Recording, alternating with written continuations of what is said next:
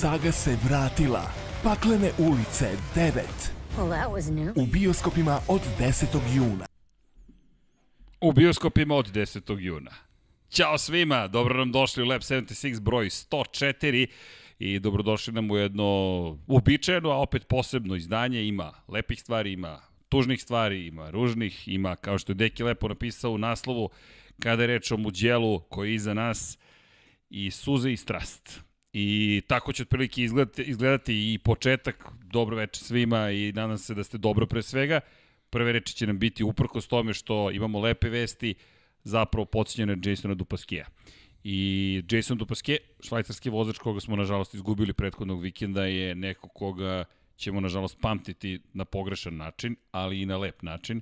Prustel Grand Prix kompanije, to jest ekipa za koju vozio, je, je izdradno poduže saopštenje, priču o Jasonu Dupaskijevu i tome kako su prethodnih godina i posarađivali. Nema mnogo toga što može da se kaže, saočešće pre svega porodici i ne možemo nikako srećom da shvatimo njihov bol, ali se učestvujemo u tom bolu kao zajednica i porodica na neki način na automotosportu. S obzirom na činjenicu da je večerašnji podcast posvećen Moto Grand Prix, Jason mora da bude prva stvar o kojoj ne samo pričamo, o kojoj razmišljamo i tragedija za sve one koji eventualno ne znaju desilo se kao posledica incidenta u kvalifikacijama, to je nažalost deo, onaj najružniji deo trkanja automotosporta.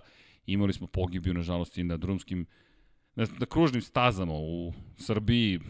Vladimir Šekolarac izgubio život u jednom tra, stravičnom takođe incidentu i ono što uvek kažemo, ljudski život je najvažniji. Naravno, tokom prethodnih, nažalost, 12 meseci često smo se opraštali od nekoga na ovaj ili onaj način, tako da ćemo i ove večeri pričati o onim pozitivnim stvarima i kada reč o Jasonu Dupaskeu, momku koji imao neverovatne rezultate u prvih pet trka ove sezone, nekome koji je napredovao od klinca koji se vas nalazi u svetskom prvenstvu i zajedno s Berijem Baltosom prošle godine je sa Prustel Grand Prix muku mučio u prvenstvu sveta. Ove godine došao do toga da prema rečima same ekipe, samo pitanje truka kada će biti na pobedničkom postolju, nažalost neće ga videti iz te perspektive, ali zato Jason je tu za nama i taj broj 50 ćemo zapamtiti. Ne može da vam se ne pojavi knedlo u grlu i kažem, ovo je onaj deo priče na koji, nažalost, znamo da će nam se desiti u nekom momentu i kogod je u automotosportu duže je prošao kroz ovakve stvari. Deki, kao i uvek, potkonjak, naravno, tu Ćao, ekipa za Moto Grand Prix.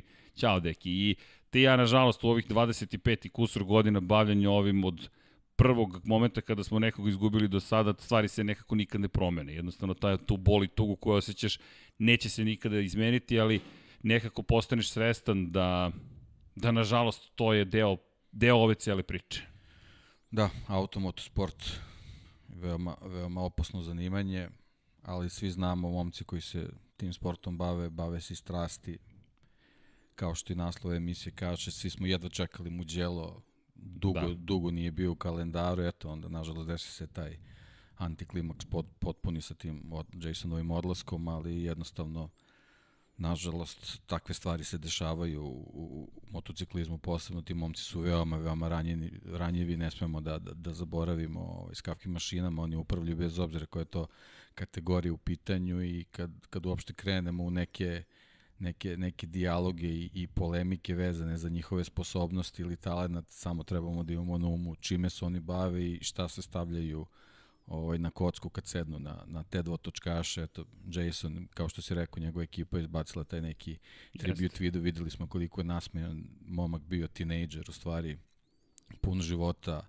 veseo, pozitivan, prošao već kroz jednu tešku povredu, uspeo da se vrati uh, i iz nje i, i sjajno je započeo sezonu i, i, i na svakoj trci osvajao bodove i videli smo kakvu želju je ovde imao, ali to jednostavno ta želja, ta, ta, ta strast je, je eto, i njega dovela, nažalost, uvek se neki čudan splet okolnosti desi, eto, izgubili smo ga, nažalost, ali eto, pamtit ćemo ga kao, kao jednog ravnopravnog člana ovog karavana, bez obzira, tu, tu su momci apsolutno baš što se mene tiče potpuno jednaki bez obzira koliko titula imali za pojasom ili bili poslednji nikad ne osvojili bodove jednostavno ovaj to je to je takav sport i, i, i moramo s poštovanjem da se odnosimo prema svima njima posebno eto prema tim momcima koji nisu više s nama i koji su bukvalno eto i, i život dali da se bave s onim šta najviše vole.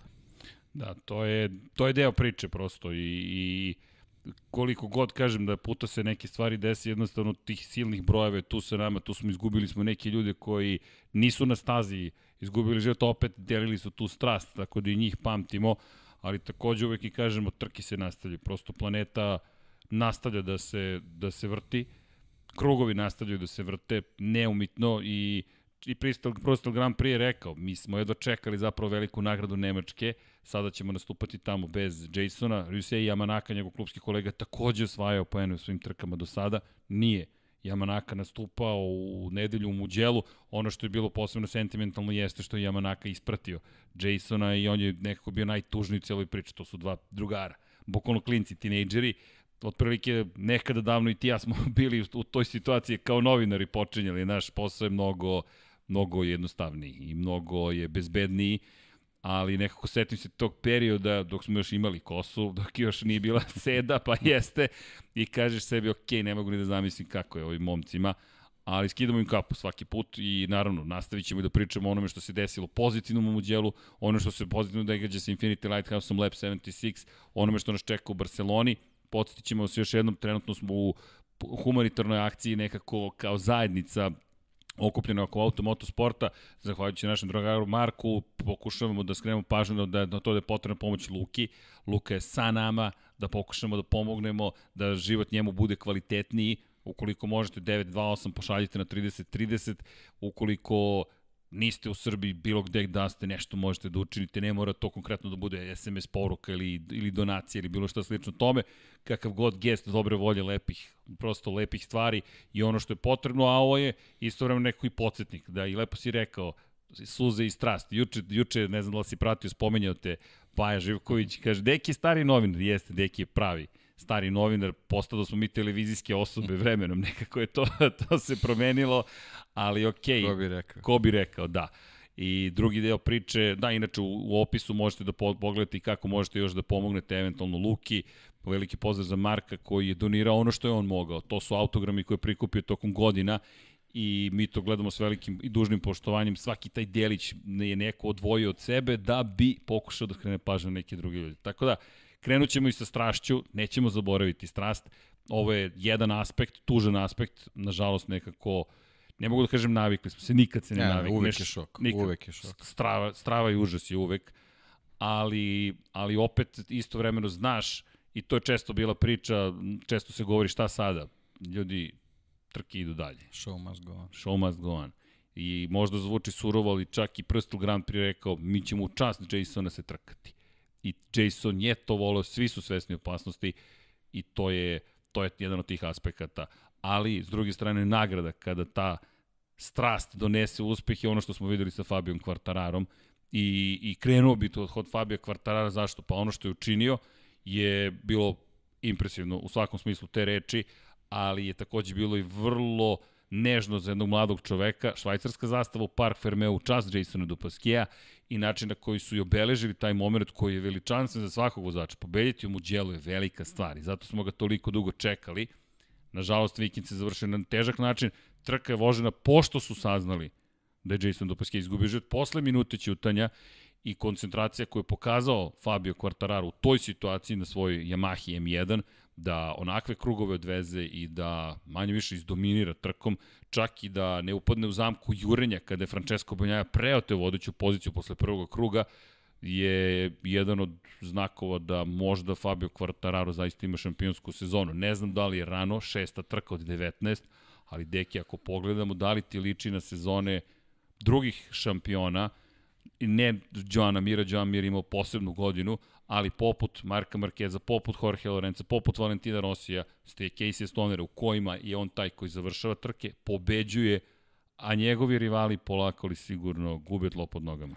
Pa možda u ovom trenutku, što se mene tiče, rano da ga poređu, upoređujemo sa, sa nekim drugim šampionima, ali u, u ovom trenutku bih možda samo napravio paralelu u odnosu na prošlu godinu, gde on takođe ovaj, sjajno započeo čitavu priču, ali meni nekako sve ovo mnogo, mnogo bolje, mnogo, mnogo kvalitetnije deluje, ovaj, posebno kad je prevazišao te, te zdravstvene probleme, vidimo da, da, da se vratio potpuno ovaj motivisan i u, i u istoj formi. Ovo je, nažalost, ova, ova čitava čitava situacija ovaj vikend je malo, malo ovaj, poremetila možda njegovo zadovoljstvo i, i, i sve to, ali definitivno ovu trku izvezao onako veoma, veoma, veoma kvalitetno i, i precizno i, i mislim da ovo, kao što si rekao, može da bude jedan pravi put ka šampionskoj tituli. Delo je tako. Zašto mislim da je drugačija sezona odnosno na prethodnu? Jerez, da nije bilo povrede, da je nije bilo pojave kompartment sindroma, vrlo lako bi mogla biti čak i četvrta pobjeda u šest trka. Koja bi, koja bi promenila redosled uspeha uh, Jacka Millera. Tako je. I promenila da, odnos snaga u samom šampionatu sveta. Da, tako pa i poene koje ima Francesco Banjaja. Pre ove trke stvari su bile prilično neizvesne. Samo poen prednosti za Fabio Quartarara.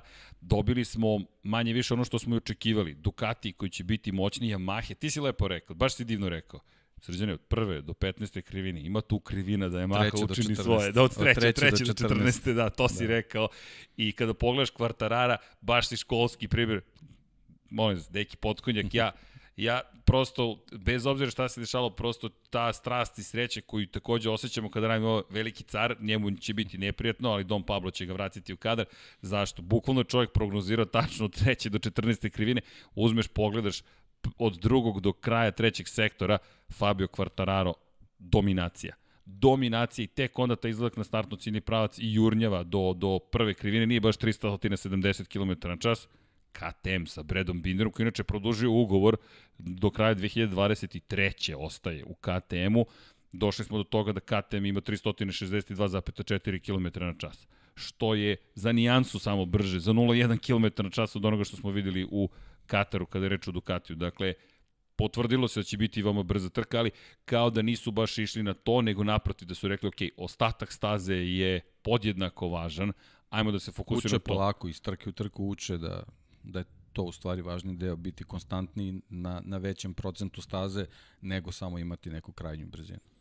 I Mnogo to, su važnije među ubrzanje i tako dalje. I to smo tako da. lepo videli. To videli smo jednu fantastičnu trku iz te perspektive. I ta, ta enigma, hoće li Kvartararo na početku uspeti da dođe do te vodeće pozicije i pobegne. I tačno vidiš kako je bežao Zarko, kako je jedini cilj bio pobeći Zarku dovoljno da Zavetrina i Ducati ne mogu ništa da mu učine na, na startnu ciljnom pravcu. Banja je imao tu veliku šansu, poveo je na Ducatiju, međutim opet Banja je u ključnom momentu i opet u Italiji, to je ono što je meni zanimljivo kao da je Italija poseban pritisak. Francesco Banja izjavio da smatra da nije trebalo da bude vožena trka pošto su saznali da je poginuo Jason Dupasquier i rekao da to prosto njegovu koncentraciju toliko uticalo da nije mogao da ostane pribran. Ako pogledamo taj prilaz gde, gde je izleteo, tačno u krivini koju je zapravo pao Dupasquier i sad nemoguća dilema, deki, održati trku ili ne. Šta raditi u toj situaciji? Pa ja, ja mislim kad sagledamo ovaj čitavu situaciju, meni delo je da je, da je vest stigla i pretrke ovaj, Moto3, ali je, nisu želeli da je saopšte upravo zbog tih momaka. E sad, da li je trebalo kasnije se održi, ipak su oni profesionalci, mislim, mi u prošlosti imamo, imali smo ove neke slične situacije i sad ponovo ću morati da kažem nešto sam mnogo puta ranije rekao, ovo zaista liči na Formulu 1 80-ih, 90-ih godina sad ovo je bio sastavni deo i, i tih trka Formule 1 i one su se održavale bez obzira koliko su se crne i teške stvari dešavale. Na kraju krajeva imali smo tragediju sa, sa Senom, Roland, prvo pogibijom Rolanda Ratzenbergera, svi su znali pre trke Da je poginuo, da je poginuo a sam Ude Senin i, čitava situacija sa, sa, sa ukazivanjem pomoći helikopterom na stazi je govorila da je situacija jako, jako loša. Imali smo uh, udes na, na startu, ona, ona guma koja je letela ovaj, u publiku, imali smo kasni incidenti u, ovaj, u, u, u, u, na, na pit stopovima i niko nije prekinuo trku. Jednostavno, to je taj surovi profesionalizam uh, I, i, ali apsolutno ne krivim Banjaju, naravno. I, i, i nema, nemamo razloga da mu ne verujemo da je zaista tako bilo. Na kraju kraja Kvartararo je sam spomenuo da svaki put kad je prolazio tu, kru, tu krivinu da je pomislio na Jasona. Samo što on ima neku možda drugu vrstu motivacije, jednostavno nismo svi sazdani od istog materijala i, iako tako izgledamo. Svako je, svako je u principu drugačiji i, i, i ti šokovi koji se dese jednostavno drugačije deluju na, na drugi treba razumeti ovaj, i Peka, nažalost, ovo njemu sad prilično remeti čitavu priču vezanu za, za, za šampionat, ali ima još mnogo da se vozi, tako da... Pa imali smo, izvini, kada spominješ te incidente iste sa te crne imole 1994. pade ne Bastianinija pred početak ove trke, gde to dosta surovo sve izgleda Bastianini koji se na glavačke okrenuo, Apsolutno potpuna dekoncentracija. Potpuna dekoncentracija. Da, da, što da. njegova, što, što da. pa i redari koji ne znaju šta sada. Vozilo bezbednosti staje, po redar koji je na zadnje, u zadnjem redu praktično, ide sa zelenom zastavom, maše, sve je okej, okay, daje signal za start, ceo, ceo, ceo sistem funkcioniše. Dakle, procedura za start se nastavlja. Niko ni ne pomišlja da zaustavi trku u tom ne, momentu. Ne samo to, meni je bilo neverovatno da niko nije proverio asfalt, pošto udarac je bio žestok mogla je neka tečnost da iscuri. Apsolutno niko nije prišao da vidi šta se dešava ispod tog Ducatija. Tako da ovaj, mislim da je čitava ta situacija sa Jasonom i ta vest je ovaj, sve to je poremetila i, i zato možda ovaj, treba podržati Peka u, u njegovom razmišljanju da ta trka možda nije, nije trebala da se vozi. Sad mislim to, to je onako, večita diskusija, večita, to, to, to nikad diskusija, nema odgovora. Ali eto, ta, ta neka situacija koja se desila sa, sa Eneom mogla je da povuče neki, neki lanac još gorih događaja, tako da sama reakcija oko tog incidenta je bila neverovatno nespretna.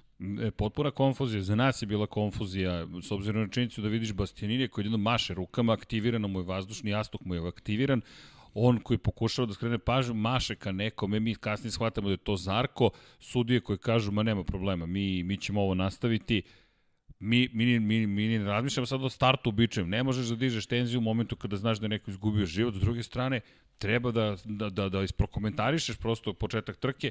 Enea Bastianini leži negde u pozadini, to je motocikl njegov ostaje, redari ga podižu, vozilo bezbednosti tu iza motocikla kreće trka u Muđelu.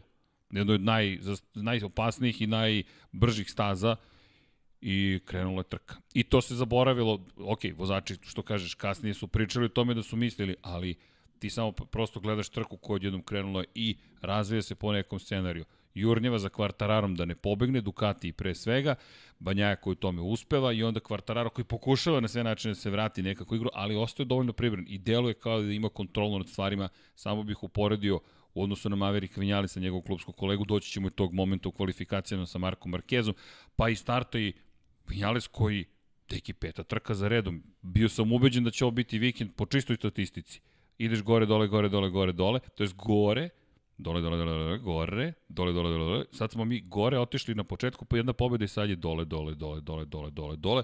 Najnovije vesti su da se opet dešavaju promene kod, u, u timu i ne znam šta će biti. I kad, ajde, skočio sam prosto na vinjale sa obzirom činjenicu da je Yamaha zabeležila pobedu.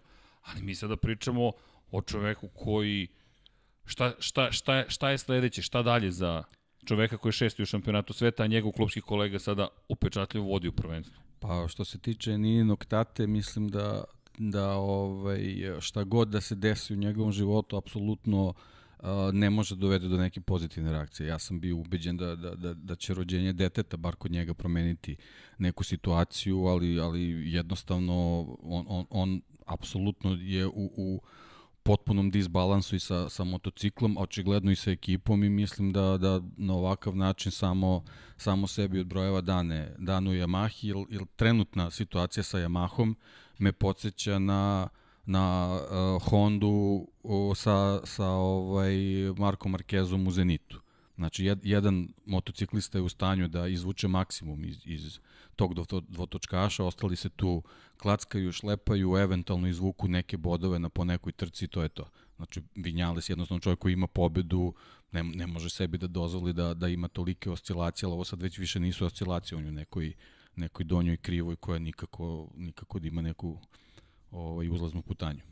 Meni je on... Kažem, znači, u odnosu i na ostale Yamahe, Quartararo deluje kao Marquez u najboljim danima na Repsol Honda. I ne znam da li si vidio vest od pre dva sata Simon Peterson u The Race, šta je napisao, da se Vinjales oprostio od saradnje sa Estebanom Garcijom, koga je insistirao da dovedu u ekipu kada je promenio sa broja 25 na broj 12, svoj broj kada je otpustio čoveka koji je sa Jorge Lorenzom osvojio tri titule, dakle mi smo došli u situaciju da Maverick Vinales dođe i kaže Ramon Forcada više ne radi sa mnom, nije čak ni obavestio Forcadu, Forcada je to saznao posredno, Forcada koji sada radi sa Frankom Morbidelijem, da bi najnovija vest bila da je angažovao Silvana Galbuseru, koji inače, to je sad navodno, to je bivši šef ekipe Valentina Rosija iz Yamahe, s kojim je manje više delio garažu, to je Vinjali si sedeo sa najpre to je sada sa Stevenom Gomersijem, pre toga sa Ramonom Forkadom, preko puta je bio Silvano Galbusera koji je zamenio legendarnog Jeremija Burgessa, a Silvano Galbusera koji je trebalo da predvodi taj probni tim koji radi u Evropi, zašto? Zato što je Galbusera hteo da bude bliži Italiji da bi se sada vratio u potpunosti u šampionat sveta, navodno sa Vinjalesom. To piše Simon Peterson iz perspektive onoga što je do sada javljao Peterson, prilično pouzdane informacije ima, dobre insajderske informacije ima, deluje da eto da ćemo već u, na velikoj nagradi Katalonije koja stiže imati potpuno novu posadu. I sada posle šest trka ti u sred sezone menjaš još pride šefa ekipe, ja ne vidim nikakav napredak. Možda za jednu trku opet i onda smo se nazad vratili na početak. Ne znam, tu je, ako, ako je naravno sve, sve tačno, ovaj, tu je jedina pozitivna stvar što je generalno priča o čoveku koji već poznaje princip rada Yamahi, pa će možda moći lako da se uklopi u tu priču i sa direktnim radom ovaj, sa Vinjalesom, ali ono što mi se ne sviđa to su ti eksperimenti. Sećamo se kako je tekla prošla sezona, znači bukvalno iz trke u trku su uh, bar onako kako smo vidi, mi, mi mogli da, da zaključimo, naravno ne mora znači da je baš tako bilo, ali prilično haotično su pokušavali da, da, da naprave neke izmene vezano za, za njegove performanse, ne bili ih popravili, ovaj, ali to jednostavno nije, nije funkcionisalo onako kako treba da funkcioniše u jednoj ekipi kakva je Yamaha.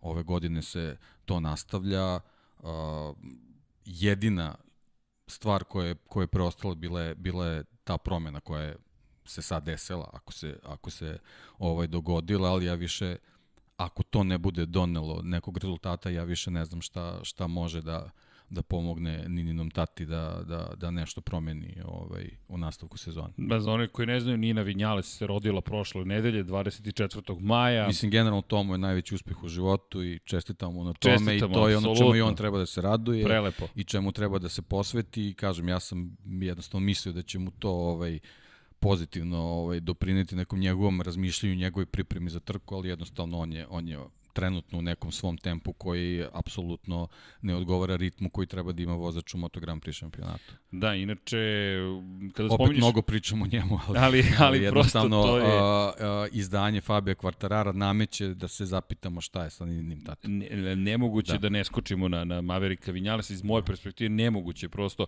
zašto pa gledaš čoveka koji je pobedio u prvoj trci sezone, koga očekuješ i koji shvataš da zaista po, po, počinje da bledi. To je ono što, što postaje bleda, senka, ovo je već trećina sezone. Deki, ja ne vidim tu vrstu povratka u igru kakva čeka Amerika Vinjales ukoliko želi da osvoji titulu on u ovom momentu već. Zaostaje za klubskim kolegom.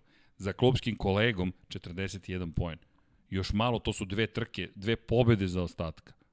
Inače, Fabio Quartararo ima 24 boda prednost. Ako već pričamo o njima, i, i u odnosu na sve ovo što si rekao, sledi staza gde je Fabio Quartararo prošle godine pokazao kako se vozi Tako Katalonija. Je. Vidi ovo, nema na grafici, ne postoji Maverick Vinales. Koji je prošle godine bio u ovom trenutku u me, među četiri. Trka za titulu kako izgleda, hvala Momčilu Vukiću na, na novim grafikama. Da, hvala Momčilu svaka čast, stvarno, svaka čast. stvarno svašta dobijemo od njega. Impresivno da. je da, zaista da, da. I, i, i fenomenalno, u svakom slučaju čovek koji je sastavni deo ekipe, inače pozdrav za Vanju koji nam se još uvijek uporavlja, Dom Pablo je Don Vanja večeras, ali i juče, juče smo manje više rastorili studio Vanja, ja mislim da mu nije bilo dobro, prekinuo se, inače na kraju čak nije bio internet, ne znamo zašto YouTube iseckao, ko je nije ispratio Lab 76 103, imate i jednu verziju, i drugu, i treću, i četvrtu, i solo nastup Paje Živkovića. Gledajte sve i lajkujte. sve, samo lajkujte, potrebno mi što više lajkujte, lajkujte ovaj video, zašto pa YouTube, obično algoritam prati šta se sve tu dešavalo, sinoć se dešavalo svašta u studiju na kraju, baš smo došli do kraja univerzuma, ali eto, Dom Pablo, danas samo je srušio jednu stvar na početku za sada. Inače, samo je nas trojica ovde i... ali dobro. Dobro, kad si toliko krupan, ponekad si nezgrapan, to je sve okej. Okay. Ali da se vratimo na, na, na temu, što je bila tema. Šalim se, naravno. Kada je Kada pričamo o Momčilu, hvala mu, zaista i Šejlu pozdravljamo, hvala Šejla za sve što si učinila ali da ako se vratimo na onaj pogled u borbu za titulu i, i bacimo pogled na to kako ide ta trka za titulu, kako idu, kako grafika praktično funkcioniše, a ako bacimo pogled na Fabio Quartarara, ima taj jedan moment gde su stvari zastale i to je moment u trci broj 4, to je Jerez. Sve posle toga nastavak krive koji manje više imaju na početku sezone. Imao je uslovno čak možemo reći po, po mom mišljenju suštinski jedan kiks, a to je peto mesto u Kataru, ako je to uopšte kiks, to je trka gde znamo da se sve svodi na par desetinki sekunde na kraju samog takmičenja i kada pogledamo Kvartarara, Pogledaj, on je probio granicu od 100, 100, 100 bodova. Pa generalno, kad, kad pogledam i ovu grafiku, uh, vidimo da su Quartararo i Zarko u stvari dvojica tak, da. uh, najkonstantnijih uh, vozača koji su jednostavno imali imali i trke gde su gubili pojedne ne svojim krivicama. Tako da ovaj, Zarko evo umalo i na ovoj trci a, a motocikl je bio polomljen pozadi, mislim, nje, sreća, Jeste. ovaj, pa je uspeo da, da, da izveze trku bukvalno na, na, na način kako je, kako je i planirao. Znači, uh, tehnički kvar u, ovaj, u Portimao i Quartararo zdravstveni problem u Jerezu, to su njihovi, njihove dve trke gde, gde nisu ovaj, osvojili bodove koji su, koji su mogli da uzmu, tako da, eto, ovaj, njih dvojica deluju zaista naj, najkonstantniji na početku ove sezone. Kada, evo, evo ga taj moment, hvala Dom Pablo. Pogledaj ovo, redar ko, sudije, on je predstavnik Irte. Kako možete prepoznate čoveka koji trči nazad ka motociklu po plavoj košulji? To mi je siguran znak da se radi o predstavniku Irte. Irte je međunarodno, predstavnik međunarodnog trkačkog udruženja. Visoki funkcioner. Visoki, visoki, tako je.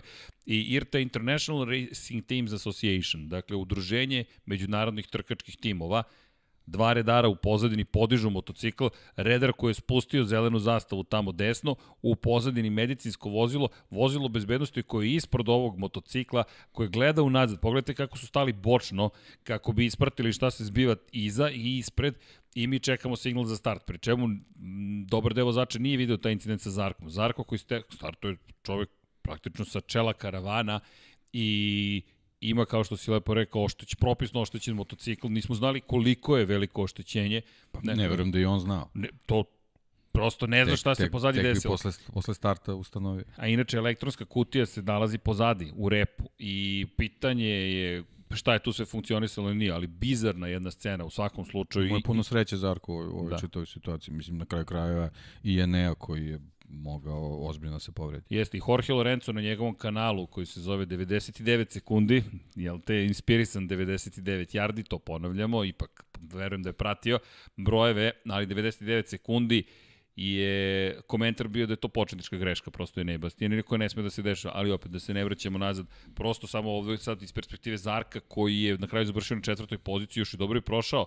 Zarko, autodestrukcija, rekao bih, mnogih vozača, pre svega Aleksa Rinsa, iako bi neko pravilo kaže trebalo da idemo prvi, drugi, treći, ljudi, M pričamo priče, M je ovo podcast, M da ne budemo tako formula 1, 2, 3, 4, 5, 6, 7, 8, 9, 10, priča i autodestrukcija. Alex Rins, ja, ja ne znam, zapravo, prokomentari su sam autodestrukcija Francesca Banjaja i naš prijatelj Goran kaže, ne, ne, ne, autodestrukcija, potpis autodestrukcija ispod Alexa Rinsa četvrta trka za redom deki koja nije završena. Bez potrebe jednostavno.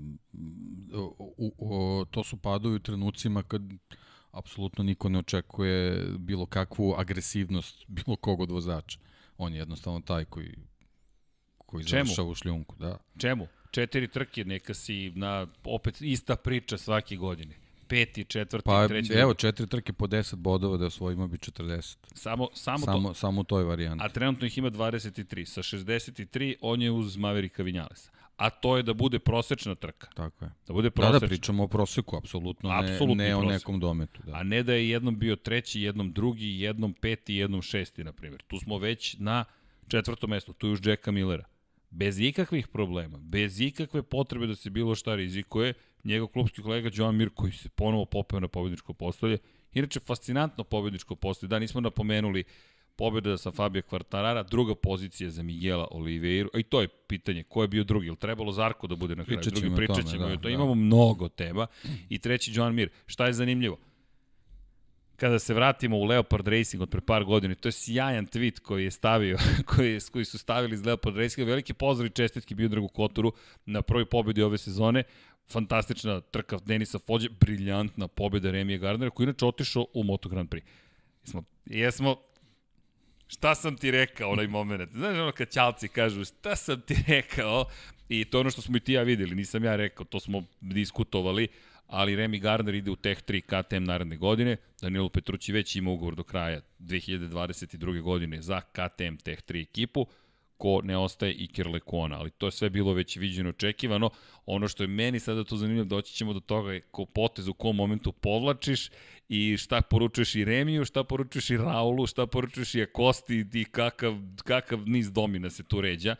Ali Remy Gardner član jedne prave trkačke porodice. Ej, čekaj, kad pričamo o trkačkim porodicama, ne zamerite, ja moram da iskoristim priliku, nije nam tu Aleksandar Đankić večeras, međutim, ja se nadam da će se i to promeniti uskoro, ali pozdrav za našeg Džankija Baby-a, dobili smo poziv zapravo da se pridružimo jednoj trkačkoj porodici.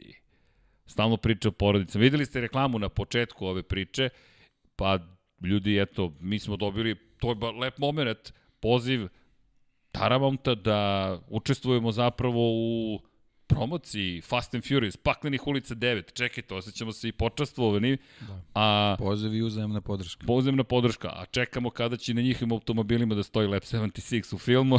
Onda su uspeli i, i Dominik Toretto i ostatak kompanije. Čekaj, ko se šiša na ćelavo? Junkie će da bude Rock, mada Rock nije u ovome filmu, ali nema veze. De, ti si Toretto, di si ti muscle car moment. ti si Može. nam še, glava porodice, tako da i, i Paja moramo da vidimo gde se uklapa u celu priču, ali to je super. Paja neki električni kad budu bati. ne daš mu hibride, odmah elektrika. odmah, znam da voli, pa zato. da, da, to će biti sjajno. Tako da, da, od 10. juna u bioskopima Paklen ulice 9, u IMAX-u će biti premijera, Mi se nadamo da ćemo uspeti da sprovedemo u delo nešto što smo planirali, pa ćemo možda svi zajedno da se družimo tokom te predpremijere ili šta god to bilo. To je na globalnom nivou 10. juna. Dakle, vidjet ćemo i ostali gradovi kad će se šta dešavati u celom regionu, pa ćemo vas obavestiti, ali zanimljiv poziv. Hoćete da budete deo tog celog projekta, uzemna podrška, ok, Fast and Furious, na pravom ste mesto i na pravom smo mi mestu. Gospodin Junkie Baby je dobio tu pozivnicu, on će se pozabaviti jednim drugim aspektom, da ne otkrivam sve, koji je sam rekao, ej, znaš šta ima u tom filmu? Ne znam, Junkie Baby, možete da pogodite kad je Junkie Baby u pitanju. Muzika, naravno. Ali da, eto, 10. juna u bioskopima kreće i to je deo cele priče o tom bezbednom povratku u bioskop, bezbednom povratku u bioskop uz vođenje računa o svim za, merama zaštite, koliko god stvari bile bolje, može da se živi mnogo normalnije, ali samo povedimo svi zajedno računa i mi se ovde redovno testiramo. Vanja je inače prošao test, Vanja negativan na COVID-19. Kogod oseti bilo kakvu nelagodnost u ovom studiju, instant mora da ide na kontrolu. Prosto koliko bismo želi da se sve to završilo, a videli smo tokom prethodnog vikenda i u Charlotteu i Indikaru stotine hiljada ljudi, taj lep osjećaj društvenog, društvene zajednice. Kažeš, to je to Ovaj, još nismo baš stigli tu, ali polako idemo ka tome. Tako da eto, Paklene ulici 9, na, u paklenom mestu se nalazi na studiju na kraju univerzuma. U svakom slučaju, pa da, vidiš sve znaku 9, ne, ovde devetke, 9, 9, 99 sekundi, tako da eto, vidjet ćemo, mi možda ćemo i nešto uraditi specijalno po tom pitanju, tamo ima zanimljivih automobila. Neki od nas, neki od, neki od njega voze sportske automobile sve vremena na vreme. Vidite taj, taj moment sa bradom, iskustva. Čekaj, koji je najjači automobil koji si vozio? Mislim da je bio Genti, ben, uh, Bentley Continental Supersport. Okej. Okay. Mislim da je, sad je ovako... ovako na keca, da. James Deki Bond. da. Mislim da je to bio onako po, po ovaj, Ti si na papiru. 0076. Na papiru, da. tako da znaš, ali da, to je, to, tako da znate, eto, poziv, da se se zabavimo malo u bioskopu, nije, nije film o Formula 1 u Moto Grand Prix, ali je o brzini i vrlo je realan, tako da sve je okej. Okay. ali dobro. Da se mi vratimo realnosti. Pre nego što se vratimo, Nemanja Miloradović, donacija. Donacija? Da, da. Šta kaže Nemanja? Čekaj da... Wow, Nemanja, želim da donem timu. Lepo i da. 76. ime Jasona, pošto živimo u Švici, samo nastavite, hvala što naučite svaku trku i sredu, utorak sam boljim i svaku trku boljim, hvala crzo za pozdrav svima. Nemanja, hvala. Nemanja, zaista hvala. I to 50 švajcarskih franaka. Ne, nemamo reči, zaista. Potrudit 50 u stilu broja, Jason. Jeste. Shvatili smo poruku, hvala Shvatili ti puno. Shvatili smo poruku, da. Hvala potrudit ćemo se da budemo još bolji i da neke lepe stvari radimo, tako da inače, kao što možete vidjeti, juče smo imali plavo-belu majicu, Jason Dupaske bio u plavim bojama, ovo je boja vaše, njegove države, dakle, i eto, svi smo mi deo jedne ekipe praktično i to je ono što, što je zaista dirljivo. Hvala. U svakom slučaju, da, Jasona nećemo zaboraviti svakako. A što se tiče što se tiče cele priče o, o samim trkama, kada govorimo o trci, je povratak opet na ono što smo negde i, i videli kada je reč o, o pobjedničkom postolju pre par godina u Leopard Racingu, a to je zapravo da smo imali situaciju u kojoj momci koji su vozili za Leopard, odatle smo krenuli, su deo jedne porodice praktično i lepo je videti šefa ekipe kako prima taj pehar Miodra Kotor, prosto čovjek sa poreklom sa ovih prostora i taj tweet zapravo u kojem kao klinci Fabio Quartararo i Joan Mir u Moto trojkama u tom momentu stoje pored kolegi iz Moto 2 klase Miguel Oliveira. I samo nekoliko godina kasnije njih trojica dele pobedničko postolje u Moto Grand Prix, dakle kao prvoplasirani, drugoplasirani, trećeplasirani na Yamahi KTM-u, ni manje ni više, na KTM-u i Suzuki. U Muđelu. U Muđelu. Kakav njuh za trkače ima i koje je to iskustvo, svaka čast celoj ekipi Leopard Racinga, zato je tu i na, na stolu prosto monografija koju su napravili za trkačku sezonu 2018. godine. Dobili smo ih na poklon, hvala im, ulepšali još više studio. I eto, prilika je da, da, da prosto vidimo kako ti klinci napreduju, šta se sve tu događa. I kada je reč o, kada već spomenjamo pobedničko postolje, krenuli smo od Suzuki, autodestrukcija Aleksa Rinsa, Joan Mir na trećem mestu, jedna trka na nivou onoga što smo gledali da, prošle godine. Da, u njegovom, u njegovom standardu da. jedino, jedino što se ne uklapa u priču što smo sezonu započeli s progno, prognozom da će Suzuki imati jedan konstantan tim, da ima jedan dobar tandem vozača, međutim Rins nikako ovaj, da da opravdi moje poverenje u fantaziju. Da, da, čekaj, ti si taj ne, ne, definitivno ne završio, to je to. Je to. ti si taj koji... Da. Da, ba čekaj, ali sad vreme Bukvalno da... Bukvalno od početka sezone bio tu, pa jednostavno ne vredi, suviše ovaj, veći vrednost izgubio. Mislim, to je sve bukvalno ono, jeste igra, ali nekako i oslikava tu čitavu priču o, o njihovim rejtinzima i on poverenje gubi verovatno i ekipi. Pa i oni imaju sigurno neku, neku granicu, posebno što znamo da Suzuki već vredno radi na, na priprema, pripremi agregata za sledeću sezonu, jer žele da i na taj način pariraju ostalima. Vidi se kroz vožnje Joana Mira da on zaista ima odličan stil vožnje koji može da se prilagodi i nedostacima motocikla koje, koji vozi, da, da i, i u tim trenucima izvuče najbolje, s druge strane Mir jedno, uh, Rins jednostavno ne može da, da prati to, a Suzuki ako ima neke ambicije više, već sledeća sezona Mora da to se jest, menja nešto. Za nekoliko meseci, ako, ako ne i pre, moraće, moraće da promeni jednostavno priču. Ovo je, ovo više, jer više nema smisla nikakvog. Ovo sada gubi svaki smisao. Joan Mir je došao kao mlađi kolega, Joan Mir je osvojio titulu, Mir je ovo tek treća sezona, Mir završava trke, pored toga dolazimo do toga da ne samo da ih završava, on Suzuki donosi da. pobednička postolja. Ne, problem je što, što mi Rinsa pamtimo iz nekih odličnih izdanja, eto, svi spomenju taj Silverstone i, i pobedu nad Markom Markezom, ali problem što su to pojedinačni slučajevi. Znači, on ni u jednom trenutku u Moto Grand Prix nije vezao serije. I to je nešto, osim, osim negativne serije. Pa, e, to, je, to je taj veliki problem. Nažalost. Da. Ali da. to je četvrta trka bez poena. Tako je. I to, to više nije prihvatljivo. To je već mnogo. U, u, u ovakvoj konstelaciji sa, ovakvim, ovaj, sa ovakvom konkurencijom, gde pritom tvoja ekipa ima samo dva fabrička motocikla, to je stvarno ovaj, veliki problem. To je kao da tri Ducatija ne završe trku. Pazi, Mir ima 65 bodova u ovom trenutku. 23 da. ima Alex Rins. I Mir je na poziciji broj 5 u šampionatu sveta. Ko zna, na početku godine smo pričali o tome ko bi mogao da osvoji titul, da li bi Mir mogao da odbrani. Nije nemoguće, biće gotovo nemoguće uz ovakvu formu Fabio Quartarara ali Mir može do pozicije broj 3. Zarko mislim da i dalje igra veoma važnu ulogu, najveću sada, već možemo slobodno reći. Banjaja nije daleko od toga, ali Banjaja bojim se da... No, toplo hladno jednostavno ne, ne, ne može. Ne, u ovakvoj sezoni toplo hladno ogroman ne pije test. vodu. Da. Ovo je ogroman test. Da, Bio da. sam ubeđen da je Banjaja došao od tog stadijuma da neće praviti ovakve greške. Račali smo ga u favorita za pobedu. Mi smo rekli tri Ducatija i Quartararo. To je to. U Mugello. A na kraju ni jedan Ducati na pobedničkom postolju.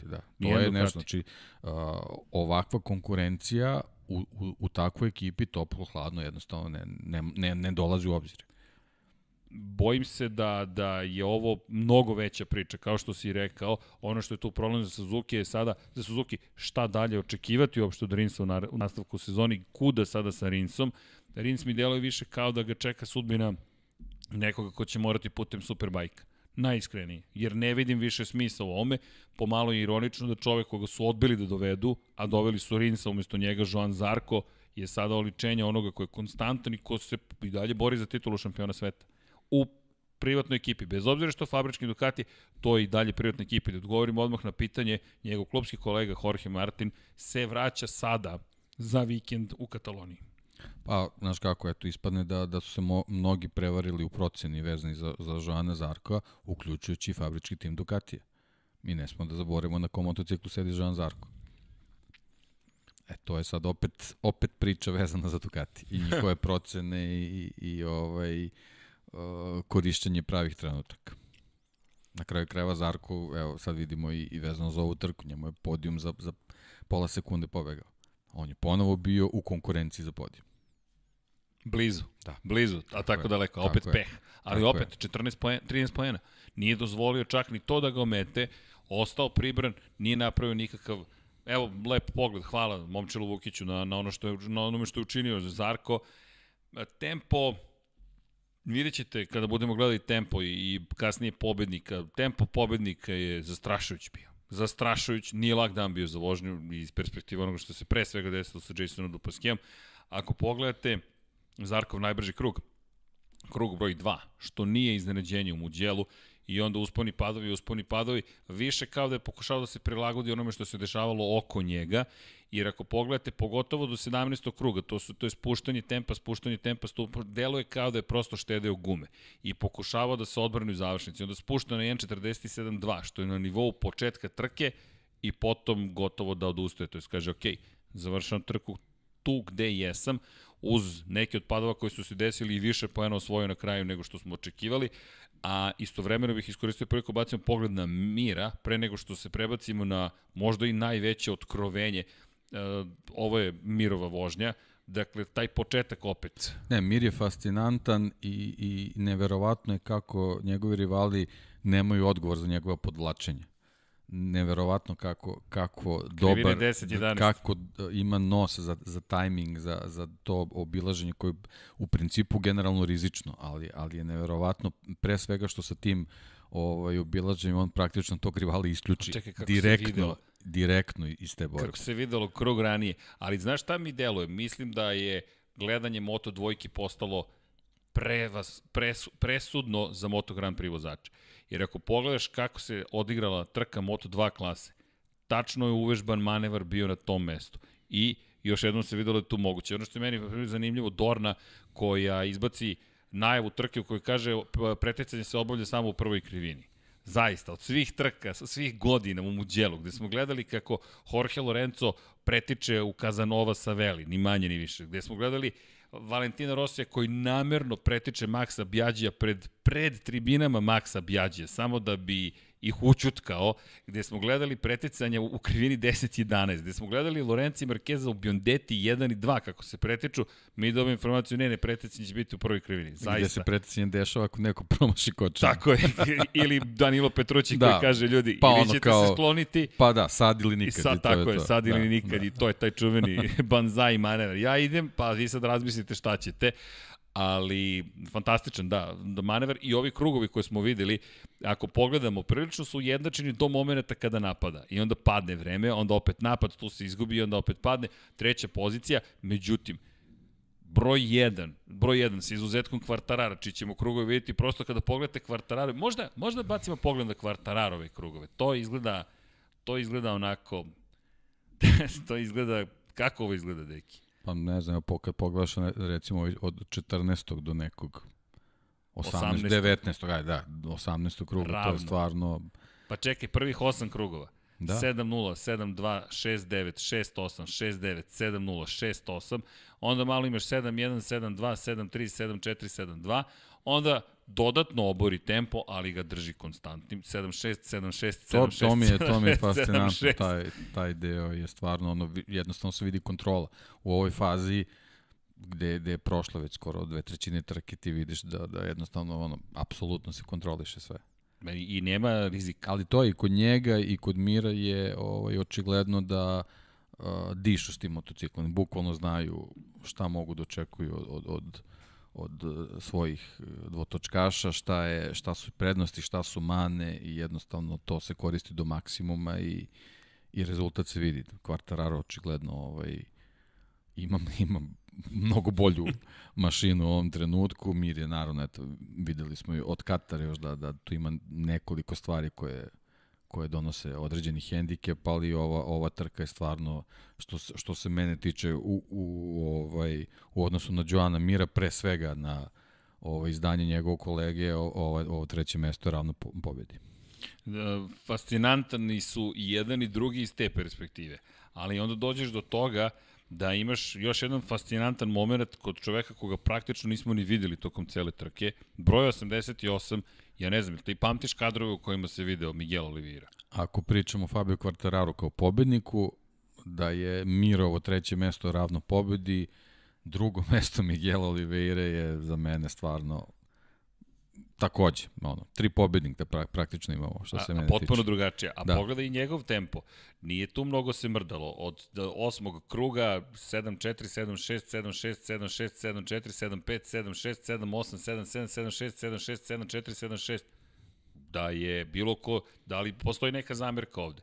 Nije imao krug koji je bio sporiji od 1.48. Videli smo prošle godine na, na poslednjoj trci sezone zašto je kadar Miguel Oliveira Ovaj, a ova, ovaj njegov rezultat to, to potvrđuje, ali je pre svega ovaj ozbiljna pohvala za, za KTM koji je još jednom pokazao da je, da je ozbiljna fabrika i da je uhvatio se u košta sa svim tim tehničkim problemima koji su imali uh, na početku sezone, promena šasije, sve izmene koje su radili, evo, rezultati su tu i, i to je ono odmah, odmah drastičan skok ono što je meni fascinantno jeste, i tu je fantastična priča koju je napisao opet Simon Peterson, topla preporuka, pročitajte The Race, kako su oni zapravo sve, šta su sve ovde izveli.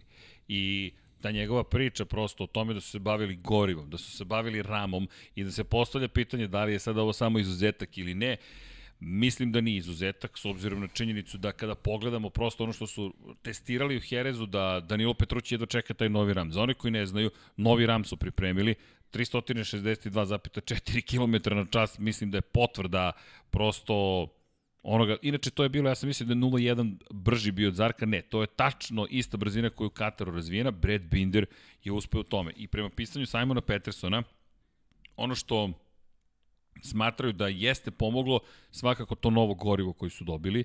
Inače, to je zanimljiva kompanija ETS se zove. To su nekadašnji inženjeri Elfovi koji su napravili praktično, tu su otešli u drugu kompaniju i KTM i sa njima uspostavio saradnju, veruju da je to pomoglo. Ono što je drugo, međutim, zanimljivo, jeste način na koji su, napredili i stvorili praktično novi RAM. I ono što su radili jeste zapravo prilagođavanje gumama koje je Michelin pripremio za ovu sezonu, u kojoj je KTM najviše trpeo i ono što smo pričali tokom prenosa. Ne možeš da promeniš Michelina, ne možeš da promeniš gume koje su spremili. Šta ti ostaje da promeniš? Samog sebe. Ili stil vožnje, ili ram, ili podešavanje, ali nešto moraš da promeniš. Pokušali su sa stilovim vožnje, pokušali su sa podešavanjima, nije uspeo, nije uspelo i onda su rekli, ok, mi sada menjamo ram. Ponovo deki novi ram u sred sezone. Ne, ne, ozbiljan, ozbiljan posvećeni rad i ono, ako je slučajnost, ne verujem da jeste, zato što samo treba pogledati rezultati trke i videti na kojoj poziciji bio najslabije plasirani vozač KTM. I apsolutno je jasno da, da to ne može da bude slučajnost.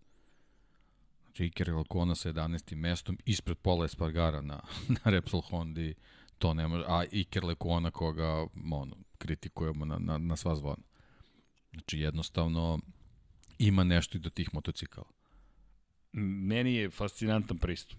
Meni je fascinantan pristup i ono što stalno ponavljamo, nema druge pozicije za KTM. KTM nije tu da bi bio na poziciji broj 2. I baš smo se pitali šta se događa s KTM-om, da li smo smeli uopšte da posumnjamo u njihov uzvratni udarac i to je baš ono što, što, što, što jeste bilo fascinantno o čemu smo pričali prethodnih godina. Ti sa čeličnim ramom možeš relativno brzo da praviš izmene, ali ono što su oni počeli sada da rade je još neverovatnije. Ti pogledaš i oni sada već pričaju o tome da su da oni štampaju delove za svoj motocikl. Oni su ušli potpuno modern jedan pristup proizvodnji delova.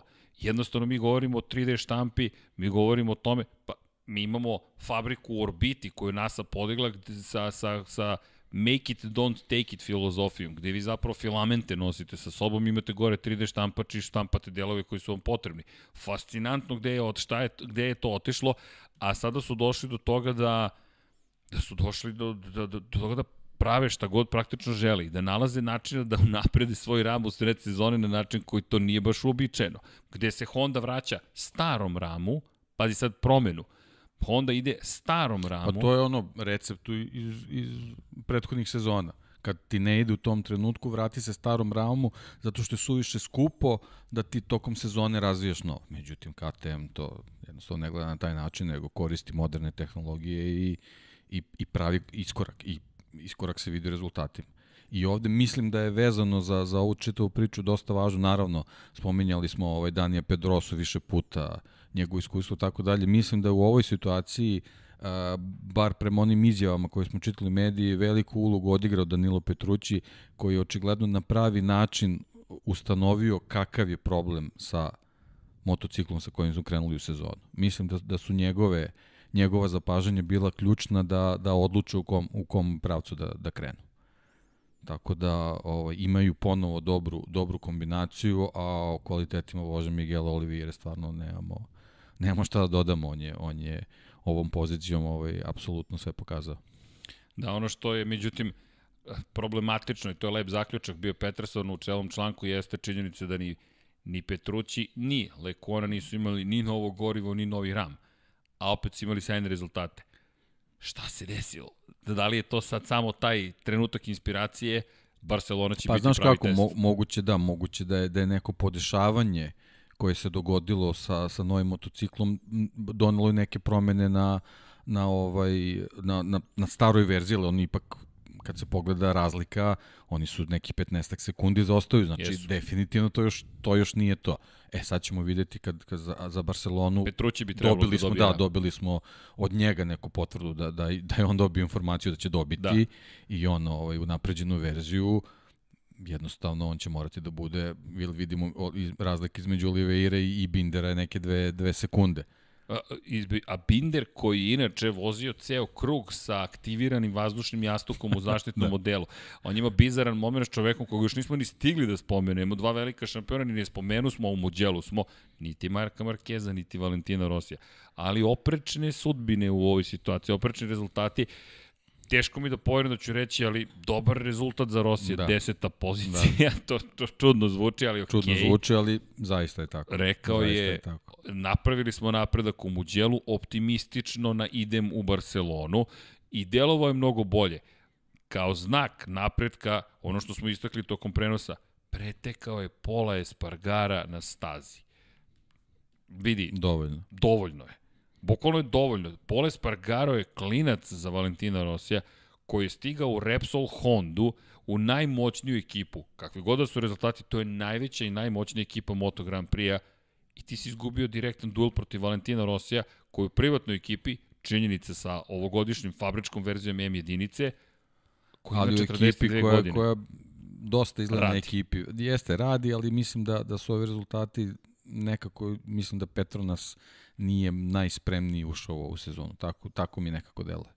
Da nije, da nije samo do, do vozača, da nije samo do... A baš smo verovali da će biti da, suprotno. vezano za Morbidelije, za staru specifikaciju motocikla, mislim da ima malo i do ekipe. Tako je nekako utisak ovako kad, kad, kad saberemo čitavu priču od početka sezone, mislim da se ni Petronas nije najbolje slaš, snašao ovoj novoj ulozi, a nažalost ono, vraćamo se na tu priču, ne, nedovoljan ovaj broj testnih dana u predsezoni dovede do toga da kad krene sezona i kad se desi neki nevoljan, nezgodan moment, možda se ne, sna, ne snađeš na, najbolje, onda on napravi neku lančanu reakciju da, da jednostavno ne možeš da is- isplivaš iz neke teške situacije. Mislim da i oni imaju neki, neku ulogu u ovoj, ovoj malo lošoj A priči. vidiš, ja sam stekao utisak da opet ekipa koja je nema predaje, nema povlačenja Ne, ne, to filozofija. je sigurno tako, ali, ali je problem što neke situacije koje od početka sezone se nisu rešile, da i oni nisu se najbolje snašli u čitavoj priči, da ne treba samo,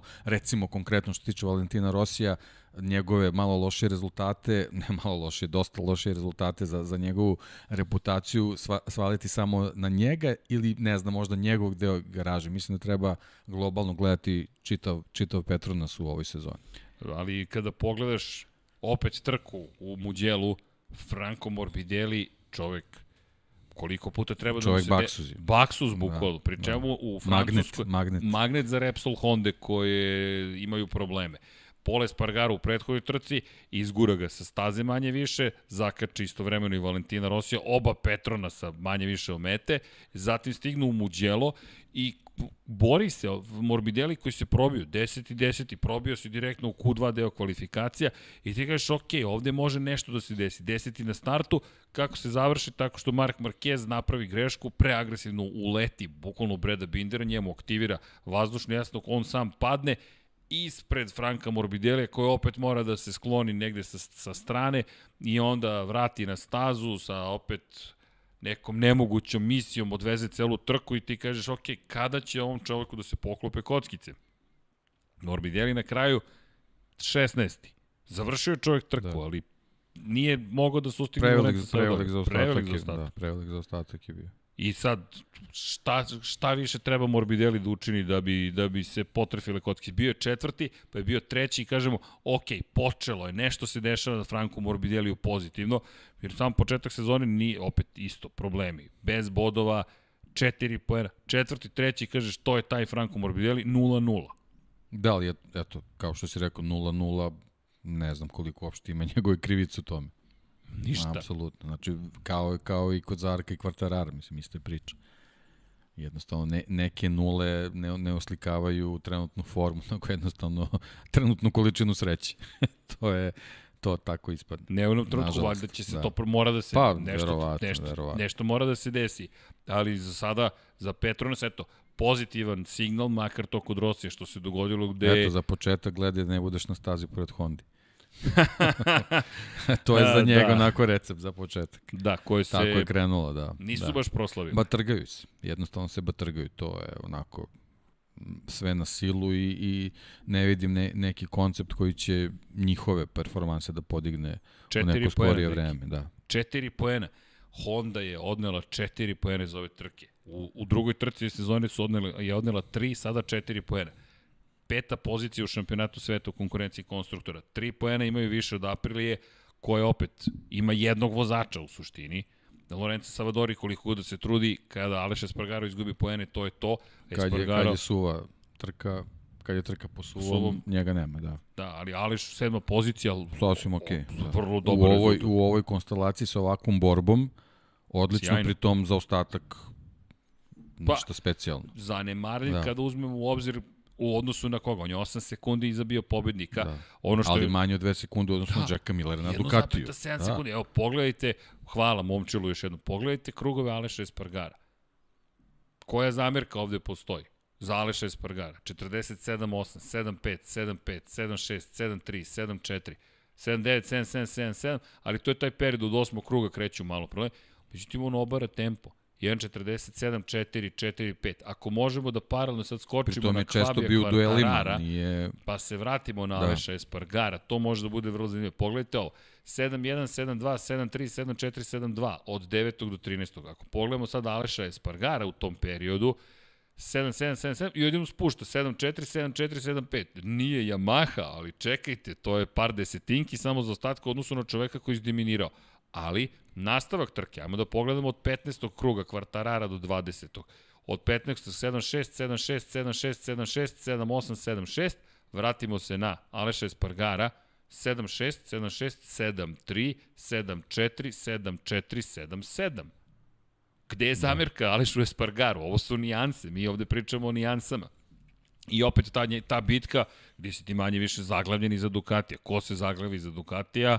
Pa, tražite neku pomoć. Prosto, fascinantno je bilo da Aprilia mogla uopšte da prati tempo koji je imao u celoj priči. Pratiš tempo, ali onda još kad dođeš na pravac tu opet malo izgubiš, pa onda ponovo imaš priliku da pratiš tempo i to je, eto, ono, trka bez kraja i jednostavno jako, jako malo prilika da, da u, u, u u nekom takmičenju gde, gde niko ne pravi greške da, da se nađeš ispred. Jako, jako težak zadatak za Espargara i, i zbog toga kažem, ovo sedma pozicija je potpuno okej. Okay.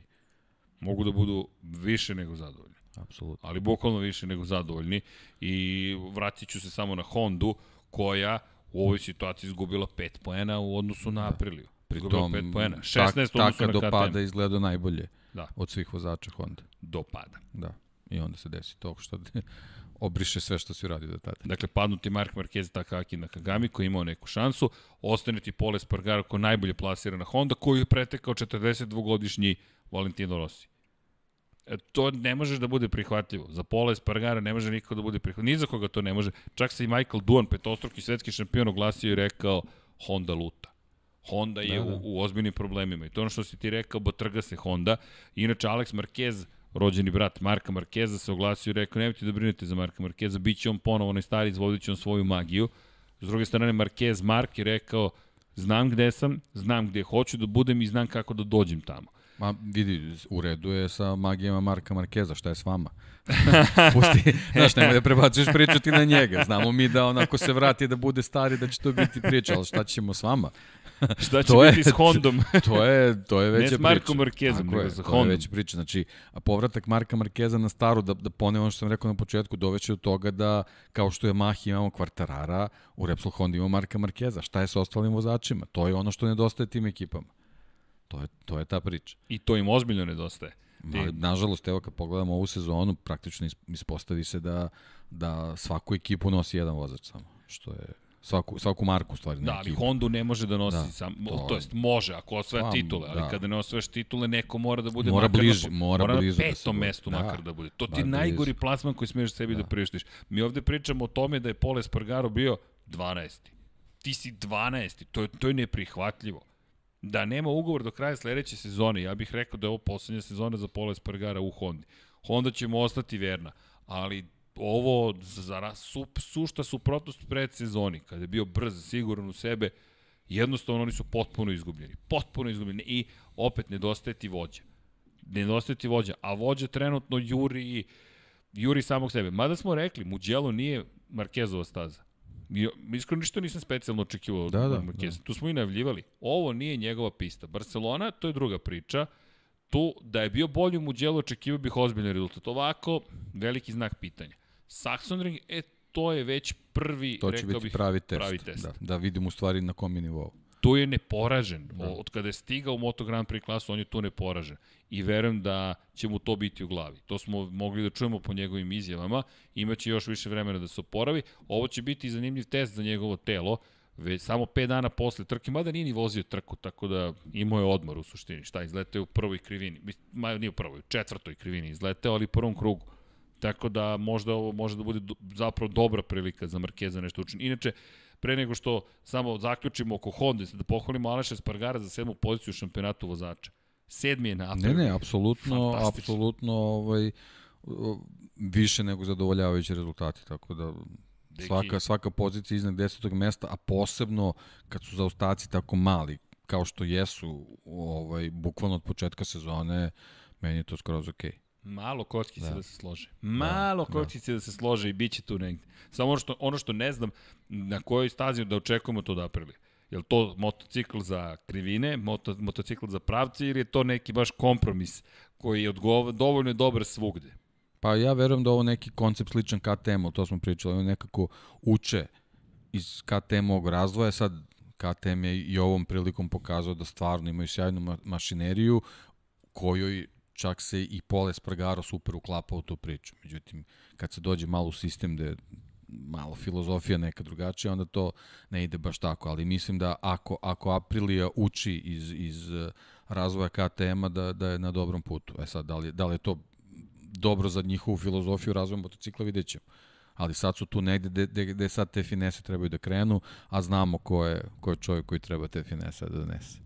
Koji Bio je bio na tu. stazi, bio je, pa- Koji je bio tu. Taman posla da nije. Taman bio. posla da nije. I pitali su ga ono što Da. si ti pričao, meni je to bilo fenomen, rekao, evo, neko je pratio Dekija, Lab 76 svakako, I onda pitanje, da li je Doviciozo neka podešavanja pripremio ukoliko bude padala kiša u nedelju i početno se smijem, rekao, ovo je deki nekome pisao, ne, grčki hor, ponavlja ono što ti govoriš i kaže, pa, Naravno da je Andreja Doviciozo ostavio neka podešavanja, naravno, čujte, odjednom korelacija.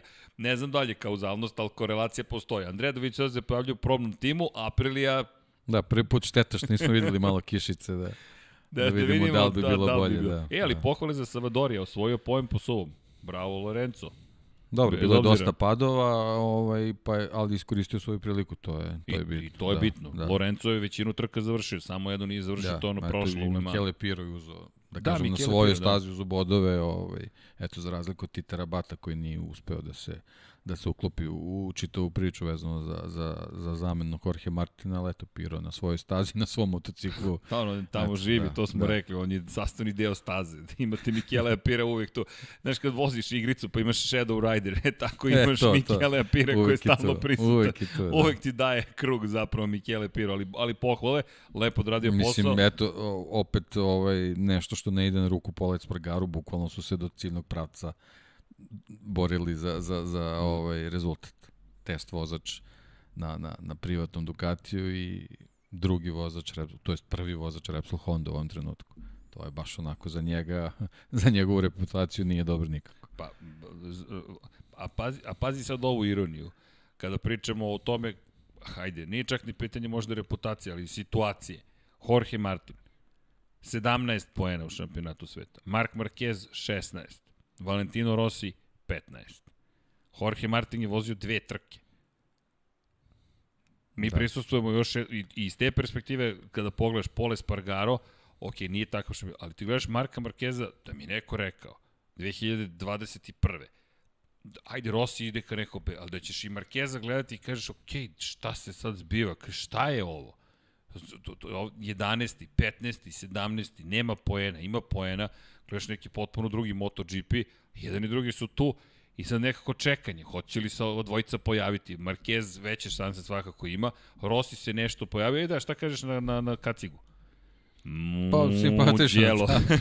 simpatično. Očekivao sam nešto možda malo, malo još atraktivnije, ali verujem da nije bio trenutak baš da Ovo je bilo onako Mu. duhovito. Da. Mu. to je muk. Mu. Šta da kažem? Pa da. Ne, ne, tako mi deluje. Da. Šta uopšte da kažeš više, ali dobro, još jedna simpatična kaciga. Dobro, eto, donelo mu je malo, malo bolje rezultat. Dobro, vidi, optimistični su u svakom slučaju i lepo je. E, ali da te pitam nešto, šta ćemo sa Jackom Millerom i Franceskom Banjajem? Banjaju smo se, Banjaje smo se i dotakli, ali šta ćemo sa Jackom Millerom? Je li to to? Je to ono što smo negde i, i pretpostavili? Ići će gore, ići će dole, ići će gore, ići će dole. Jack Miller... Osmi krug. osmi, da. Ali kada pogledaš, ok, ovo je, ovo je, ali ovo je ovo je pohvalno zaleša Espargar za nekoga koji juri treću pobedu za redom nije dovoljno. Prosto nije dovoljno i nismo previše zahtevni. Na njemu je da se bori za titulu šampiona sveta, 31 poen zaostaje za Kvartararom, nije titula osvojena, nije Kvartararo već osvojio pehara, ali Miller prosto ne može e, nadao sam se iskreno da će biti makar u borbi za pobedu. Zašto? Zato što bismo, bismo dobili drugog Millera. Da, nekako suviše brzo odustao iz, iz te borbe za vrh. Ne odustao, nego jednostavno Šesta pozicija nije, nije, nije, nije mogu da odgovori ni jednom izazovu, bukvalno. Pa ni u kvalifikacijama to je, to nije to bilo pretrano baš, baš bilo, da, da, da. Tako da eto jednostavno ta, ta vožnja Banjaje možda je bila eto i zbog tog pada se vidi možda malo više agresivnije nego što je, što je trebalo da bude, što je Ducati u ovom trenutku mogu da Preverili da su nas da. Ducativci. Tri da, pobede za da, redom. Ali ni jednom ni drugom ne odgovara da, da Zarko i dalje bude glavni adut Ducati. To im nikako, nikako nije, nije dobra preporuka. Da, inače, kada govorimo o ljudima koji su završili tek u Luka Marini, stigao do cilja, samo nije osvojio niti jedan jedini poen. Šteta. Bilo bi lepo videti Bastianinija, pogotovo u, u Muđelu, mislim da bi to bila uzbudljiva. Dobro, ali očigledno je ti Ducati baš je velika razlika između aktuelne generacije i, i njihovih motocikla. Čak mislim Vidi da je mnogo, mnogo veća razlika nego recimo između Morbidelijeve, Yamahe i, i aktualnih modela, tako da... Pa mislim da čak, izvini, da Tako da velika... svaki njihovi poeni su jako, jako veliki. Mislim da je čak velika razlika između modela GPA 20 i GPA 21. Da, da, da, da. Imam utisak da je ovo ogroman skok Ovo koji je ove skot i sa sezone. Holshot i Weissom i sve, sve, sve. sve, Sve. Mislim da je Da. tehnički toliko napredan Ducati Da, da. da, da, je, da smo ušli u novu dimenziju razvoja motocikala. Da, da i KTM koliko god pohvala da zaslužuje da ono što ima Ducati je svemirski brod. Ali, ali Bukvalno. pohvalno za, za vozače je da ga Zarko izgleda baš osjeća. I to je, to je jako, jako velika stvar. Mm. E sad, ta pobeda, to je, Pobeda. to je sad nešto što i njemu treba, i Pramaku, i... I što nas dovodi do Da. čega? Vratit ćemo se mi na Moto dvojke i Moto trojke, ali Moto Grand Prix je kraljevska kategorija. Katalonija. Mesto gde Zarko ima uspeh. Mesto gde je Zarko oduzeta prva pobjeda u njegovoj karijeri. Dalje stojim pri tome da u tom periodu to što smo videli, ta bitka između njega i Nikolasa Terola, previše brzo oduzeta pobjeda. Za one koji eventualno ne znaju, 2011. godina, Nikolas Terol, koji u tom momentu dominantan vozač u 125 kubika, izlazak na startu ciljni pravac, poslednja krivina, poslednja kruga, Joan Zarko malo pruža laktove, Maksa Bjađe niko nije kaznio za laktove, Zarka, Francuza, koji je pobedio u Španiji, Španca, odjednom, samo konstatujem, sklanjaju pre nego što je stigao do pobedničkog postolja. Nikad nisam video brže donetu kaznu u tom periodu. To je period pre zelenih površina. 10 godina. Pre, da. to, to nismo analizirali, ali čisto da objasnimo kako je digresija, izvinjavam se, došlo do toga da drugoplasirani vozač koji postaje treće plasirani vozač koji potom postaje drugoplasirani vozač da tako zadrži svoju poziciju, da ne odemo u, u ono što je David Emmett sjajno tweetovao, naš dragi kolega prijatelj s motometers.com, moment kada je vozač broj 2 kažnjen, prebačen, postao vozač broj 3, da bi vozač broj, novi vozač broj 2 bio kažnjen i postao novi vozač broj 3, da bi stari vozač broj 2, koji je sada vozač broj 3, ponovo postao vozač broj 2. I red u kosmosu je uspostavljen. I sada pitanje, u trci Moto3 kategorije smo videli dve kazne za vozače koje su dovele do toga da John McPhee za dve pozicije preskoči kažnjene. To se nije desilo sa Zarkom.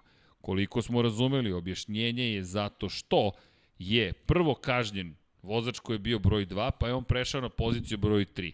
Kazna ako se implementira u tom trenutku, vozač broj 2 je sada, to je to treće plasirani na poziciji broj 2 zvanično, ali on sada gazi liniju i pošto on sada gubi, on se vraća na poziciju broj 3, tako da četvrto plasirani ne može da skoči.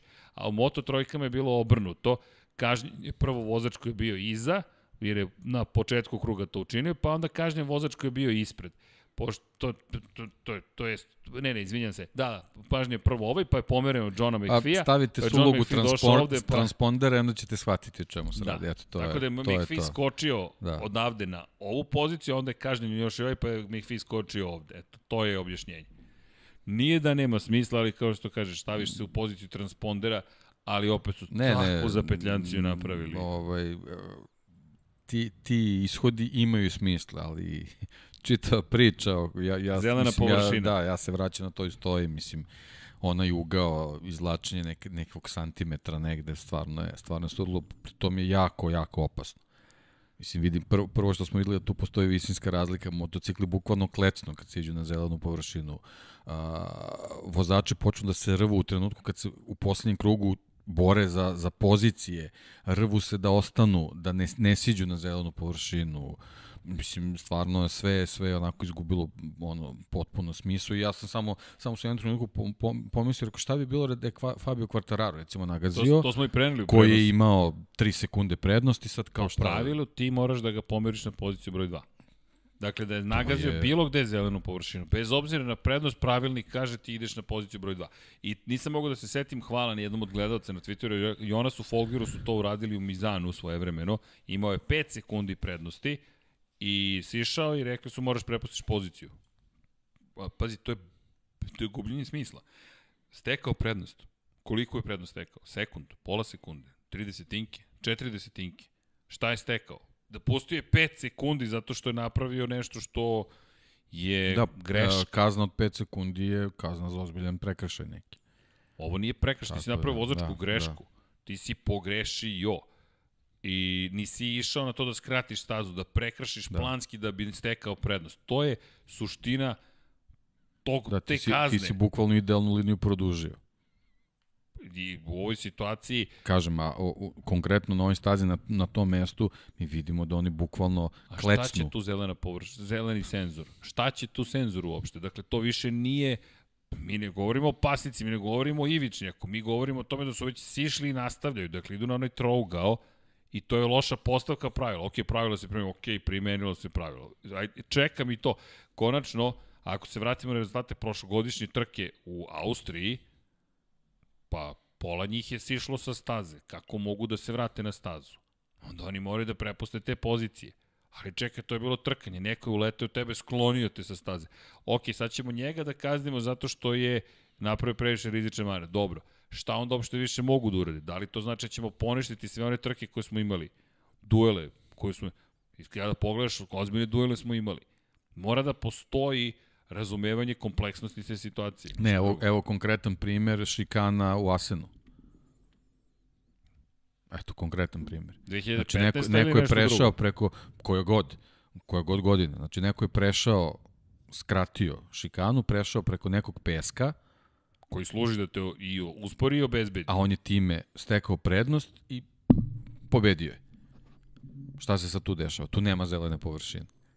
A, a, skraćena, a površine. skraćena je staza, a, ovaj, steknuta je prednost.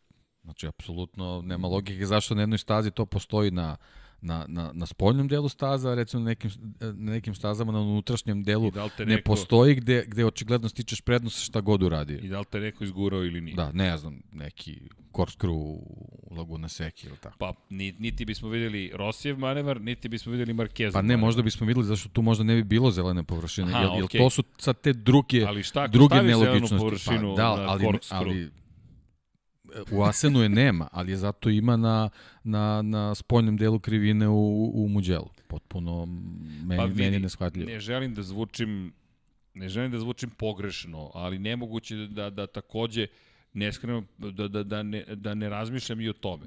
Zaista, ne, ne pravim korelaciju, ali ako pogledamo incident sa Jasonom, Ja sam pomislio isto na to. on je dečko izlazi iz Arabijate 2 i penje se gore. Ako siđe na zelenu površinu u svom poslednjem kvalifikacijnom krugu, to je kraj njegovog kruga. Ti se boriš s motorom da ga vratiš na stazu. Nažalost, videli smo 2011. Marko Simoncelli to isto učinio. Isto, pokušao je da ostane na Na motociklu. stazi, nije pustio motor. Njegov pritisak, moj utisak samo, moj, napominjem, je lično profesionalni, da Marko nije pustio motor zahvaljujući pritisku kojem je bio izložen u tom trenutku. I da je to bio takav pritisak da on nije smeo da priušti sebi nezavršenu trku. Baš me briga za nezavršenu trku. Pusti taj motor, otklizaj napolje, ti se ovde boriš da ostaneš. Da ti znaš, silazim ok, možda ću da dobijem neku kaznu. Ne, to je poništenje, to je drakonska kazna, pa pravila su tu, pa to je širina staze. Ljudi, ovo je, nažalost, videli smo, mega opasan posao. To mora da uđe u kalkulaciju. Mi ne pričamo o plivanju, ne pričamo o košarci. Nisi nagazio liniju, izgubit ćeš loptu, izgubit ćeš posled lopte. Ne, ne. Ti silaziš, ti si sve, već ti je glava u torbi samo po samoj prirodi posla kojim se baviš. I sad ajde da ti otežamo još dodatno. Kažem, ne mogu Kažem, da mene, mene još od, od prošle godine uh, užasava slika gde ti vidiš te, te, te momke kako se rvu sa tim motociklima da bi, da bi taj santimetar ostali i, i ne bi uprskali čitav trud koji su, koji su radili tokom čitave trke ili tokom tog kvalifikacijnog kruga i tako dalje. Znači, jednostavno, sam, sam smisao te zelene površine meni ono, jednostavno nije mi, nije mi jasno zašto, zašto je to toliko potencirano kad, kad jednostavno remeti takmičenje. To je, to je nešto što mi onako niko, niko na, na tim pozicijama gde su ti zeleni krugovi a, ne, ne skraćuje dužinu staze, nego naprotiv je produžava i apsolutno mi nije jasno o čemu se tu radi. Potpuno je druga, druga priča vezana za Formulu 1 i njihove neke zelene površine gde, gde opet ulazimo, naravno sad u neku polemiku da li tu treba ili ne treba, ali, ali jednostavno to, to je druga vrsta mašinerije gde, gde druga fizika deluje. Ovi momci sede na tim motociklima i rvu se kao sa divljim konjima da, da, da čitav trud ne bi propao u tom poslednjem krugu. A pritisak je enorman. A enorman. Enorman. Samo je preroda sporta, želje da uspeš. Sponzora, timova, svih. osvoji poene, pobedi, budi na pobedničkom postoju, zabavi publiku, zabavi nas, medije, uradi svoj posao i onda ti neko kaže, e, sve to super, ali, ovi, ovaj centimetar, to je razlika između toga da li ćeš da znači, ili ne. ravno ovom var, var, varu u, form, u futbolu. Mislim, jednostavno, ne, ne znam, znači, neke stvari uh, kva, uh, k, potpuno kvare draž čitavog sporta. Eto, to je, to je moje mišljenje. Da, kažem, ne želim da idem tako daleko, ali ni ne želim da se vraćam. Da, inače, ukoliko uočite negde snimak pogibije Jasona Dupaske, njegova porodica je zamolila da se to skloni, tako da ne znam, prijavite ukoliko to ne vidite, prosto kad porodica zamoli, mislim da je to dovoljno. Da ne govorimo o ljudskoj pristojnosti, najosnovnije humorosti. Neko izgubio život. Čemu tamo pa ne, morbidna ono, zakačite tu stvar da bi neko imao više lajkova ili, ili poseta, to je onako stvarno pa, baš je nisko. I, da, i, ono, I to je Simon Peterson lepo zamerku dao i Dorninom, timu na društvenim mrežama. Ako staviš snimak nečega sa trke, to će biti ukinuto istog trenutka ali ako staviš snimak pogibije, pa to će da ima 2 miliona pregleda. Kako to sme da se desi? I ozbiljna zamerka na prenos cele pruž, celog pružanja pomoći. Onoga momenta kad sam, kada smo videli infuziju, mi smo, čekajte ljudi, neko je prokomentarisao zašto vi sami niste prekinuli prenos. Verujte, sledeći put zvaću urednika, direktora sport kluba i reći, ok, da li mi možemo da prekinemo, zašto? Pa, ako mi se već bunimo, nemam problem sa time to je jeftini show biznis. Ne, ne mogu da prihvatim. To, to nije, nismo tu da gledamo kako ljudi ginu, neko prokomentarisa, pa to je sastavni deo sporta. Ne. To je opasnost koju taj sport nosi, jeste sastavni deo pod njegove opasnosti, ali isto tako mi ne moramo da gledamo kako neko, znamo da je u teškoj situaciji. Ti kada vidiš infuziju, ti znaš da nešto nije okej. Okay. Ne da nešto nije okej, okay, da nešto ozbiljno nije okej. Okay. Helikopter koji sleće tu, nažalost, podsjetio na Ayrtona Senu, podsjetio na tu imolu. Ne pamtim da smo videli helikopter da se spušta. Nažalost... Pa da... ne, sama ta situacija, jasno je bilo da je situacija vrlo, vrlo teška i apsolutno nije bilo potrebno da, da, da, da to pratimo na taj način. Ne, na taj način ne. Da. Na Jednostavno drugi... isto kao, eto, spomenuo si Šokolarca i, i ovaj, nažalost, ovo, ovu tragediju koja je bila kod nas. Strašno. Naši, naši vodeći mediji su se utrkivali ko će pre da pronađe snimak da se vidi šta se desilo. A naravno, nikome nije palo na pamet, recimo, možda i da najavi trku ili da godinama unazad prate te šampionate, da se ne bi do toga da se dođe, da se vozi trka na ja, ja, mislim, ja Beranovac ne mogu da nazovem ni stazom. Da se razumem. Jasno. To, to apsolutno nije, nije, nije staza. I, I nedopustivo je da su uopšte, da uopšte neko i pomisli da omogući da neko tu organizuje trke. To je sad, sad već neka druga tema. Naravno. Ali hoću da kažem, jednostavno, svi su se utrkivali da pronađu snimak da se vidi kako se to desilo. Nije bi ih nazvao ni vodećim, a ni medijima. Pa dobro. To je samo moj stav. Prosto to kada juriš jasno je, suviše morbidno za mene. Ali da, činjenica je da to, volao bih ono što nedostaje jeste dijalog. I volao bih da se pokrene dijalog na tu temu, da se vidi kako, pogotovo u motociklizmu, naći načina da se ne dozvoli prevara, da neko skrati stazu bukvalno i da stekne nedozvoljenu prednost, a da opet zaštitimo te momke i, da ih, i devojke, ne zaboravimo devojke koje voze u motociklizmu i dođemo do toga da mogu koje da... Koje su imale teške povrede. Vana znači, Karasko... vrlo, vrlo hrabre i vrlo odlučne u tome šta rade. Jeste. Njena Sofia Flash u, u da, Makau onaj, onaj, i vratila se. Otišla na prvi sprat devojka. Katarine Legi koja imala neverovatan incident u Indikaru. Vratila se na stazu i tako dalje i tako Jeste. dalje. Opet, šira tema, nećemo da, da pobegnemo nje, naprotiv, nadamo se da ćemo nešto, inače pričali smo o tome i, i pričat ćemo i sa Dornom da vidimo, da i damo feedback kao, kao, kao, kao televizija koja prenosi, dobro, ne, Infinity Lighthouse ne prenosi, ali kao sport klub, prosto da kažemo ljudi, ajmo da nađemo način da to uradimo nekako bolje, pristojnije. Možemo mi svi zajedno bolje od toga. I, i da se vratimo opet na, na, na temu koju smo otvorili, prosto zelene površine se ponavljaju. Konačno u Moto dvojici Marko Becek je završio na pobjedničkom postolju zahvaljujući zelenim površinama. drugi put. Drugi put. Prošle godine dobio da. pobedu, sad je dobio treću poziciju. Ok, ali srce parajući, gledaš Joe Robertsa koji će izborio na, za plasma pobjedničkog postoja kako mu je to iščupano iz ruku. Ne, čovjek dođe u Park Ferme i kaže, če, izvini, aj ti zađe. Ne, njegov tim ga zasprečava to, to, da uđe da, u Park Ferme. Šta se desilo? Gde, gde si pošao? Pa kao, pa treća, ne nisi Zašto? Pa dotakao si šta, milimetar. I to je stečena prednost. Ne, gublje, potpuno su izgubili iz vida. Kažem, meni čemu to još služi. prošle godine od, od, od Red Bull ringa užasno smeta i, i, i dalje sam pri tom stavu da to jednostavno nema svrhu čemu je namenjeno. Eto, to je, to je, to je moje mišljenje. Da, loše napisan pravilnik. Apsolutno. Ništa drugo. Ali da ne pobegnemo na Moto dvojki, mada Vuku, Magnet, Magnet zvani Remy Pa Gardner. ako smo prošli Moto Grand Prix... Hoćeš da najavimo Kataloniju ili da skočimo ipak Kako na hoćeš, Moto dvojki? kao možemo da prođemo Mugello, možda celo, pa Ajmo da, onda, okej, okej, okej, da, pravo si, pravo da. si. Vidi, Remi vuče. Da, da. Remi me Biće lakše za time kod. Tako, Remi me prevario, mašemo Dom Pablo koji, koji čovjek sedne i kaže ubiću vas. Ali dobro, da, pošto je time kod ponekad nemoguć. Digresija 1, digresija 2, digresija 8, digresija 14 i tako dalje. No, to je deo zabave. Ali Remi Gardner, ako pričamo o herojima vikenda, možda čak i veći heroj od Fabio Quartarara. Zašto? Od Fabija smo očekivali ovo, ovo i dobijamo. Iskreno, ja izgovorih, ne vidim da iko može da pobedi Raula Fernandeza. Delovao mi je nezaustavljivo. Vidiš skok u koraku, vidiš sigurnost, vidiš da je spreman da izdominira, da pobedi, vodi i ti odjednom gledaš Remy Gardner, još, još Junkie Baby kaže, vidi, Gardner se vraća. Ma ne, to smo već videli toliko puta, seti se Katara 1, Katara 2, konačno seti se i prethodnih, i prethodnih trka.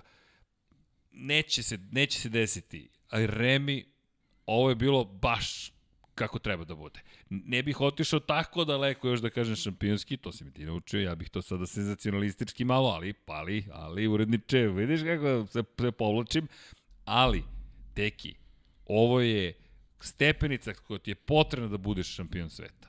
Bukvalno stepenica. Ti imaš pojem prednosti, gubiš vođstvo u šampionatu protiv klubskog kolege koji je Novajlija, koji vodi tek svoju šestu trku vozi u karijeri, juri treću pobedu, a ti ove godine nemaš ni jednu pobedu i ti kažeš ne. I rekao je Remi, toliko puta sam izgubio prednji kraj, ne znam da li ste videli, videlo se da, se- da, da, da, da nije jednostavno, ali kakva pobeda.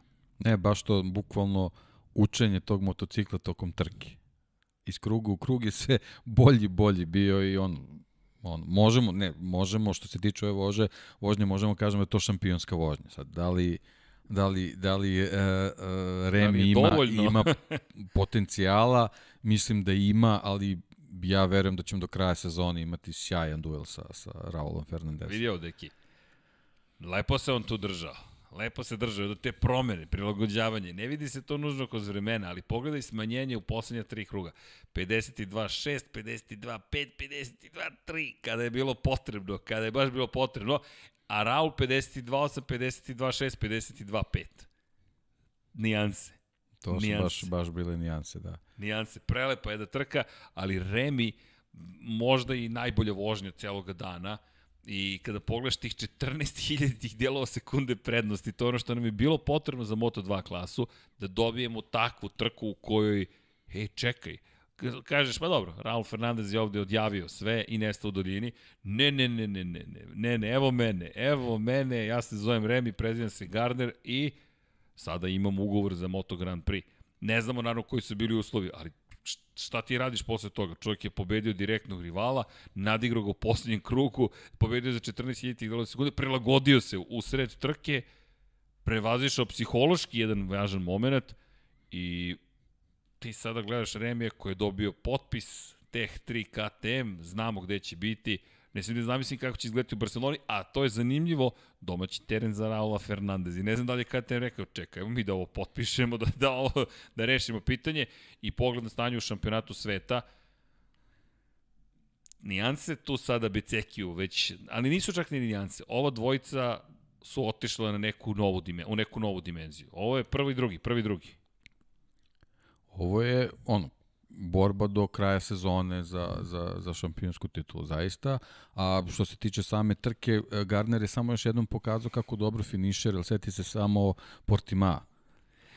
Kakav je, kakav je nalet bio Portimao. Jeste, ali uvek nedostajalo da, malo. Uvijek je nedostajalo malo, ali ja sam i pre ove trke rekao, mislim da od, od ovih vozača koji se tu bore za, za sam vrh, a, njemu je najmanje neophodna pobeda. Nekako takav mi je utisak ostavio psihologijom svojom i mislim da je ovo bio, bio dokaz za to da jednostavno u pretposlednjem krugu samo odmerio da vidi da li može za pobedu, aha, ok, može, probaću. Ali da je u tom trenutku primetio da, da je to onako jedan rizičan manevar, mislim da ga ne bi izvodio. Ovo je, ovo je izveo zato što je bio siguran da će proći. Tako da, baš onako šampionski, zaista. I. I ono, kao što smo pričali još na početku sezone, on je meni od početka bio favorit za odlazak u Moto Grand Prix. To je, da. to je, to je definitivno to i ovo je samo bilo kao što si rekao, momci, evo, čisto da vam pokažem Vidi, da li sam ja taj. da li je taj. E, i sad, se, a sad postavlja se pitanje, Raul Fernandez, to je ta bitka. Ostaješ još jednu sezonu u Moto dvojkama ili kažeš, je li ima neki ugovor u Moto Je li ima, je li ima neki Pole Spargaro koji ide iz ekipe? Tako je. Tako je. Pazi, Junkie to miriše. Junkie ponavlja Repsol, Repsol, Repsol. meni je, meni je Repsol. Dream Team u ovom trenutku Marquez Fernandez. To mi je ono, ako su Španci onako marketinški dobro raspoloženi, mislim da, znaš na što mislim? Znam na što misliš. mislim da je, jasno. ovaj, da je to to. E Ali sad, da li će da. otkupiti tu drugu Pa ima jedan, jedan klinac koji tu sad malo, malo im remeti, nisu ga baš očekivali. Nikoga nije očekivao. Pa ova da, zadnja dva meseca, malo tri, malo sad ovaj, već, već ovaj, pravi probleme, ali ja, ja da sam, Izvini, da sam u nije toj... klinac, napunio 17 jeste, godina. Jeste. Ja da sam u toj ovaj, trenutno priči, gađao bih tu kombinaciju.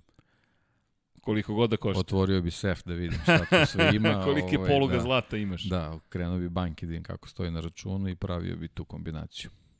Pazi, ja mislim da je to Da. dobra investicija. Jer šta ćeš sa Raulom Fernandezom? Da li njegova ambicija će biti zadovoljan time što će ostati još jednu sezonu u Moto dvojci? Mislim da nema razloga. Ja Mislim ne vidim da nema razloga. potrebu za time. Već sada ne vidim potrebu za time. On, kao i Vinjales sa, sa Suzuki. A eto, to ti se možda otvori kao priča. Možda Suzuki kaže, čekaj, možda mi možemo ti damo motor u Moto Grand Prix. I nije tako loš. Imamo svetskog šampiona. Znaš, možda to odvuče. Jer koliko god, sad mislim da neko, da mu Moto Grand Prix moraju ozbiljno da se da razmisle šta sada. Jer Pedro Acosta jeste pokvario sve pokvario, pod navodnicima. Pedro Costa je već potvrdio da odlazi u Moto2 kategoriju, samo ne znamo za koga će potpisati i rekao je imam više ponuda. Sad, ko, koje su ponude? Ajmo, ajmo malo spekulišemo. Koga vidimo, rekao bih da Mark VDS Racing može to da priušti sebi i da ima šta da ponudi, što me odmah dovodi do Sema Lousa. Deki, šta sada? Još jedan pad.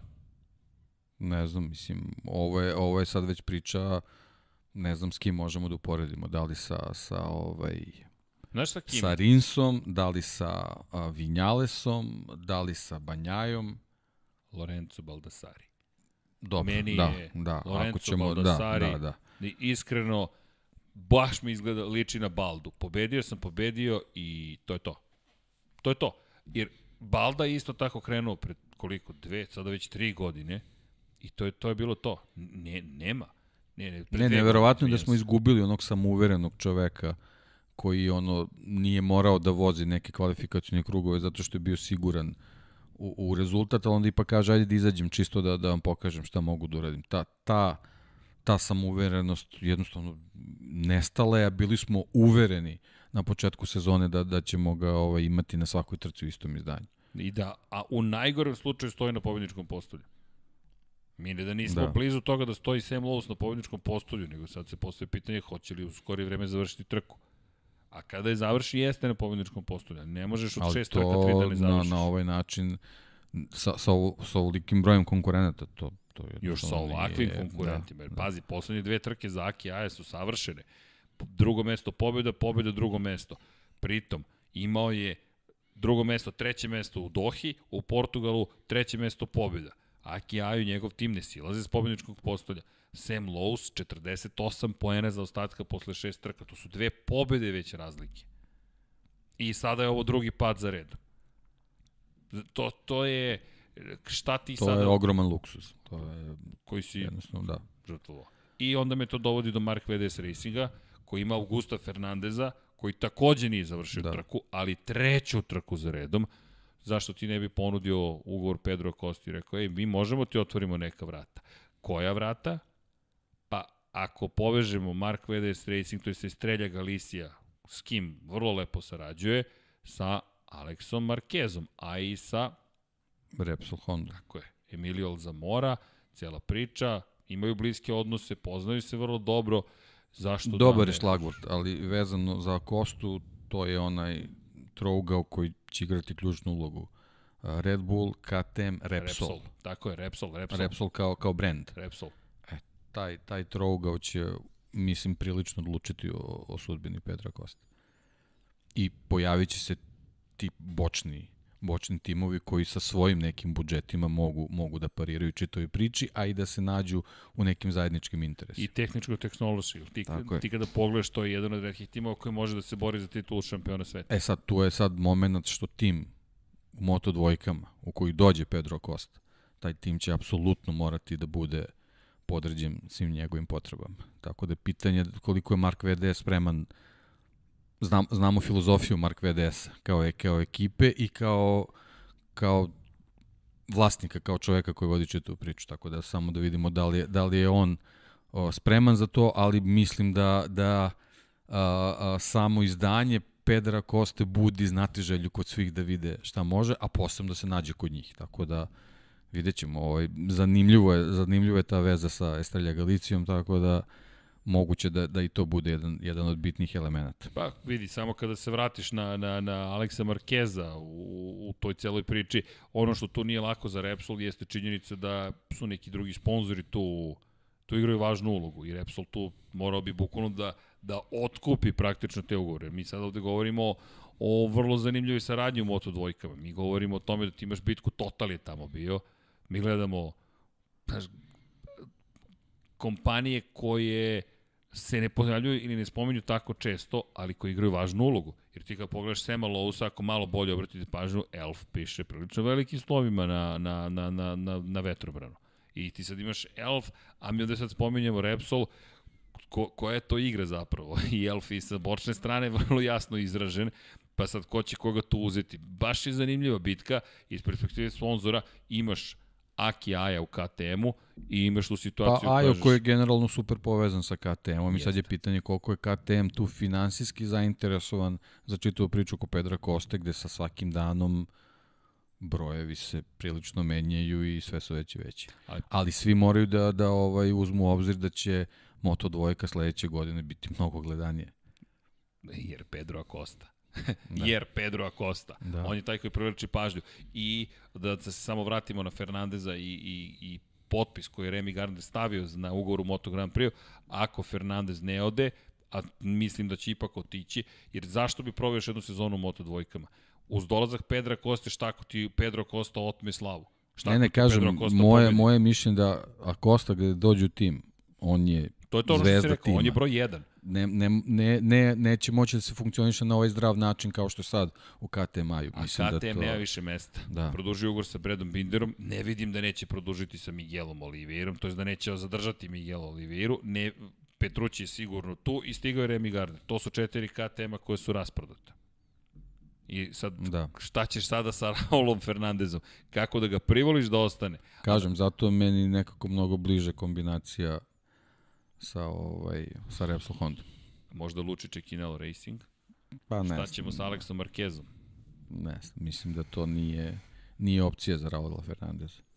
Nema, nije, on, nije njemu toliko bitno da, da, da po svaku cenu samo napravi korak ka Moto Grand Prix. Je lepo da je vidjeti- bitno da bude Izvini. do, dobar tim. dve velike zvezde, jer i Raul Fernandez postaje legitimna zvezda u Moto dvojkama. Remy Gardner mislim da je sve osvojio na, na tri načina. Prvo, svojom ličnošću, drugo, ok, rezultati su uvek broj jedan. Kako nemaš rezultate, teško da osvojiš ponekad, ali opet nekim neverovatnim rezultatom. Rezultati su tu. Ličnost je tu. Preziva se Gardner i dolazi iz Australije, pa to ti je recept. Ne samo što se preziva Gardner, nego ima i veze. Nego i vozi, to, to, to. Da. A i vozi kao Gardner pravi, pa i jeste pravi Gardner. Baštovanski, dakle, ali činjenica je da je Remy Gardner potencijalno velika zvezda. I kada pogledaš dva Australijanca sledeće godine u Moto Grand Prix klasi, super priča, i još onda Raula Fernandez i tako dalje. Marko Beceki, pri po, tri plasmana na pobedničko postolje, da, za ostatak je 26 bodova, Ali ali, tu, tu je. tu je, tu je. Bec je tu. Tu je. Jedna dobra trka mu treba. Jedna dobra trka, eventualno kiks vodeći dvojici. Kada kažem kiks, ne neki dramatičan kiks. Jer to je ono što, što ti je potrebno. 25 bodova, Ne, mala je razlika i, i ispadne da je mnogo bolji koncept od Lowsa. Jednostavno tu je nedostaje njemu ta je. ta pobeda, to je eto nešto što 22 poena više Da, ima od ali- Lowsa. da. Lowe's je baš daleko. I Je- Fabio jedna, Gian jedna Antonio. pobeda donosi malo više razlike u bodovima, ali ali tu je, tu je. Tu nije, mislim da nije sad toliki taj pritisak da, da, se to Ali desi. deki, ako on pobedi, Da. drugi je Gardner, na primjer. Ti si smanjio razliku na 21 poen. Ali, u odnosu na Raula Fernandeza, ti si sad na 11 poena samo za Tako je, ostatak. tako je. Znaš, ta pobjeda je velika stvar. Ono što je super, što su ulozi mnogo veći. Ove godine, hoćeš da budeš šampion sveta, to je prvi, drugi, treći. prvi, Poenta je da treći. bude tu, jer od- ne, a, pobeda nije neophodna i zbog faktora koji se zove Sam Lowe's. Prvi, drugi, On treći. će biti tu. Pa ne, u jednom trenutku će se ponovo Jer pojaviti. on, on kad se pojavi, on će ići na pobedu. Pojavit će se i Diđa. Tako je. Tako i DJ je tu koji je već pojavio, već pokazao da je ovaj da je potencijal za pobedu. I njih petorica a, Opet ista- dobru kalkulaciju prave Becekiju o, o, o, i ohrabruju ga da bude tu i da ne mora po svaku cenu da pobedi. Ali pobeda bi donala olakšanje, pre svega psihološko, ali ono što je važnije, bodovno. Eto, Da, tako to je da- sad i pitanje za da li je ekipa ta koja ne može da isprati tu organizaciju Ak- Akijaja. To je sad, to je sad pitanje za Jer- VR. To je, Ver 46 je ostao bez velikog broja članova tog tima.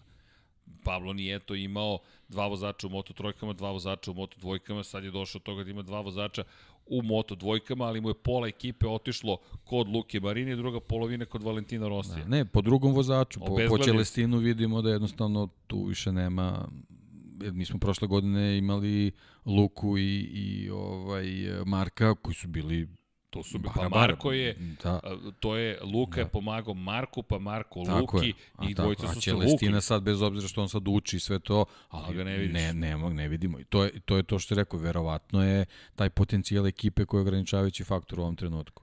Pohvala inače za Joe Robertsa. Da, tu je. On Tu je isto tu. Ej, vidi, ovo je, je bilo tu. praktično je pobedničko tu. postolje, šteta za Joa, ali okej. Ako, ako odvajamo ovu, ovu petoricu momaka, da kažemo da, da malo iskaču i da, i da su, da su vozači koji mogu da konkurišu za pobedu u svakoj trci, Joe Roberts i Ajo Gura su momci koji su tu nekako napravili neku svoju mini grupu odmah iza, i što je veoma pohvalno za obojicu, da se razumemo. Mislim, to je svaka čast. Uvek su tu, uvek su tu. Da, uvek su tu. Mislim, eto, Joe, nažalost, mogo je da bude na podijum, ali... Mislim, evo, evo, po rezultatu se vidi, mislim, 17, 17, ili tako, hiljadi tinki. Pa- ako je to prednost bila gaženje za, stekao. e, onda svaka čast, onda pa super. da. Ne, Onda da, super. okej, nema poena, nema Da. plasmana pobedničkog. Joe je odvezao svoj trku. Ej, ali moram da ti kažem, i- nismo imali baš neke argumente za Robertsa u Mugello, ali meni baš kaubojski deluje staza. U tom kontekstu, ej, ovo, ovo traži, ovo traži to, srce u junaka, ajmo da te vidimo. I Joe je iskoristio padove, fakat. Ne, ali vidi se je recimo, on je, ona, ona borba sa Gardnerom u, ovaj, u Portimao, znači njemu roller coasteri To, to. super odgovaraju. Te neke flat staze, to ravno, to, to njega ne Ej, interesuje. Barca tu nije Tu u. Americi nema. To, to. oni, ne voze to tako. drugačije, Da. drugačije. Da, da. A, ali odlična trka za Robertsa. E, Jeste, I odlična trka za Marcela Šrotera. Marcel Šroter koji polako tim konstantnim mm. šesti, peti, To što si rekao, konstantno, to je, to je ključna reč. Ključno. To mora da bude da bismo ga malo više tu viđali. Tako Tako, je. da... i pohvali isto za Aja Guru. E, Ne, to sam rekao, Aj, da. Aj, se, sedmi, da. sedmi, šesti i ona njegova po principu Moto trojke, to je Moto-trojke. pobeda, nema veze, važno da sam ja tu. Ja sam, da, Da, da, da, ali da. vidi, Ogura je osmi u šampionatu sveta. Da, I da. za razliku od Kanea koji je bio drugi, pa deveti, pa nije završio, pa 11. je na početku 13. pa nije završio. Kane deveti Da. u šampionatu i Kane, bojim se da ta zvezda polako... Pa ne, ja, ja pre. Oguru sad gledam zbog, zbog nekih prošlogodišnjih duela, gleda- u duela gledam ga sa Arenasom, koji je isto došao, koji je stariji, iskusniji vozač, sve on jednostavno ne može, mislim, Nema jeste. Bosko Skuro, sve okej, ali i Arenas, i ovaj uh, Pa dobro. Kane je Bosko Skuro Ako, isto, pa mislim. dobro, ali ako ćemo tako, šta ćemo sa Hafizom Šarinom na NTS? Da, da. Čekaj, meni je Ne znam, evo sad po samom sebi skačem u usta. Me, a te mi je Quartararo vožnja dana, te mi je, kvart, te mi je Miguel Oliveira vožnja dana, te mi je Joan Mir odlično odvezao, ali ako pogledamo vreme Gardnera, on je najbolji, a onda pogledaš Aja u guru, pa nije loš Novajlija, i onda dođemo do Hafiza Šarina. Ne, ne, titulu vozača dana, me, ja dajem Hafizu Šarinu Dobro, za... dobro malo, malo preteruješ, ali okej. Malo, hvala da, ti. Da, da, da, da. Malo preteruješ u Znaš tome. kako, desetorice nisu završile trku, tako da Okej. svaka čast. A, poenta je da treba, videli smo kakvi su se i, i vozići pozadi tu pravili i kako je bilo teško preživiti, izgurati sve to, ali ovaj... Ali čekaj, Ne, ne, aj- svaka aj- čast, ajmo apsolutno. ovako. Apsolutno, mislim, NTS je to čoveče, to Pa je... to ti kažem, to je vidi. svaka čast. Znaš, dotero si ga do cilja. NTS, za one koji eventualno ne znaju, to je japanski proizvođač. Ljudi, oni se bave proizvodnjom, oni su namenska industrija u avioindustriji. Oni namenski delove proizvode za avioindustriju. I u svom nekom inspirativnom trenutku su rekli, mi ćemo da u okviru promocije svoje robne marke, NTS, ne znam, ne, ne, ne razumem i dalje vezu, osim što su vratno neki poput nas. E, imamo neke Pa pare. moguće, da, Aj, ja, napravimo ja motocikl. verujem da neka priča Ajmo. slična, da. Pazi, i oni su napravili, NTS je napravio ramove za Moto2 kategoriju. Kako ti to padne na pamet, ne znam, ali želim da pričamo sa osnivačem NTS, sa, sa ljudima koji vode NTS. NTS uđe evropsko prvenstvo, to je inače nekadašnji šampionat Španije, Cev Repsol, i počne da beleži pobede, da osvaja titule, da bude dobar. Kaže, ajmo mi u svetsko prvenstvo. Ajde u svetsko prvenstvo. Krene NTS, nema tu uspeha, Hafiza Šarina zaposle, započnu saradnju sa RW Racingom, holandskom ekipom. Inače, to je jedan doma, domaćinski tim. Mi ih volimo pre svega, ja ih makar volim pre svega zbog Luisa Saloma. RW Racing i Luisa Salom su zabeležili zajedno prve pobede. Inače, čovek koji je osnivač RW Racinga, u njegovoj koći je spavao prosto Luis Salom. Nažalost, Luisa smo izgubili pre pet godina. Još jedna priča o ružnim momentima koje imamo kada je reč o, auto, o automoto sportu, ali po tome pamtimo RW Racing. Ljudi, bukvalno, to je porodična jedna ekipa koja kada angažuje vozača, ako nema budžet, vozač kaže, ma ok, spavaj kod nas. Kao što je Alberto Puđ pustio Casey Stoner u svoje dvorište sa kamp prikolicom, rekao, ostani tu, ti si, kod mene si. I to, to je ono što, što a to su, to, su, to su svetska prvenstva. Mi ne govorimo o kategorijama, ne znam, neka formula ili nešto što će se jednog dana čuti za nekoga. Ne, ne, to su momci koji voze u svetskom prvenstvu. I RW Racing sa NTS-om i Hafizom Šarim na osmoj poziciji skidam kapu. Za mene, sedmoj, oprostite, poziciji i baš velika radost. Ali okej, okay, idemo dalje. Slažem se da preterujem, ali zar to nije potpis? Ma nema, super. i Cameron Bobije, koji je tamo negde sa začelja krenuo i kalendarsku godinu i celu zaostaje u kvalifikacijama, došao do toga da bude osmi. Bravo za Camerona Bobija, petostruki šampion Amerike, ok, to su dobre stvari. I apropo NTS-a, NTS, molim lepo, 8 poena, samo dva manje od MV Aguste. Korak po korak, korak po korak i to je to. Dobro, Kalex tu je ne, ne, ne prikosnoven, sve pobede, svih šest pripada Kalexu. Ali Moto dvojke baš su bile radosne nekako, ta sjajna trka i gledaš, ono što je tužno bilo, jeste u cijeloj toj priči što smo mi znali, e to je bilo šokantno da Marko Beceki, e ljudi nikome, ne, ja makar u deki nikome ne zameram. Mislim da ni Dorna, ni niko, nemaš ti protokol za tu situaciju. Nemaš ti protokol za situaciju u kojoj saznaš da je neko izgubio život. Ne, t, t, t, bukvalno se izgube ljudi. I, I Dorna jeste korporacija, ali to su ljudi ti ljudi tamo se svi poznaju, to je jedna mala grupa ljudi koja se zna, zna svakog klinca. Zna bukvalno svakog klinca i sad vi izgubite to klinca i sad vi, kao ma ne, to je običajni dan, mi idemo po protokolu televizijskom i mi, mi rekli smo u prenosu, nema zamirki, izgubiš se, nemaš pojma šta se desilo, nema ni zamirki nikome. Odnom trenutku smo krenuli, pa morali su da im kažem da radiš, a kada da im kažeš? Šta da im kažeš? Pred početak trke? Šta? Dok sede na startnom poredku, ti im kažeš, ej da ti kažem nešto.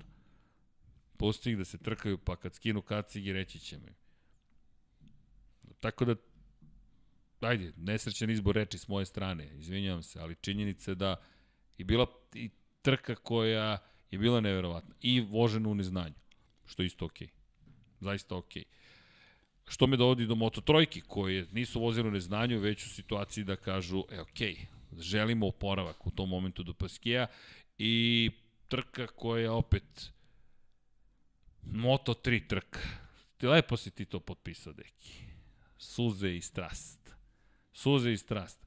Ona scena Andreja Minja, inače pobedu je odneo Denis Fođa, koji kad završi trku, to je pobeda ili drugo mesto, otprilike 45 bodova, pobeda broj 2 u karijeri, ali pobeda u Muđelu za Italijana. To je moment koji sanjate. To sanjate. To s tim odrastate ako ste motociklista.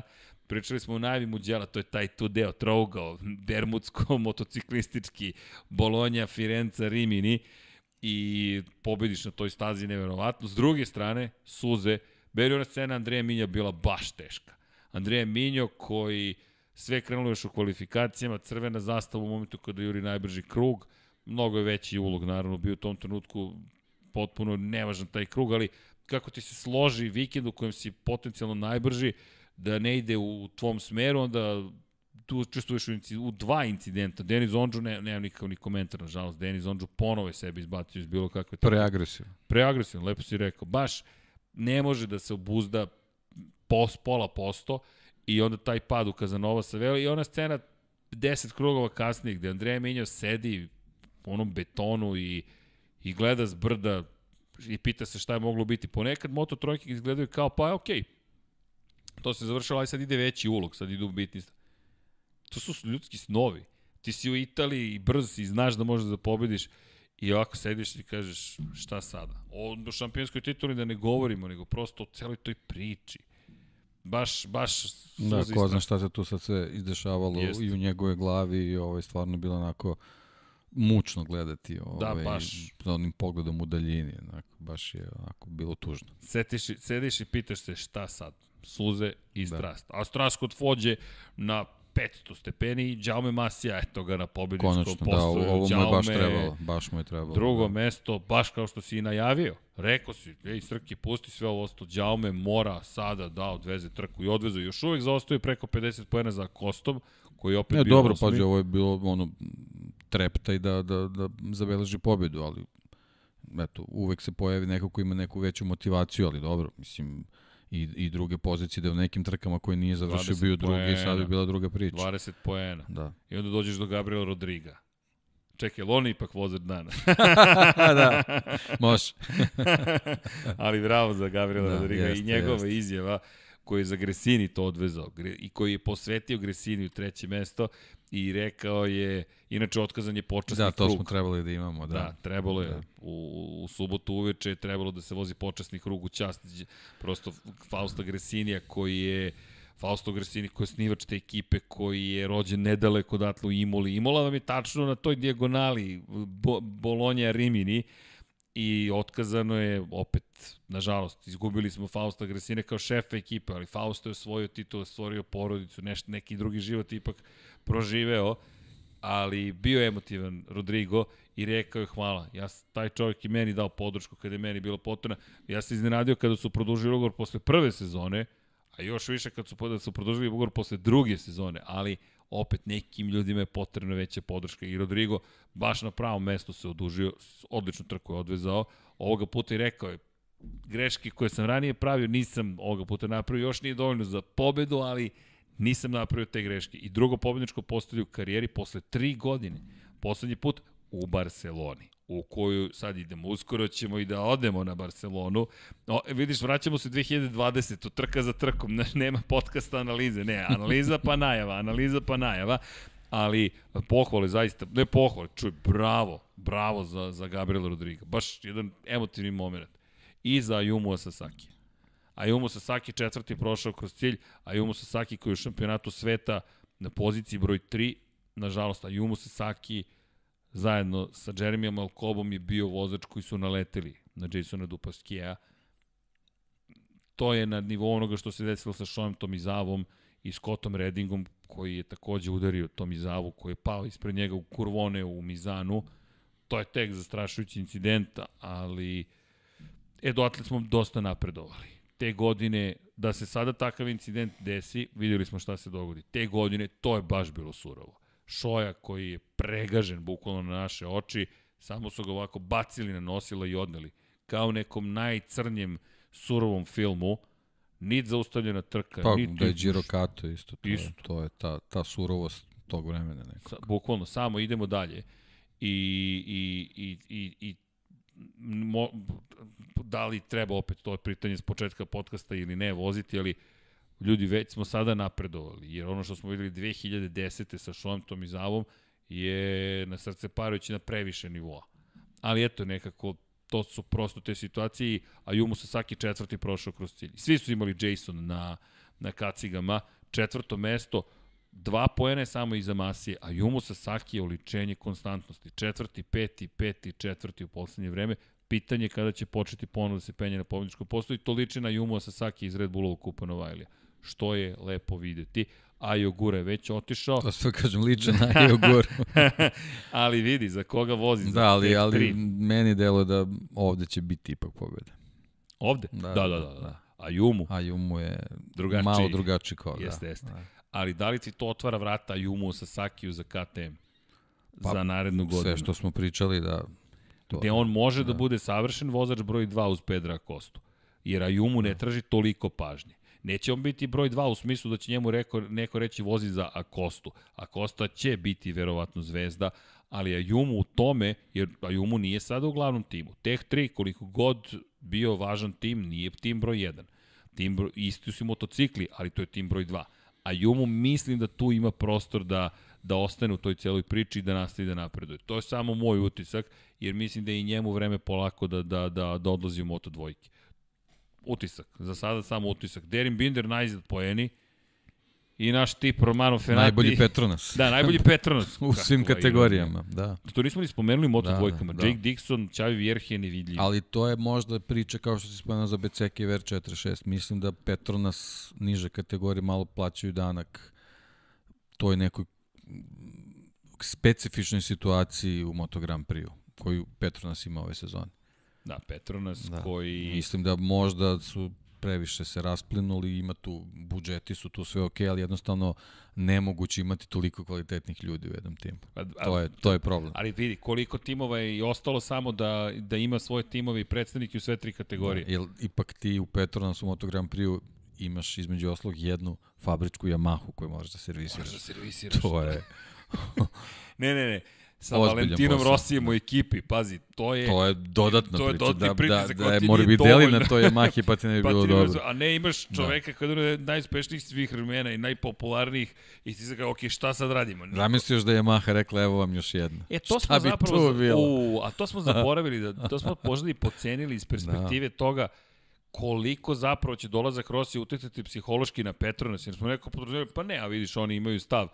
Ej, deki, zaboravili smo, ovde dođe Valentino Rossi, uh, muk, muk, da, he, he, he, i to je sve. Ne, bi bilo podcast. ne bi bilo podcasta. Ko juče? Je li juče bio možda? Nije. Ne, ne, Nije misliš tu je negdje bio. ne, juče su dolazili iz Formule 1. Juče su gremlini bili. da, Da, juče su gremlini bili. Juče nam došao Jacques Villeneuve. Ali da, da, da, pa, pa, pa bilo ko od tih šampiona da nam uđe ovde, samo, šta, šta da kažete, izvinite, ali idemo, idemo da Instagram zvezde budemo. Ne, šalu na stranu, imali smo i čast i zadovoljstvo da ih intervjušimo, upoznamo, ali jedno je te ljude upoznati, drugo ti sutra treba da sarađuješ s tim čovekom. I to je lako reći u komentaru, pa neko Rosiju mora da kaže ne. Ok, hoćeš ti da mu kažeš ne. E, posao, posao ili ne. Ne, šalu na stranu, ali teško je reći, prosto progovoriti, ali moraš da kažeš neke stvari, a Petrons, mislim da si u pravu da tu, tu, Pa tu, tu se osjeća tako, malo. tako ovaj, razvoj situaciju u 21. nekako vuče na tu Vuče, stranu da, vuče. da nije samo do vozača. Ali nego pogledaj da koliko, te- izvini, da. imaju nesrećnih situacija. Derin Binder i Franco Morbidelli kao da su braća po, po tim situacijama. John McPhee. izvini, ja zaboravio sam Johna McPhee. Pa Dobro. kažem ti, meni je na početku bio kandidat za titulu, čoveč. Pazi, jeste, John Delove je baš dobro. Neverovatno, neverovatno. E, okej, sedma I, i pozicija. čitav taj, taj to ushićenje vezano za Petronas i sve, sve je išlo ka tome da će biti ovaj, u svim kategorijama dobri. Njih nema nigde. Nema ih nigde. Ali bukvalo Da. ovako, obrisano su Petronas. svi. Petronas, pazi, mi pričamo, pe, pri čemu koje udarce dobijaju, manje više u stomak dobijaju udarce, a to je na nivou VR46 kaže, da, da, ja sam vaš vozač, nema nikakvih problema, ali potpisala je moja ekipa, kojom ja ne upravljam, jer imamo izvršnog direktora ekipe, ugovor sa drugom petrohemijskom kompanijom. Čekaj, da li se ti šališ u celoj ovoj priči? Ne. Ne, ne, baš, baš ovako ogroman, ogroman zaloga i tako da vidjet ćemo kako će, da će uspeti da, Deki, da raspletu tu kafu. u kraju, slobodno. je, slobodno. To je, to je zamena, ovako. Imaću sad dve šolje. Može.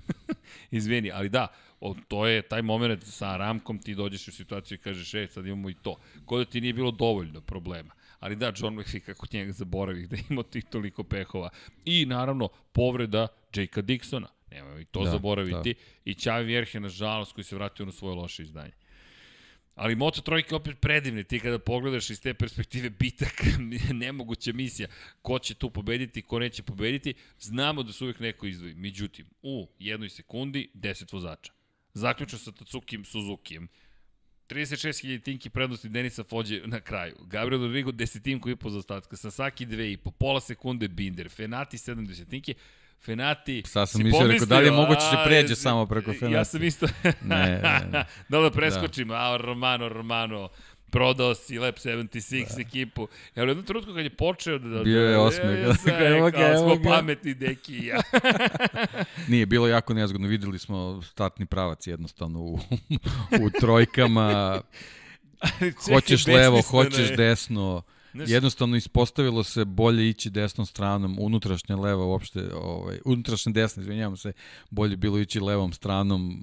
Vidi. Ovaj, svako ko je se predomislio, krenuo desno, nije se dobro proveo, uključujući Pedra Kostu. Pamtim dane kada smo mogli da. Da. da izgovorimo imena četvorice vozača i kažemo četiri vozača, jedan pokraj drugog.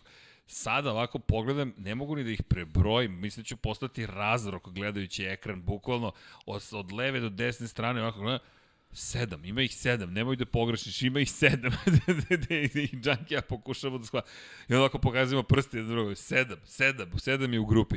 I onda, ajde da izgovorimo. Kako da Da izgovoriš? krenu da iskaču i da, da, da beže iz putanja ono miza. Ne, znaš ko nam je najgori? Teh Fenomenalno. 3 sa svojim Da. bojama. Ja, da, man, ljudi, da. Da. znaš šta gledam? Gledamo trbuh dole, dalje crni ili beli. Onda još helikopterski snimak, daj, oborite se u krivinu. Aha, crno je Teh 3 u pitanju. Da, još kad su zmije, nemaš ni broj napred da vidiš ni ništa. Kakav, ne možeš ništa. A kacige, ga Red Bull Red Bull, samo bikovi su. Pola grida Red Bull grida, kacige, da. Kako, okej, kao po kacige, dajte ljudi, po detalju Ne, ne, na svaka vam kacigi. čast, mislim, ono stvarno ovaj, jako malo grešaka vezanih za, za Hvala. ovaj, vozače, eventualno s neke, čak gde si lapsus nije, čak ni, ni ono kao nisi dobro prepoznao, tako da svaka vam čast, Vidi, mislim, super. hvala, Super, izgovori. ja, ja hvatam u nekim ono tračcima, znaš, boju broja, pa kao, aha, to je taj vozač, znači ne, ne, uopšte ne znam po čemu bih mogao da ih prepoznam kad izađu, posebno kad iskoči iz onog brda, spušteni dole, ne, nema šanse, mislim, samo prvog možeš da vidiš ko vodi kolonu. Veruj mi, da- dekale gledaš da. kao kada, kad, si, kad smo mali pa pravimo makete. Jel, da. mi makete? Moramo, moramo ovaj Benetton da napravimo. Koliko stvari moramo da uradimo, samo se povećava spisak. Ja kući imam jedno pet nesklopljenih, tako da... Da. Taman, donesi ih u studio. Ti imamo... E, imam SR71. Stvarno? Blackbird. Da, toliki je. E, to ćemo da... da Pa vidi, to je deki, prvi, to, je prvi. specijal. Blackbird To je special. prvi, da, da, da. da. Sećam se to kad se pojavilo, to je... Uh. To je ozbiljno ushićenje bilo. Znaš da prave sada e, 72-ku. To ti je ko Rocky 2, Bespilotna. to nema veze. To je bespilotna ne, ne, ne, ovo je, ovo je Rocky. To je to, je. Ovo je Rocky, Rock. Adrian. to je to. Ok. Ali da, Moto trojke, predivne, kao i uvek, e, neverovatne. I onda pogledaš i kažeš, ok, šta mi, o čemu mi ovde sada pričamo? O Pedro Costa. Pedro Costa. Da. I dalje... Ne, još jedna trka učenja, mislim, nema šta, ono, stvarno, ako je neko očekivao da će on sada dominira, da pobedi na 15 trka, to se neće desiti. U prvoj sigurno. sezoni. To se sigurno Teško. neće desiti, ali s ovim je pokazao, on, on padne, jako brzo se vrati u vodeću grupu, to su ti neki, neki ovaj, kvaliteti. Nijednom trenutku nije dozvolio da, da o, ispadne iz, iz priče. On čak iako je završio trku na osmoj poziciji, on je sve vreme bio čak i u konkurenciji za pobedu. Jednostavno, taj izbor strane na, na startnom pravcu bukvalno je bio odlučujući za ulazak u poslednji krug i raspored je Fođa fenomenalno stvarno odmerio poziciju, našao se na njoj stvarno svaka čast. Ovaj, tako da, što se toga tiče, osma pozicija za Kostu, to je potpuno, potpuno okej. Okay. I da napravimo, da krenemo polako ka Barceloni, no pre toga, samo ću reći, da li znaš ko je Tajo Furusato? Pomozi mi. Tajo, ne, ne mogu ti pomognem, niko od nas ne zna ko je Tajo Furusato. Tajo Furusato se pojavio ovoga vikenda u Muđelu kao debitant u Red Bullovom kupu Novajlija. Mm -hmm. i pobedio. U prvoj trci, sa 18. pozicije do pobede. I ti ako sediš i gledaš, ok, ko je sada Tajo Furusato? Priznajem da nisam pratio, morao sam malo Superbike isto da, da, da ne, odgledam. neki, tako da, misije. ovaj, Da. Veruj mi, nemoguće Ne, misije. sa ovakvim brojem trka plus Indi, stvarno, Da, mi, baš je vidi, bilo... pratili smo mi, nije da ne znam. Samo je Formula 1 Da, pa vidi, ranije je i ona bila tokom tog vikenda, tako da... i 24 sata Le Mana i super. Jeste, sve u istom vikendu. Sve u istom e, da li vikendu. si znao da je drugi najveće sportsko trajno borilište eh, Le Mans? Ja nisam znao. Drugo trajno. Da. Sa 240.000 sedišta. Aha, to, aha. Drugo sa po broju Da, da, da, da, kapacitetu. da, da. Najveći Indianapolis pa, pa, pa 24 časa Le Mans. Sve predstavu. Da je, da. Da. je trajni kapacitet staze 240.000. Da, sad gledam, da, ogromne su ti, tribine na startnom pravcu, ali nešto ovamo ne, nisam, nisam obratio pažnju gde tu još ima da, da toliko može ljudi da se smesti. Ali tribine su ogromne, ne znam, jesi bio? Jesi bio na tribinama? nisam, nisam bio. To je onako fascinantno. Ja sam u jednom trenutku bio gore na, na vrhu, to je onako prilično impozantno i fascinantno kad se popenješ gore. Stvarno izgleda juče smo- sjajno. Da. Juče smo Paja komentarisali gde e, e, zapravo ti kažeš čekaj kako je ovo moguće i, i razmišljaš pa ne, ovo je nemoguće i onda gledaš sad, sad posete e, najveće posete nisu bile e, nije od pozicije 2 e, 263.000 za, za, za Le Mans. Kapacitet. Ne, ne, ne, posete. A, Ne, posete. a ovo je trajni kapacitet. Po, po trajnim kapacitetima, kada govorimo o, o, o kapacitetima koji imaju na raspolaganju, ne, mi pričamo o tome da je zapravo Indianapolis taj koji je na prvoj poziciji, ne govorimo samo o golfu, na primjer, pošto je Scottsdale veći. Pogledaš, o, ovo je bila fascinacija, ovo je San Indianapolis, poluprazne tribine, 110.000 ljudi Da, je bilo. D- Mislim, 257.000 imaju To je kapacitet za sedenje. da, da. Inače, konjičke trke i, i automoto trke. Ali, okej. I šta kažeš na pobedu Helija Castronevesa, da ne idemo predaleko? Ma super. Dekica, Ma super, naš čovjek. Da, da, da. da. Dek, I kakva pobeda? Na znanje, na znanje. Razmišlja šta, gde, Pa ko, dobro, kako. tako je, tako je, ovaj, Iskustvo. takva je generalno priča Indianapolis, znači uopšte nije poenta gazdu daske, to je to mnogo, mnogo taktike, mnogo, mnogo komunikacija sa ekipom, malo sreće, pravovremeni odlasci u boks i tako dalje, tako da ovaj, svaka mu čast. E, I imam jedno pitanje za tebe. Poljuče smo ga dobili Paja. Da li bi radije pobedio na 500 milija Indianapolisa ili na velikoj nagradi Monaka? U Indianapolisu. Da, svi smo rekli Indianapolis, pa Ne, ne, to ne, trkanje, definitivno, klasično ne, ne, ne. trkanje. Uh, dobro. Pa kao ono, prosečna brzina 320 km na sat. Okay. Znaš kako. Pa pa, juče smo pričali kvalifikacijni krug 374 km na čas. Indijano, ovaj, Monte Carlo legendarna trka, ono, čisto istorijska stvar, ali to ne verujem da se mnogo vozača tu nešto ono, fascinira trkom kao takvom u smislu o, vožnja. Ja Mislim da ono, više se puta preznoje nego, nego što uživaju, a ovo je čisto adrenalin, ovo nema. Trkanje, Da, da. trkanje, Da, da. klasično trkanje. Don Pablo mi skreće pažnju, ej, imamo sponzora novog, mora reklama pre nego što krenemo na Barcelonu. Get in. Who is he?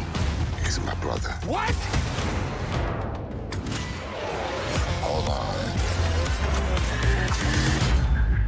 Paklena saga se vratila. Paklene ulice 9. Well, that was new. U bioskopima od 10. juna. Juna. Tek smo dobili spot, ali da eto imamo novog sponzora, čekaj, pozdrav. Dakle, paklene ulice su nama sponzor, pazi. To je stara mom. to tako lepo zvuči. Ali dobro. Da neko je rekao, film za Teletubbies, ljudi, zabavljamo se. Sada je skočio renome. Smo zboriši u Lab 76 i gospodin Aleksandar Đankić je takođe, koji će biti sa nama, ja se nadam uskoro. Inače, pozdrav za našeg Đankija Baby-a, koji je takođe, mi se nadamo, u studiju, ne znam, ne zaboraviti. Muzika se pravi, tako da držimo palčeve da će to biti dobro. U svakom slučaju, idemo mi na Barcelonu, deki, sad moramo da ubrzamo pun gas, kao Fabio Quartararo. Znaš da smo najmanje spomenuli Fabio Quartarara? Toliko je bio dominantan u, u Pa zapravo mislim da mu imponuje. Da, to da, da jednostavno je poslao potpuno normalno da on pobedi. Ova sezona tako izgleda i to je onako čak i odnosno na prošlu godinu ozbiljan napredak za njega. i dolazi nas do Barcelone koja je njegova staza. I njegova je Mahina. I Yamahina. Yamahina. O, a poster Dom Pablo kaže je Bogdanov. Ja uživam u Bogdanovim posterima, ne znam, tebe dopada mi se ovaj donji deo. Super. Što izme, da, Gran Premio de Espanja, s tim što moramo da mu kažemo ni Gran Premio de Espanja, nego Gran Premio de Catalunja.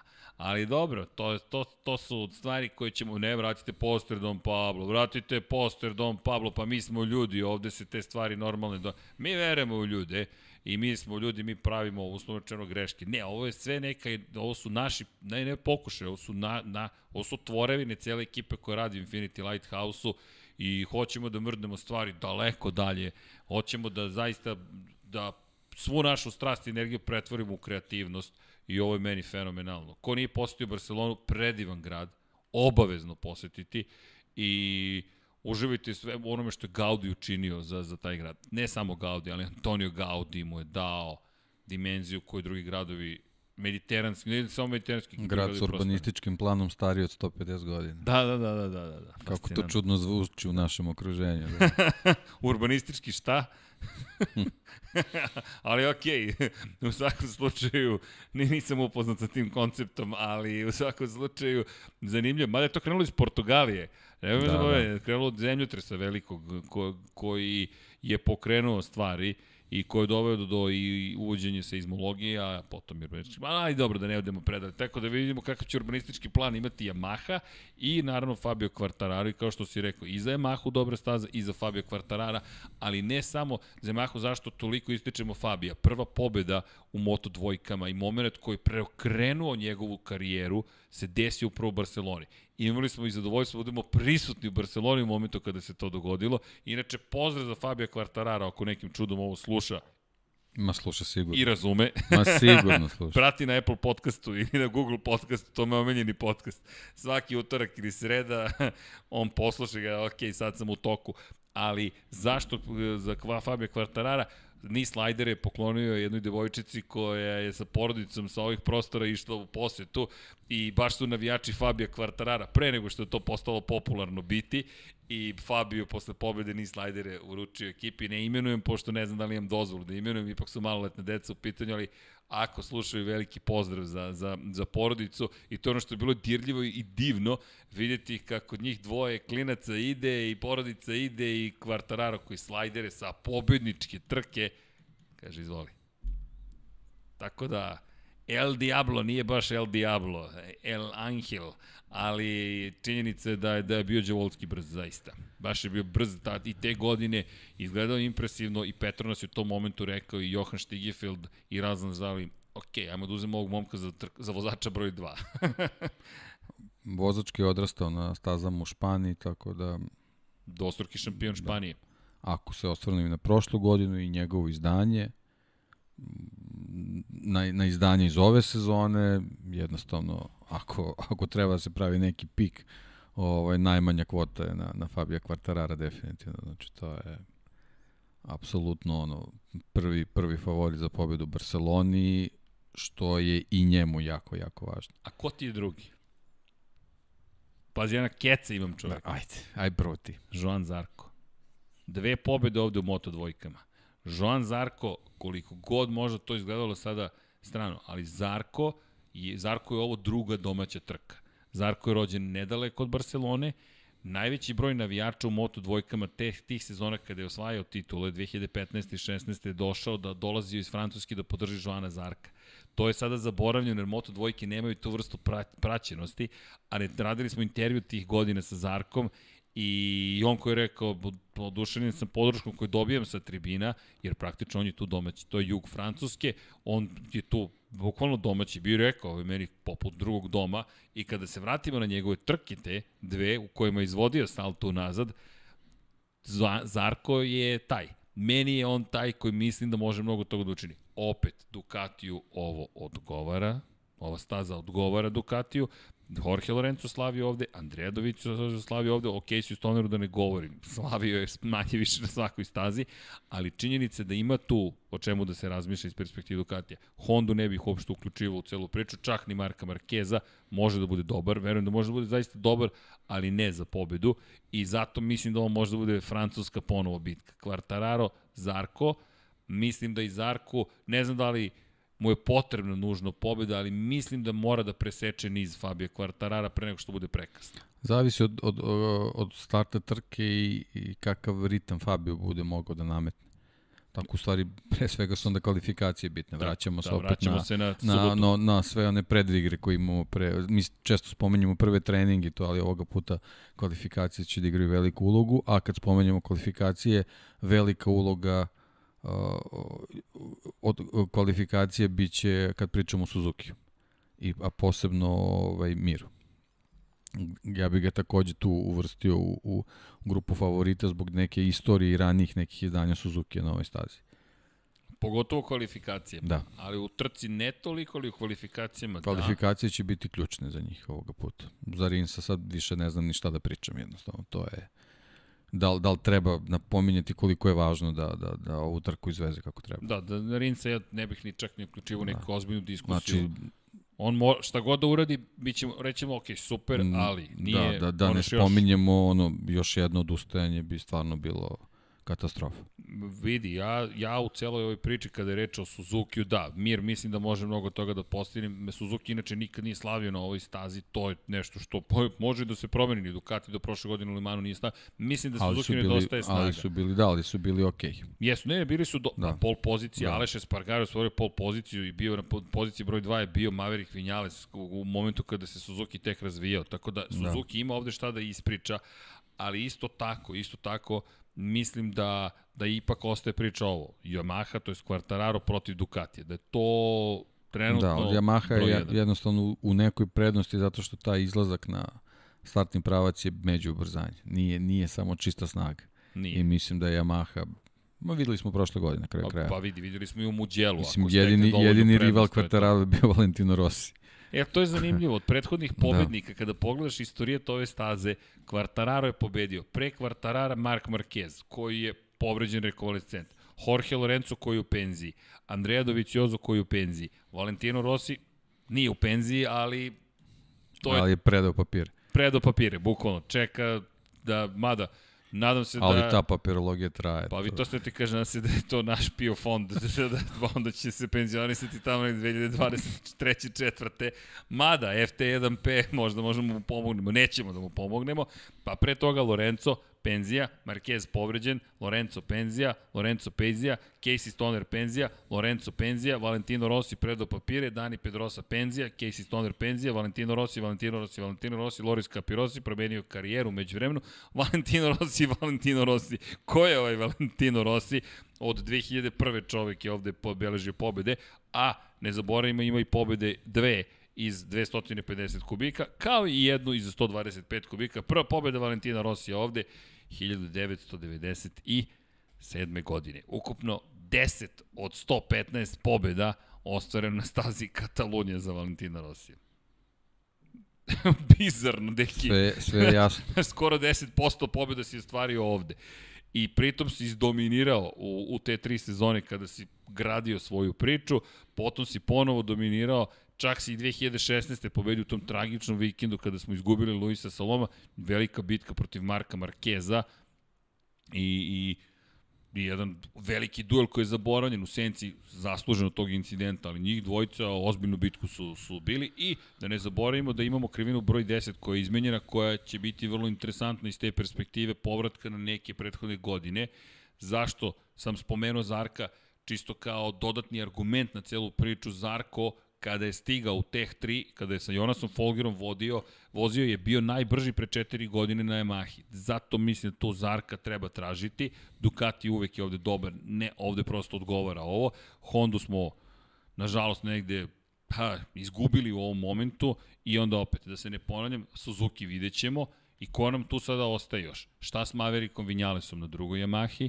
Može li Rossi još jedan korak napred i opet Franco Morbidelli mislim da, da da da mu treba sreće. Ne bih ni pričao o tome da on ništa ima je prošle da godine u Barceloni pronašao nešto što, što nije imao, tako da možda može u nekom podešavanju da, da bude nešto što će doneti više od ovog desetog mesta sad što je bilo. Ovaj, jako me interesuje KTM, to mi je onako baš posle ove trke baš, baš zanimljivo da vidimo kako će tu da bude priča i jedan onako detalj koji stalno spominjemo, vreme Da, vremenski Neće uslovi. baš biti onako neka letnja Barcelona, a ovaj, a opet sa druge strane imali smo za Muđelo, za Muđelo najevo da će biti eto kiša i, i neka vlažna priča vezana za samu trku, to, to nismo imali, ovaj, tako da eto možda, možda nas i u Barceloni to promaše, ali za sad neke, neke kapi se pojavljuju. Da, Da. najava kiše. Da, za Mugello su bili sigurni da će biti kiše, na kraju ništa. yr.no, naša topla preporuka da ispratite prosto kao servis, servis koji daje priliku da, da, da budete dosta precizni. I moram ti reći da, da, da svima promovišemo yr.no, pošto radi, bukvalno Da. radi, ali da, kiša ukoliko padne, I, ne znamo... I dodatni detalj, ne mora da padne kiša, već se vidi da temperatura neće biti pretarano Da, visoka, neće biti tako da bez obzira kiša, ne kiša, možda možemo da imamo neke malo drugačije uslove do onoga koje bi Yamahi 100% odgovarale. Tako da, eto, možda se Pa, još tu neko, neko priključi zbog toga. Kada spominješ KTM i taj prednji kraj njihovi, ono što su rešili, vam da iskoristimo priliku da bacimo pogled na Brembovu, naj, najsnažniju tačku kočenja na ovoj stazi, pošto s obzirom na činjenicu da da nam to otkriva neke detalje, tako da vidjet ćete kako to izgleda i gde je najsnažnija tačka kočenja iz perspektive Bremba. Hvala za grafike, staza Katalunja, sagrađen 2021. od Sport Stripa, i letnje 4620. Inače, izvinjavam se, Carlos Sainz stariji učestvuje u izgledati. Izvinjavam se. I sve je okej. Ako možemo da vratimo malo nazad Dom Pablo, s obzirom na činjenicu, to je važan moment. Još, malo, još malo, još malo, još malo, još malo. Pogledajte ovo, very hard. 9 tačaka kočenja, 30% vremena provodite na kočnicama. Ovo je tačka kočenja na nizbrzici, kao što ih ja znam izražim trčanja, to je video, ali okej, okay, spuštate se, da, da, stjesilo se, ali Brembo kaže šta, 96 metara sa autom put, maksimalno opterećenje na vreme točnika 3,4 kg, negativno znanje 1,5 kg, 250 95 km na čas, vrlo zahtjevno brzina i onda onaj uspon, kao što možete vidjeti, 11,6 bara je snaga, ono što je temperatura početnika 692 stepena Celsijusa i hvala I Brembo. da li je još jednom. 332 maksimalna brzina?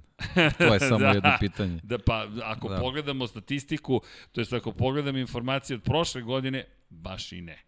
A, pa, ako se vratimo u prošlu godinu i pogledamo stazu Barcelona, evo tačno ću vam reći koja je bila maksimalna brzina, 352,9 km na čas. Francesco Banjaje na Ducatiju. Najbrži krug u trci i dalje zvanično Jorge Lorenzo na Ducatiju. 1.38.680, najbrži krug u kvalifikacijama, Jorge Lorenzo na Ducatiju. 1.40.021 je inače bio najbrži krug koji smo videli u trci. Ali dobro, prošle godine drugačiji uslovi i pretpošle takođe vidjet ćemo, Michelin je ove godine rešio da obori sve rekorde, tako da očekujemo opet agresivan izbor pneumatika, očekujemo, očekujem da bude simetrične prednje gume. Ne, mislim da neće eksperimentisati sati asimetričnim, mislim da će pogotovo kad uzmete obzir da imate mnogo katalonaca među vozačima, da će leteti perije na sve strane ukoliko su drznu da im pokvare zabavu. Aleš Espargaro je najglasniji od svih. Mislim da, s obzirom činjenicu da je u Granodjersu, poznajemo Granodjers vrlo dobro, tamo možete lepo da pajkite ukoliko ne odete u Barcelonu. Ako idete na stazu, to je sad taj izazov. Biti u Barceloni pa ići do staze ili biti u Granodjersu ili okolnim mestima, ima lepih restorana, tako da kada bude moglo da se putuje, gde god odete nećete pogrešiti, sve je divno ali tu su braća Espargaro, ovo je njihova trka, ovo je njihova staza, Mnogo važan moment za njih, domaća staza za Marka Markeza nije mala stvar, ovo je i za Joana Mira, takođe veoma važan moment, tako da taj aspekt treba uzeti u obzir i mislim da će Michelin biti relativno konzervativan po tom pitanju. Tako da očekujemo da, da vidimo zapravo jednu relativno klasičnu trku, ali to nas dovodi do ovog pitanja KTM-a, kakav će biti KTM, odlično pitanje. I naravno Aprilija, za koju otvoreno navijam da se popne najzad na pobjedičko postoje. Četvrti u kvalifikaciji, tako malo je nedostajalo Da, da, da. Alešu da bude u prvom Ali startnom redu. teško mesto, ali ajde vidjet ćemo. A vidi, a i ono što je problem, i Aleš i Pol uvek se izgube u Barceloni. Nekako kao da ih emocije previše pojedu i kao da uvek se isto desi kod kući, kod kući, kod kući, nešto se desi. ali držim im palče, pogotovo Alešu, baš bih voleo da, daleko od toga da ne bih volio i Pol da nešto učini, ali Aleš na aprili da dođe do, do starta iz prvog startnog reda, to bi bilo za pamćenje. Baš bi bilo za pamćenje. I Aprilia koja lepo radi svoj posao. Šta ćemo sa ostalima? Jack Miller, Francesco Banjaja. Re, rekli smo, znači Ducati je tu nekoj priči vezano za Yamahu, sad eto to vreme možda malo njima ako krene na ruku, ali, Ali kao što deki- si rekao, Zarko je Ponestaje vremena, rekao Prvi bih. pik. Zašto? Prvi pik. Katalunja je tu. Dve nedelje kasnije idemo u Holandiju. Ne, u Nemačku. Sedam dana posle Nemačke idemo u Holandiju. Ti u, u, rasp, u, ti u junu završavaš prvi deo 100 sezone. poena. Bukvalno, ne, ne, ne, ne, 75 poena. Katalunja, Dobro, računamo i Mugello, pošto Mugello, su da, da, da. izgubili, To to, je to. je 100 100 poena. poena potencijalnih za kvartarara. Ti sada ne smeš da mu dozvoliš. Da, doći će Štajerska, doći će Austrija, pa tu Ducati ima dve šanse, ali ti Da, sada... zato je sad važno da nešto Tako je. uradiš dok ne dođe ta štajerska. Tako je. Da ti sada kažeš ne smemo da dozvolimo kvartararu ovde da izdominira. Jer ovo podsjeća na te sezone, po ovome podsjeća na Rosijeve sezone. Zaista. Jer Rossi je u ovom periodu lomio šampionat. E, Ostali nisu nužno ovde lomili, ponekad, ali dobar, Mark Marquez u nekim godina, ali Rossi je baš ove trke voleo. Baš ovaj period je bio njegov. Francuska, Italija, Nemačka, završavao se tu posao, Katalunja, pa 10 pobjeda na, kat, na stazi Katalunja ima Valentino Rossi. A u Asenu da ne pričamo, to, to je, ta, to je to, tolik takav odnos sa publikom malo ko ima u Asenu. I, I iz te perspektive, neću reći poslednja stanica, ali Banjaja, Miller sada moraju da učine, što opet se postoje pitanje, jel ti izdržaš pritisak od Millera, to ne očekujem nužno, misle će Miller imati svoje gore, dole, gore, dole, ali ne padove, ne padove, dok Banjaja misle će biti ili ili. Da sad polako ulazi u to ili ili. Koliko god da smo ga hvalili, bojim se da ovaj pad bi mogao potpuno da promeni sezonu. Možda grešim, da. ali do sada smo takve Ajde, kad smo ih već spomenuli, ako pričamo o vremenskim uslovima, ovaj, tu može da bude neka Millerova šansa. Recimo. Eto, to, to bi možda, ako, ako nešto treba da tražuje priča, ako budu onako idealni uslovi, mislim da, da Quartararo tu ovaj, odskače od ostalih. Deki, moramo da pošaljemo pozdrav Kanadi. A, Hvala. da, bravo, bravo. 34,99 kanadska dolara. Pozdrav za nekoga koji ima broj 20 Da, za i u koga li obliku navija. Fabio. Da, za, Da, za koga li navija, čast. ne znam. Uživanci vas je slušati Hvala posle puno. posla. Pozdrav iz Kanade. Pozdrav za momčila. Hvala. Hvala. Reci Dekiju da pogleda Instagram. Ok, pogledat će Instagram. Ne brinite, stižemo i do pitanja, da, ne, bez brige, ali ovo jeste zabava na četu, možete da pričate međusobno. Dekija, imamo naš čet u studiju. Četujemo ovde u studiju. Danas nas je baš, danas smo u malom broju, ali moćnom broju. Tako da tu je Dom Pablo. Hvala momčilo, zaista divno je i dobiti podršku i lepo je da kada čujemo da neko sluša u Kanadi, ali da, zamisli, moramo neku stazu u Kanadi da šteta što ove godine nema Formula 1, ali dobro, biće prilike, biće prilike za to. Šta kaže Instagram neki? Ima dosta pitanja. Uš, ok, pitanja. Dom Pablo, zaglavili ste. Šta da vam kažem, gospodine, ali na vašu žalost, mislim da neće biti ono vanjino, znaš, seci. Dve trke, šta da radi čovjek? Dve, it never gets old. Ali, da se mi vratimo na ovu trku. Francesco Banjaja. Zaista me, ima onaj ukus Mizana iz prošle godine. Ima ukus Mizana. To je ono što mi se ne dopada. Opet si u Italiji, opet imaš neku situaciju. Rana je faza, nije kao Mizano gde si izdominirao već, manje više završio posao. Ali opet, to je taj trenutak koji ti je bio potreban, da budeš ispred Fabija Kvartarara i da pokušaš da mu ne dozvoliš da se desi ono što se kasnije desilo. I to nisam baš... Ali sad si nisam- naveo, to je jako malo primjera gde je bio dominantno dobar. To, to nije, nije dovoljno za, za vozača koji treba da pokaže svoj kalibar da, da, da vozi fabričke Ducati. Jasno. On bukvalno iz trke u trku mora da se nađe u toj poziciji, pa taman i, i, i ne završavao trke ili, ili bio na nekom, nekoj nižoj poziciji. Znaš, to je, to je problem sa njim. Mi sad, e, o, ova priča mora se odnosi na borbu za podijum već u Barceloni i na sledećoj trci i na sledećoj. To jednostavno mora, mora na tom nivou da bude. Zašto? Zato što imamo Zarka u, u, u satelitskoj ekipi koji to, to radi, ono što njih dvojica trebaju da radi. Ajde, Miller vezao je neki niz pobjeda, pa je to sad već malo drugačija priča. Ali što se Produžio tiče ugovor. Banjaje, da, produžio, Produžio ugovor. ugovor. Što se tiče Banjaje, to je ovaj to ono samo neki neki izuzeci od pravila to to nije dobro. Nije nikako dobro. A i ti izuzeci se nisu baš najslavnije završili. Ali vidi, to meni obećava lepu trku, moram da ti kažem. Po, sigurno. Pazi, sigurno. samo, je- samo ne bih volao da se desi kao prošle godine, ona, ona prva krivina, onako već tu, tu je dosta vozača već moralo, naravno, ponovi Morbidelli, i, da, Doviciozo, Zarko, Da, to je, to je baš To- pokvarilo. da, da, da, da. I Rossi koji je jurio 200 pobjedničko postolje, tu je, imao ga je, i kaže, hoću pobedu. Vale, daj, daj, te obraduj svoje navijače. Ja zaista to gledam iz te perspektive, pa čovek ima 199 pobjedničkih postolja. Kakva agonija, kakva agonija. I ti si imaš u rukama 200 pobjedničko postolje i Da, To hteo, ali dobro, to je taj Ej, pobednički mentalitet. ali to je Hoću okej. 200 to postolje i pobedu. To Od je- 116. to je, pobedu. To je to, da. Giacomo, imam To te. je to, da. Giacomo. Ali koliko je teško. Evo, pričali smo prošle godine, Marquez koji je došao do 82 triumfa. Marquez nije pobedio od novembra 2019. godine. Kako se stvari lako okrenu. Zato svaki put kada vidimo takve uspehe koje stvaraju bilo Rossi, bilo Marquez, ljudi, to je na nivou nemoguće. Ma nema ni Zato podaštavanja, su to je- Veličine u pitanju, To je tako to. je. To je bukvalno to. Ali dobro, vidi, Quartararo počinje polako da povećava svoj konto. Ovo su sada tri pobjede u jednoj sezoni. Ok, ok, vratit ću se na, na, na Ducati. Zarko Banjaja Miller, Mira, Mira smo prošli, Vinjalesa, ne znam, ne Ma znam. Ninin tata nema šta, mislim, to je... Ne, nema... On, Baš on, on, zabrinjavajuće. on bukvalno mora da, da drži kvadraro tempo. Ne, ne, nema, Ne, ali nema kvalifikacije, nikakvog... deki, Pa, on, on, to on je. to, Ali to je, to je još To priča od prošle godine. jeste. To je priča, on se izgubio u jednom trenutku, čak i, čak i pre onog, onog, onog, onog bizarnog udesa u, na Red Bull ringu, on, on, on već, već tu nije, nije hvatao više ritam. E, ali vidi, nismo, znaš šta nismo pokrili, toliko toga se desilo u Muđelu, m, da tragedija prosto je promenila sve, sve što se dešavalo tokom vikenda, ali Mark Marquez i praćenje u kvalifikacijama, to zaslužuje pažnju. Da, to smo... To smo, To to, smo, to smo pa na kraju. dobro, razna dešavanja su Jeste, bila koje su... Ali Mark da. Marquez, da. Matt Oaksley je rekao, ne, ne, Mark Marquez nije pokušavao ništa da uradi Vinjales, on je samo gledao najbržeg. Ne, uvek ima kompletna, kompletna slika.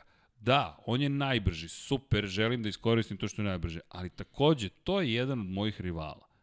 I sve je dozvoljeno. Izvinio se, za one koji ne znaju, pratio je Vinjalesa, ali što kaže Aleš Espargaro, jedno je pratiti, drugo je ispratiti čoveka do domaćinstva, manje više ga je, jer ono, ono u moto trojkama čak ne rade klinci, Marquez sa svih ovih osam titula i 82 pobjede i ovako sedeo, čekao, aha, evo ga, Vinjales, koja je taktika Markeza kada upadne u Q1?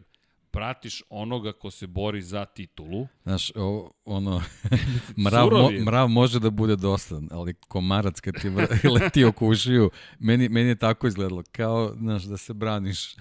ali pazi koliko je on bio otvoren. Ne, ali, ali mene, mene fascinira koliko se uzrujao Maverick Vinales, da, koliko ga To on- izbacio on je- iz takta. Ja sam mislio da će da padne u se krugu, to, je neverovatno bilo. Da, ali, ali to je, ali to, to i prokomentarisali smo tada, da Vinjales, moj utisak kada sam prvi put video Vinjalesa na konferenciji za medije u bojama Yamahe fabričke, je bio da on ne razume da ovo nije igra.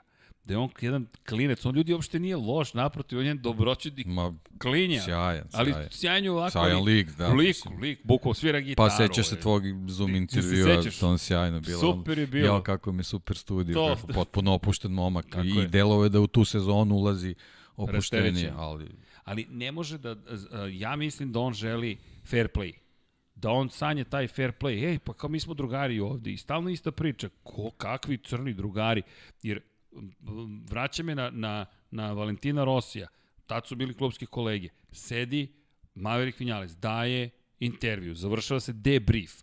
Pravilo je, pošto dele domaćinstvo, taj čuveni hospitality, ustaneš, odeš, dođe drugi vozač koji god daje, zauzme tu poziciju i to je to. Vi se ne gledate. Ne. Rossi seda, a Vinjales seda pored nas među medije, de facto u publiku. I mi ovako stojimo i šokirano ga svi posmatramo, da li si ti zaista seo da te Rossi vidi? Rossi koji ga vidi i koji uživa, jer Vinjales ima prijateljski, prijateljski stav prema Rosiju. Ljudi, Rossi koliko god da ga neko obožava ili ga ne obožava, kada mu je neko pretnja, Profesionalac na prvom mestu, to je to. kraj, kraj, tu više nema imena, to obratite pažnju na njegovo ime. Sete, sete, sete, sete, pobedi dva puta, Gibernau, Gibernau, Gibernau. Jorge, Jorge, Jorge, Lorenzo, Lorenzo, Lorenzo. Mark, Mark, Mark, Marquez, Marquez, Marquez. Ti, to, to, to, to, to, su, to, to je čuvena priča. I to su to je Toby Moody još pričao, da, da, da, čovjek koji je nas inspirisao, Toby Moody, Julian Ryder, to je ta ekipa, Denis Noyes, koji su to govorili i šta još radi Rossi, okreće ti leđe. To uvek ponavljamo, okreće ti leđe, to je pasiv, to je, to je ne, to je najveći vid agresije, to psiholo, u knjigama psihologije ignorisanje je najveći vid agresije. Šta je Marquez uradio Vinjalesu? Ignorisao ga je. I to je najveći vid agresije. On je bio agresivan prema Mavericku Vinjalesu, koji Rosiju pokazuje, ej, ja stvarno želim da čujem šta ti imaš da kažeš. E, poenta je što, što, e, što je on razoružao Maverick. On, on, Ma, pazi, Maverick. Maverick. Razoružao je Maverick. Jeste. Znači, razoružao ga. Pa nije ga razoružao. Telence. Rasklopio ga. Da, da, da. da. Kao dete. On, on da na stazi nije imao, umesto da kaže, e, sad, ću, sad ću ja ti pokažem, ajde prati me ako Prati možeš ako ovaj možeš, krug. E, ajde baš me sad prati. To je Banjaja radio. Ok, hoćeš da, me pratiš, da, prati, pratim, nema problema. da. Vinjale se toliko uzroja, pa je skratio Baš je, krivinu, baš je, ovaj. pa mahao, pa šta, zašto to radiš? Pa to, ali to je kao osnovna Ne, škola. njegove, ali znaš kako, nje, u njegovoj gestikulaciji uh, nisam video agresiju koju možda bi imao prema nekom drugom. To je upravo to što si rekao. Njega je je to povredilo. Marquez potpuno razružao, povredilo ga, ali on jednostavno nije, nije čak ni znao kako da odreaguje na sve Ali to. meni je Marquez bio nikad suroviji. To ono ignorisanje, kaci ga ovako Da, da, da. i ništa, ne gledate. Pazi, to ne, neće da te udostoji pogleda, nego ovako stavi ruku na rezervoar i čeka.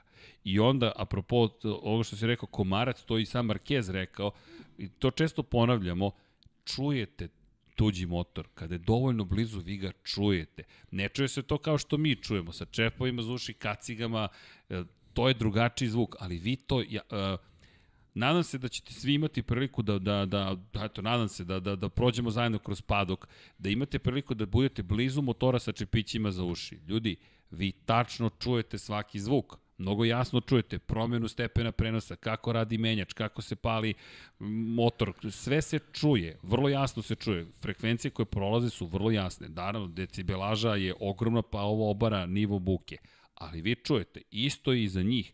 Vi možete da čujete šta je uradio Marquez, ispratio Vinjalesa, iskoristio zavetrinu, postavio bolje vreme od Vinjalesa i samim tim doveo Vinjalesa u problem koji, se za, koji je rezultirao time da Vinjales bude 13. na kraju. I da odustane od kruga. Odustane od kruga čovek u kojem... Meni je to neverovatno, jednostavno neverovatno. Ja nemam stvarno. komentar, a imao Da ga neko tako slomi. da ga ne, bukvalno slomi, da ti imaš vreme koje je za, za, za, za napredak, da prođeš dalje zajedno s Markezom i ti ne uspeš, ti odustaneš. Ti nastaviš pravo u 15. krivini i Marquez koji je rekao kasnije, pošto ga nije pratio u poslednjem krugu, rekao je, pa nisam hteo da ga pratim u tom poslednjem, jer znam koliko možeš da utičeš na čoveka kad si previše blizu, može da čuje tvoj motor, pa sam ga pustio da ide. Surovo, sur, baš surovo, baš, baš ga je slomio.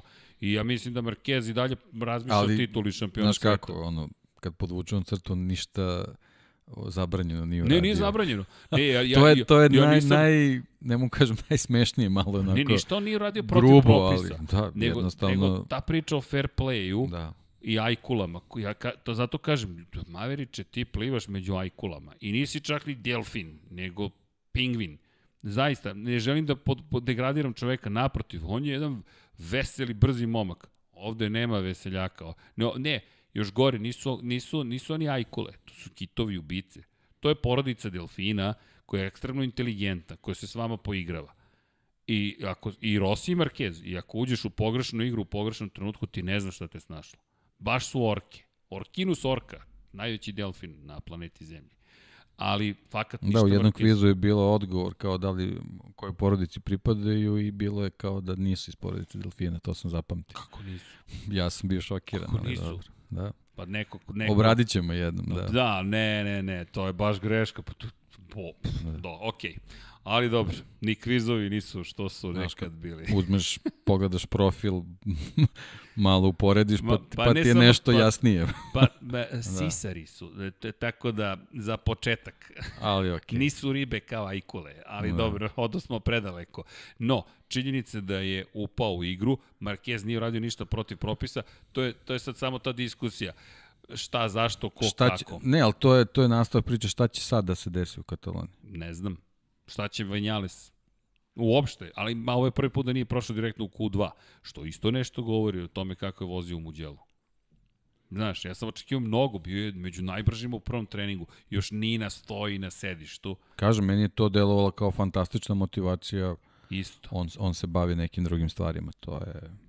To mi je onako Bojim ba, baš se- čudno i obeshrabrujuće vezano za njega. Deki, Eto, to je, da, da, da skratimo opet, da li se samo sećaš koliko smo puta o njemu pričali? Mnogo, mnogo. Pa evo, zato Izvinjavam zato ga Yamaha angažuje. Pobjeda, peto mesto, 11. 7. 10. 8. To nije svetski šampion. I Tačka. Da, da, da, tačka, bukvalno. A sad ko će biti? Biće zato Brad Binder. Kao što Da. sam rekao. I još jedan onako, čisto da napomenemo, da, da ne zaboravimo. Važna stvar, vraća nam se Jorge Martin. Da, Jorge Martin. Uš, da. nadam se da je u dobroj formi. Spreman je, pa on je Deluje. bio je spreman za Mugello, ka, pohvala što, što ga nisu pustili tamo da vozi po meni. Ovaj, mislim da je ovo mnogo, mnogo bolja staza za nekog rekvalescentno, iako čudno zvuči, ali tako. Pa u Ovaj, odnosu na Mugello pa je sve vidjeti, bolje. da, da. Budimo realni, sve je bolje u odnosu na Mugello. Ne Znamo, znam, znamo da ume da, da vozi taj Ducati, vidjet ćemo kako će to sve da Pa izgleda. prošli put bi imao pol poziciju i treće mesto kad smo ga videli da je odvezao ceo Da. trkački vikend. Nije tako loše bilo za čoveka A koji on je na prethodnoj trci nije uopšte bio loš. Tako je, Dobar da. mu bio start. Da, da. Tako da da, jedno čekamo Jorgea Martina. O Alešu Sporgaru rekli smo, domaća staza, Aprilia, ko zna šta tu može se desiti, KTM, ma, otvoreno pitanje, ne znamo. da. Honda, Ali Oliveira je nekako, ako pričamo o Da. KTM-u, Oliveira mi onako pa sa, sa najstabilniji. Mugello mi je stvarno pokazao da je baš, baš brz. Ba- I da vidimo naravno stabilan. bitna stvar Petrući sa novom šasijom, to je ono, ono, što trebamo Jeste. da ispratimo, da. Dobro, ne bih ja ni Breda Bindera potcenio. Samo što je Brad Binder kao Jack Miller Ducatija. Jack Miller KTM. Pričamo o ovom trenutku, ne, ne, ne, ne mogu sad da, da uđem u neku pr- prognozu konkretno za Barcelonu, ali vezano za nastup u Mugellu, Oliveira je prvi. To, okay. Okej. to je zbog toga samo, Ja ništa. više Sad, sad ipak treba taj malo izanalizirati, da, neke situacije, da. Vazdušno, vazdušni Ne, nastup. potpuno ga je poremetio definitivno i super To. je završio peto mesto, je potpuno okej. Da. Ok, dakle, posvetili smo se mi Vinjalesu najviše. Kako je to čudno, kako je nekako odvukao pažnju Vinjales, ali mislim da je to ceo taj moment sa Markezom i tako dalje. Ok, Honda, Takaki Nakagami, Alex Marquez, Pole Spargaro, Mark Marquez, Ne znamo šta taj motocikl. niko ovaj, više ne zna. Da, da, to je baš onako teško. Vidi se da se svi muče i jednostavno mučenje, ne, neka forsiranje možda preterivanja dovode do tih padova i generalno zbog grešaka koje se kasnije očitavaju na krajnjem plasmanu, tako da zaista je teško ovaj, predvideti šta možemo od njih da očekujemo, a posebno Markeza koji definitivno nije potpuno fit. Tako da, ajde, vidjet ćemo. I naravno, sad posle Moto Grand Prix-a ide Moto E. Zašto da ne? Zašto da ne? Samo ćemo kratko za Moto E, vraćaju se na stazu, tako da ne zaboravite u Kataluniji ko voli električne motocikle. I dalje, kažem vam, pratite, Deki je to lepo rekao, zvuk, zvuk, zvuk. Još kad nema komentatora, ovaj, onda je još bolje, ali Alessandro Cacone protiv Matije Kasadeja i Dominika Egirtera. Zašto Sad razmišljam, ako bude bila kamera na unutrašnjem delu, na kočenju ovaj, kod prve krivine, sigurno. čutaćemo. Uf, baš će biti dobro. Čutat ćemo, nemoj ništa. Jer ove, ove posle delove staze, bar kako pra- prate ovaj prenos u Kataloniji, nisu baš blizu. Ne, ne, ne može se dobije taj možda, Jeste. možda efekat, ali kod prve krivine mislim da će biti super. Inače, Eric Granado Da. pobedio, ali bih spomenuo Dominika Egirtera. Domi, za svog Jasona Dupaskeja, pobeda u svetskom šampionatu Supersportu za Švajcarsku i posvetio je pobedu Jasonu. Domi, Da. rekli smo, bit će opasan u Supersportu, vozi motoje, vozi Supersport, tako da očekujem da ovo bude njegov Domi vikend. Granado, Zakone, tu, To je to. Torres je onako još, još vreba ispri, ispri krajka, za njega je bitna ova trka da uhvati priključak. Ni Kasadej nije loš. Da, nije dobro. loš. Ali Kasadej i malo on- nepoznat. Za njih dvojicu je Da, da, ovo važno zbog priključka. Ako se ova, ovaj trio izdvoji, mislim da nema tu mnogo trka još, tako da to je već... Topla preporuka. Da, da. Ispratite motoje, zaista, s razlogom. Baš može da bude zabavno. Ali znamo da to je kategorija koja tek stvara i popularnost i neke svoje priče i neku svoju istoriju. Moto dvojke, ovo će biti fascinantno, ja bih rekao. Ovo će biti fascinantno u Moto dvojkama. Mi imamo duel koji, pazi sad idemo na teritoriju, mi ne znamo da ćemo otići u Australiju ove godine. Ne, da, da spomenemo ulaznice. Ljudi, Vodite računa, ponavljamo se, dosadan sam, ali to mi je posao, dakle, ne po zadovoljstvo. Molim vas, povedite računa. Dakle, mi je, ne znam ko je juče spomenuo da vam organizatori nude zamene, da li za drugu trku, da li za trku sledeće godine, da li za nešto treće, ali činjenice samo vodite računa, ništa drugo i, i očekivanja da budu racionalne, realna.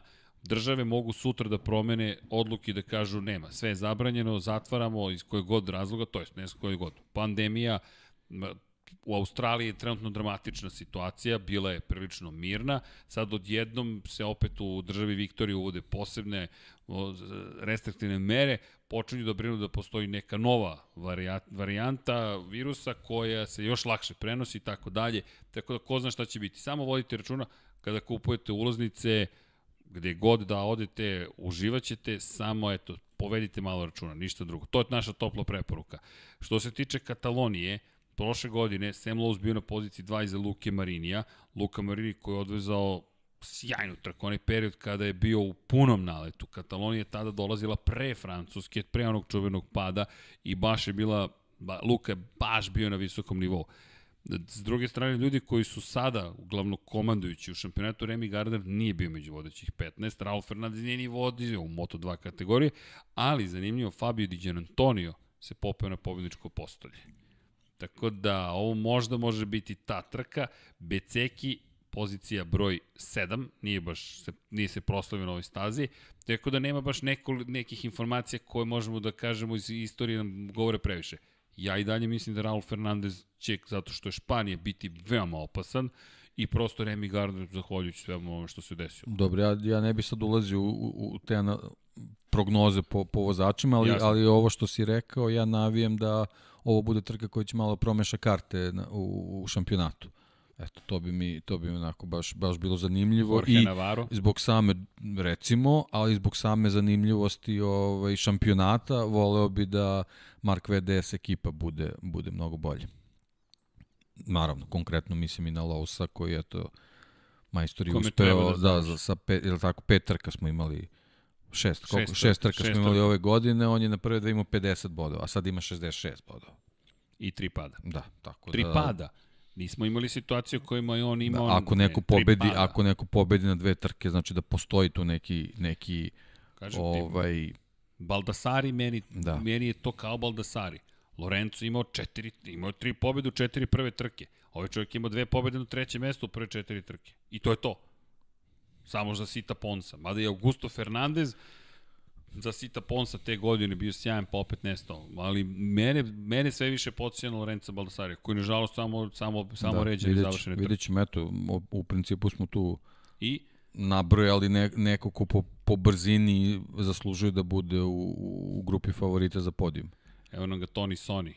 Izvini, ali moram da spomenem čoveka. 2 dolara. Hvala Tony Sony. Kaže kako stvari stoje MM93 će da se penzioniše pre VR46. Da, to je postao light motiv, ja mislim, podcasta o Moto Grand Prix-u. Pa verovatno neće, ali, ali kako je krenulo da čak i to moglo da se dogodi.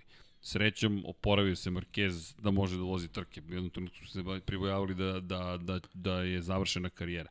Što se tiče Moto dvojki, lepo si rekao, da se promešaju karte bilo bi super, vidjet ćemo. Ja i dalje mislim da će Ajo Ajo biti- je jednostavno ekipa koja je u naletu i baš je, baš je teško da bude drugačije, ali eto, ajde, ajde da Ajde. verujemo da može, da može Ajde. malo da, da, da pre svega Lowe's i Dijan Antonio malo da, da, da, da poremete taj, taj redosled koji smo dobili u ovom Jasno. trenutku. I da li da. možemo da najavimo Ali, išta? ali, ali baš miriše na dvostruku pobedu još jedno. Pa, meni, Mislim, eto, ne usuđujem se da izgovorim, ali vidi, Fernandez, ćemo, da. pitanje je kako je Fernandez podneo poraz. Znaš, tebe je pretekao neko koga uvek isto pravilo automotosportu, pobedi klubskog kolegu. Lepo Nije samo to, oni sad, oni sad dolaze na stazu gde njegov tu, klubski kolega Moto Grand Prix vozač zvanično. Da. I otišao je dalje. Da. Zvanično je tamo. Tamo je, on je A tamo. ti A još, ti još se boriš. i Znaš. gledaš tak, šta stiže, ko stiže. I to nam je najava Sad za ćemo da vidimo, trojke. znači to je Raul Fernandez pod nekim novim pritiskom. U novoj situaciji, Da. svakako. Znači, ako, ako ne podlegne, znači da je šampionsko kova. To je to. A u Moto trojkama šta najavljujemo? da li šta najavljujemo? Da. Ovde je jedina osoba koja je mogla da pobegne u Moto trojkama je Alex Marquez. Ne znam kojim čudom čovjek je uspevao u Moto 2 i u Moto 3 klasi da pobegne. Ali, e ta, možda će to Aleksu Markezu najzad prijeti da dođe na stazu koju toliko voli. Alex Marquez obožava ovu stazu. Ovo je baš njegova staza. To izdominiraju Moto trojici i Moto dvojici. Baš se sećam te trke u Moto 3 zato što je bilo nesvakidašnja. Kako si uspeo da pobegneš? Onoj grupi vozača, ne znam. Ali ne očekujem da će Iko pobeći. Mada, kada to izgovori, eto vam garantovano Pedro Acosta 104 sekunde prednosti. Šalim se, ne verujem da će se to desiti. Da, povratak na stazu koju zna. Da. To je, Iz to je šampionata to. u kojem je imao Da. mnogo uspeha. U ekipi, rekli smo ko je u naletu, bez obzira na, na, na kategoriju, zna se da ima dobar motocikl, tu, tu nema, nemamo šta da pričamo, to je vrhunska priprema, tako da Ko su još Španci? to je to, da. Jaume Masija, Sergio Garcia, pored Pedra Koste, to su glavni Španci u ovom momentu. Izan Guevara, međutim, Izan Guevara bi trebao malo da se Da. probudi. da. sad mu je već neophodno i ajde u celu tu priču dodamo Ćavijera Artigasa. Artigas ponovo kazne. Artigas malo, malo dugi krug, malo, malo dva duga kruga, malo, malo izleće sa staze. Baš mnogo grešaka, ali mislim da je u dobroj ekipi, čuju dobroj, fantastičnoj ekipi Leoparda, pa tu može, ništa ne očekujemo od Denisa Fođe, moram da priznam, iskreno. Baš ne očekujem mnogo, ali držim palče da će uspeti jer mu je potrebno da ostane stabilan. Ne može da završi trku na pobjedničkom postoju pa da ne osvoji poene. Pa pobjedničkom postoju ne osvoji poene. A i subjektivni smo, volimo Leopard iz očiglednih razloga. Da, dobro, mi- mislim, u Muđelu smo videli da su brzi. Ja sam, i za Katar, isto. ja sam i za Katar prognozirao da ćemo imati brze Leopard i Petronase, pa dobro, malo zbog nekih pletova okolnosti to se nije Desilo se, izdešavalo, ali evo ponovo dolazimo na stazu gde, gde mogu da, da, da pokažu svoju brzinu. Protest prošle godine Da. koji su uputili ne, neformalni na, na brzinu koju imaju, ali prosto podešavanje, i to je ono što je lepo rekao Denis Fođe, naše podešavanje stepena prenosa, odnos brzina koji smo mi napravili je takav da smo mi došli do toga da mi zapravo kažemo šta? Mi tako podešavamo naš motor da može da postigne maksimalnu brzinu koja će nam na pravcu doneti taj napredak. Dakle, da mi dođemo do toga da mi možemo da se borimo za pobedu do, do, do linije cilja koja je dosta daleko. Ono što je razlika, u Barceloni linija cilja nije toliko daleko. Nije toliko, da. Ali ti je potrebna ta maksimalna brzina da napadneš u prvoj krivini koju smo videli koliko je važna u svemu ome. Dobro, ja mislim da je to lep poziv. Četiri klase, bit će trkanja i da ne zaboravimo Formula 1 takođe u Baku, pa kompleksan jedan vikend imate pred sobom i samo, samo bih se kratko svrnuo na to da se nastavi sezonu u Jel, NASCARu. jel, nisam to samo, ovaj, ko, jel, jel, imamo neku pratiću trku u Formuli 1 u Baku? Formula 2. Formula dvojka je sad, e, da, da, da, da velike su pauze, ovo je sad malo da, ovo je sad, ovaj, da, troj, za trojke to, mislim, Deki, mislim, a ne kažem, za trojke je mnogo velika pauza, da, dupli vikendi, Da. dupli vikendi, dupli vikendi. Imamo tri vikenda koje se, u kojima se poklapaju Formula 1 i Moto Grand Prix ovoga meseca. Pomeranje trka u Formula 1 dovelo do toga da se Da. sve... Pa ne, i u Moto Grand Prix takođe, pošto smo imali otkazivanje Kimi Ringa i velike nagrade Finske. Ej, vidi, biće, za, biće da, vreo biće, jun. biće zabavno, treba, napolju, treba ispratiti. Ali zato je uzbudljivo ispred TV-a. Pa još Superbike. Pa, aj da, Superbike, to će isto Da, biti. bilo je interesantno u Estorilu. Jeste. Jeste. Evo, ovaj, ti? Pa, ono, možemo, možemo kratko da izanaliziramo. Bile su zanimljive trke, ovaj, Scott Redding je pokazao da, ovaj, da, da, da može da konkuriše Johnny Ray za, za, za titulu ove godine, međutim ponovo se eto, dešava greška na kočenju drugoj trci pad, ovaj, a Johnny eto opet iskoristio ne, neku situaciju onako u, u svom stilu iskusno, tri trke, dve pobede, vođstvo u generalnom plasmanu, to je to, ovaj, Toprak je bio dobar sa, sa Yamahom, Gerlof je ponovo napravio nenormalnu grešku, ovaj, kao, kao i u, ovaj, U Aragonu. u Aragonu, Da, da. Na, na tom nivou, takve dve greške na kočenju, stvarno, ovo, ovo je bilo čak još i gore, zato što je ovaj, direktno Rinaldija srušio. Znači, To je u, u, u, u, na, prošlo, na prošlog vikenda trkačkog u Aragonu Rea se izvuku uspeo je da, da, da, da, da ovaj, posle, posle udarca ovaj, nastavi trku. Ovo je bilo još gore, tako da na tom nivou Gerlof je onako pokazuje, pokazuje stvarno da je brz, da, da, da je dobar, međutim te greške su stvarno onako Preveliki. prevelike, ne, ne, Prevelike. neoprostive su na tom nivou. Ali pohvale za Chase Davisa. Da, Chas Davis koji nije više u fabričkom timu Ducatija, Go 11 je privatan tim, Prvo pobjedničko Da. postolje. svaka čast, baš, I- je, baš je dobar. Za Topraka razgatli oglo. Jeste, jeste. 2, 2, 3. Lepo. Jeste, super, super, postolju. posebno što je imao, imao jedan jump start, imao je dupli ovaj dugi krug, super se izvukao, svaka čast, baš ovako, E, izvini, kada Da. kritikujemo zelene površine, pohvale za dugi krug. da, Kazna koja vas dovoljno kazni, ali Jeste. vas ostavi u igri. jeste. Jer napravio si grešku, krenuo si prebrzo, moraš biti kažnjen, ali nije prođi kroz pit lane, trka ti je ne, poništena. pit lane, to je, Baš je bilo sur. to je u nekom, nekom trenutku kad su, kad su morali da improvizuju staze pa je uvedeno, ali vremenom se shvatilo da je to prestroga kazna. Ali ovo je Dugi super. krug je skroz okej. Baš da. je dobro. Videli smo vozače koji vežbaju E, prolazak. vidi, nikad se ne da, zna. da, da, to je super, super, ovaj, tako da... Nikad se ne zna. Da, eto, on je, on je imao tu i mogu reći, eto, čisto za pažanje, znači Kawasaki su onako i dalje tu broj 1, Alex malo zostaje, mora, mora malo, malo, malo ovaj, forma i tempo da, da se podignu, Ducati su dobri, Yamaha je, ovaj, eto, Toprak je dobar, Gerlof je brz, ali ne, ne sme, jednostavno takve greške su stvarno onako baš, baš čudno, ovi ostali malo tu kasko i Honda, onako, nije, nije to još taj nivo, BMW onako malo, malo deluje nezgrapno i, i, i teško, ali ima- brzinu, ali eto, možda će doći neke staze da će moći da, da budu još bolje, ali generalno, Kawasaki Ducati, ono, nekako očekivano, to je to. Deki, koliko trkanja, Da. koliko trkanja. Da. Inače, Steven Odedl nije završio četvrtu trku ove sezone, to je drugu trku u Estorilu u super svetskom šampionatu u super sportu. Egerter se pobedom približio na 6 poena. U Superbajku, inače, prednost je takva da već sada na Reu gledamo 110 poena, naspram 75 drugoplasiranog razgatli Oglua i opet najiskusniji izloči se Da. situacija, pobeđuje kada treba Rea Redding mora da, da redukuje greške da bi, da bi uhvatio priključak, to je, Za ali to se, sada. to se dešavalo i prethodnih sezona. Tako je, ali za sada Da. klasa, klasa iznad. Jeste. I inače nije voženo u Supersport 300, tako da to ostaje u skladu sa onim što smo već bili videli Tom Butеймус tamo na poziciji broj 1.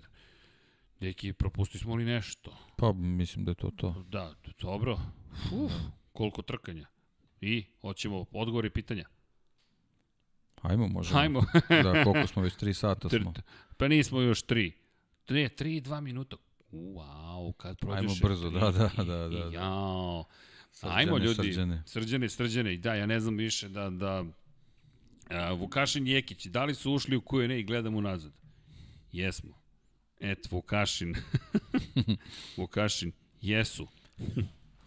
da odgovorim. A, za sve je kazna long lap osim sa Zarka. da, da, za njega to nije kazna, to je, to je sve.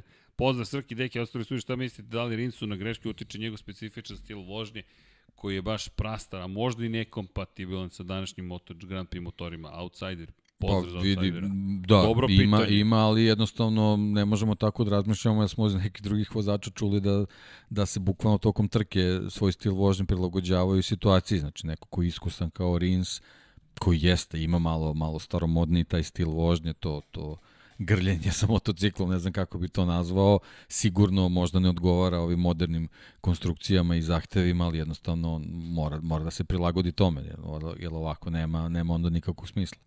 Nema smisla zašto je tu onda. Da, i- a inače taj I njegov to je ono što si ti rekao, to onda vodi ka Superbajku gde, gde taj stil još uvek može da, da prođe. Da. Ali ja zaista ga vidim tamo. I zaista mislim da ovo baš što si rekao da može da ga dovede do toga da se bori za titulu šampiona sveta. Da može da pokuša da se bori za titulu šampiona sveta, da budem pri Ja, ja, sad je samo pitanje kakva je to motivacija, znaš, on ipak onako malo senzitivan momak, pa ne znam kako, da li će to gledati kao degradaciju ili kao neku priliku za novi početak, to je sad, u to sad već ne moramo da ulazimo. Pa da, ali to je na nivou nemogućeg, ne, nemogućeg sada pitanja i odgovora. ne znamo. Ok, uh, Rins, dobro pitanje. Moram priznati da možemo to ako budemo imali prilike da ga pitamo. Za, evo pitanje, da li kod Beštije je 100% Ducati iz 2019. jer mu je kao i kod fabričkih Ducati, dok Rosjev brat ima jedini izduv iz 2019. Uh, GP19 je sigurno, ali dobro zapažanje i to bismo mogli da proverimo zašto i zašto izduv kod jednog drugačiji, a kod izduvi se razlikuju. Kod, kod Marinije jeste povijen, a, a pravan je kao strela. Kod, kod Bastianinija, ja makar nemam informaciju, sve informacije koje smo dobili od tada Ducatija, jeste da zapravo četiri fabrička samostalno debit. To je rekao i Davide Tardoci. Naredne godine možda ćemo imati pet fabričkih i tri privatna ukoliko dođe do te saradnje između VR46 i inače da, Dupramak je produžio ugovor sa Ducatijem samo da napomenemo i nastaviće do 2000, do kraja 2023. da sarađuju, tako da ovo može da bude i prosto nešto što više odgovara prosto po dešavanjima i stilu vožnje, razlikuju se u, u visini, možda i to ima neki utjecaj. Ali super opažanje, hvala, proverit ćemo još jedno. Da, ali ti, ti motocikli iz 2019, uključujući i Morbidelli, da smo već pričali, to nisu 100% motocikli iz 2019. Dobijaju oni nove delove, Oni su po nekim je. specifikacijama se vode ovaj, kao motocikli za tu godinu, ali definitivno nisu. Mislim. Evo, Kašin, izvini, ima dobro pitanje. Uh, šta je sve dozvoljeno tokom sezone da se menja na motociklu Moto Grand Prix? U, u pojednostavljenoj verziji, motor je zapečećen, to je zapečećen. Motor je homolog, homologaciju prošao i takav kakav je homologizovan mora da se koristi cele godine. Šta može da se menja eventualno ukoliko je nepouzdan motor, pa iz perspektive pouzdanosti imate pravo da tražite od drugih proizvođača da nešto izmenite, ali kao u slučaju prošle godine morate da ih obavestite šta menjate i šta radite. Tako da tu postoji mogućnost, ali motor se ne menja. To su motori praktično iz prethodne godine, s obzirom na činjenicu da je dosta toga zamrznuto za ovu sezonu u kontekstu razvoja. Kada je reč o ramu, možete da ga menjate, ali ne smete da menjate više od jednog puta oplatu. To jest, imate pravo da promenite aerodinamiku jednom, ono što smete da uradite kada deklarišete, kada homologacija prođe aerodinamike je da oduzimate delove od onoga što ste deklarisali to jest Ducati, Yamaha i bilo ko, Ducati obično ima najkompleksnije motocikle, pogotovo iz perspektive aerodinamike, deklariše sve to što će da ima na motoru, onda može da skida deo po deo ili da samim tim vraća na onu osnovu verziju. Šasiju, to je ne šasiju, već oplotu menjate jednom. I to je opet u cilju smanjenja troškova da ne bismo došli do toga da od trke do trke imate posebne oplate. To je pokušaj da se, da se na neki način to iskontroliše. Kada je reč o ostalim stvarima, uglavnom smete da menjate, ali je činjenica da imate ograničeni broj motora, šest motora imate po godini, devet ukoliko ste korisnik, koji, ukoliko imate pravo na koncesiju, to je sada samo Aprilija. Gde može da gledamo Super Sport 300, Ana Karasko vozi tamo, ja nisam siguran za SSP 300, ali moguće da Moguće da je njihov YouTube kanal to... Moguće da ima, da, ali, ali u prenosu nema, bar ja nisam, nisam, ja nisam uspeo da nigde. Da, da, da, nigde. da, ne smem da tvrdim, ali nisam uspeo nigde da vidim. Da, ali moguće da... Možda ima neki stream. Da, SSP 300 da. moguće da, da, da, da, da postoji stream. To, ok, to, ne, nažalost nemamo baš odgovor, ali potražit ćemo da vidimo da li postoji nešto ovde SSP 300. Ne vidim. Ok, pokušat ćemo da saznamo. Ne zamerite, nemamo, nemamo odgovor, nažalost, na ovo pitanje. Uh, Derin Binder u Moto2 sledeće godine namjesto Jakea Dixon ili Čavija Vjerhea. Pa meni bi to bio logičan izbor. Mislim da je on uradio već sada vrlo lep posao. Vidjeli smo da Petronas baš i ne ceni nužno ako... Petronas po onome što smo čuli iz videa, iza kulisa, čeka polovinu godine i ima klasične OKR-ove. To su... To je nešto što Google primenjuje u svojoj korporat, korporativnim, mm, sistem, korporativnim sistemima, to je sistematizaciji Objective Key Results. Postavite neki cilj i ključni rezultat da ostvarenje tog cilja. U slučaju Johna McPhee-a, on je prošle godine morao da bude među vodećom trojicom, koliko se sećam na polovini sezone. On je ostvario svoj OKR da uđe u Moto2. Ne lezi vraže. Jesi ti to uradio, ali nastavak sezone je bio suviše loš, pa te nećemo unaprediti. Jake Dixon im se činio kao bolja opcija u tom trenutku, prosto tajming je čudo Tako da može Derin Binder na polovini godine da, da dobije možda Može, ali ništa nije sigurno upravo zbog toga To. što si rekao. Još imaš tri važne Da, trke. da, da, da. Pa ćemo da vidimo. Da li je... Uh, A ima faktor zvani John McPhee možda će njemu biti drugi deo sezone bolji pa mu vrate za nešto što su mu oduzeli prošle godine. To ne zna. možemo da znamo. Da. Tako je. Kaže da. inače, Boško pita top 3 u sve tri klasi, što ne stavi, se ne stavi šljunak umesto zelene površine pokraj staze? Pa svako rešenje ima svoje probleme. Šljunak može, kad imate šljunak tako blizu staze, možete da ga lansirate kao tane onome iza vas.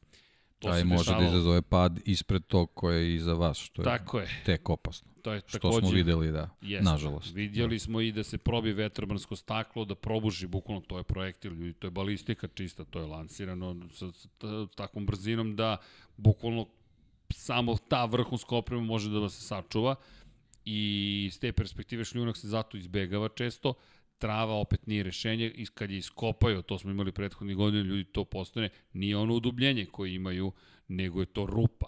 Bukvalno rupa, pa ko prođe kroz tu rupu, tako da nema lakog odgovora, ali ono što, što je negde naša, na, ako mogu tako da kažem, naše razmišljanje jeste da, da, da verujemo da postoji neko bolje rešenje, da, da nešto može da se učini, da ne dođemo do situacije toga da ovo bukvalno rizikuju glave momci zato što moraju da ostanu u okviru staze. Sama priroda trkanja je ideja da ideš do same granice, kad ideš do same granice često ćeš je Ja preći. samo, samo ne vidim svrhu zelene površine na tom suženju, Na na, suženju, završetku je, ivičnjaka. To meni je. nije jasno.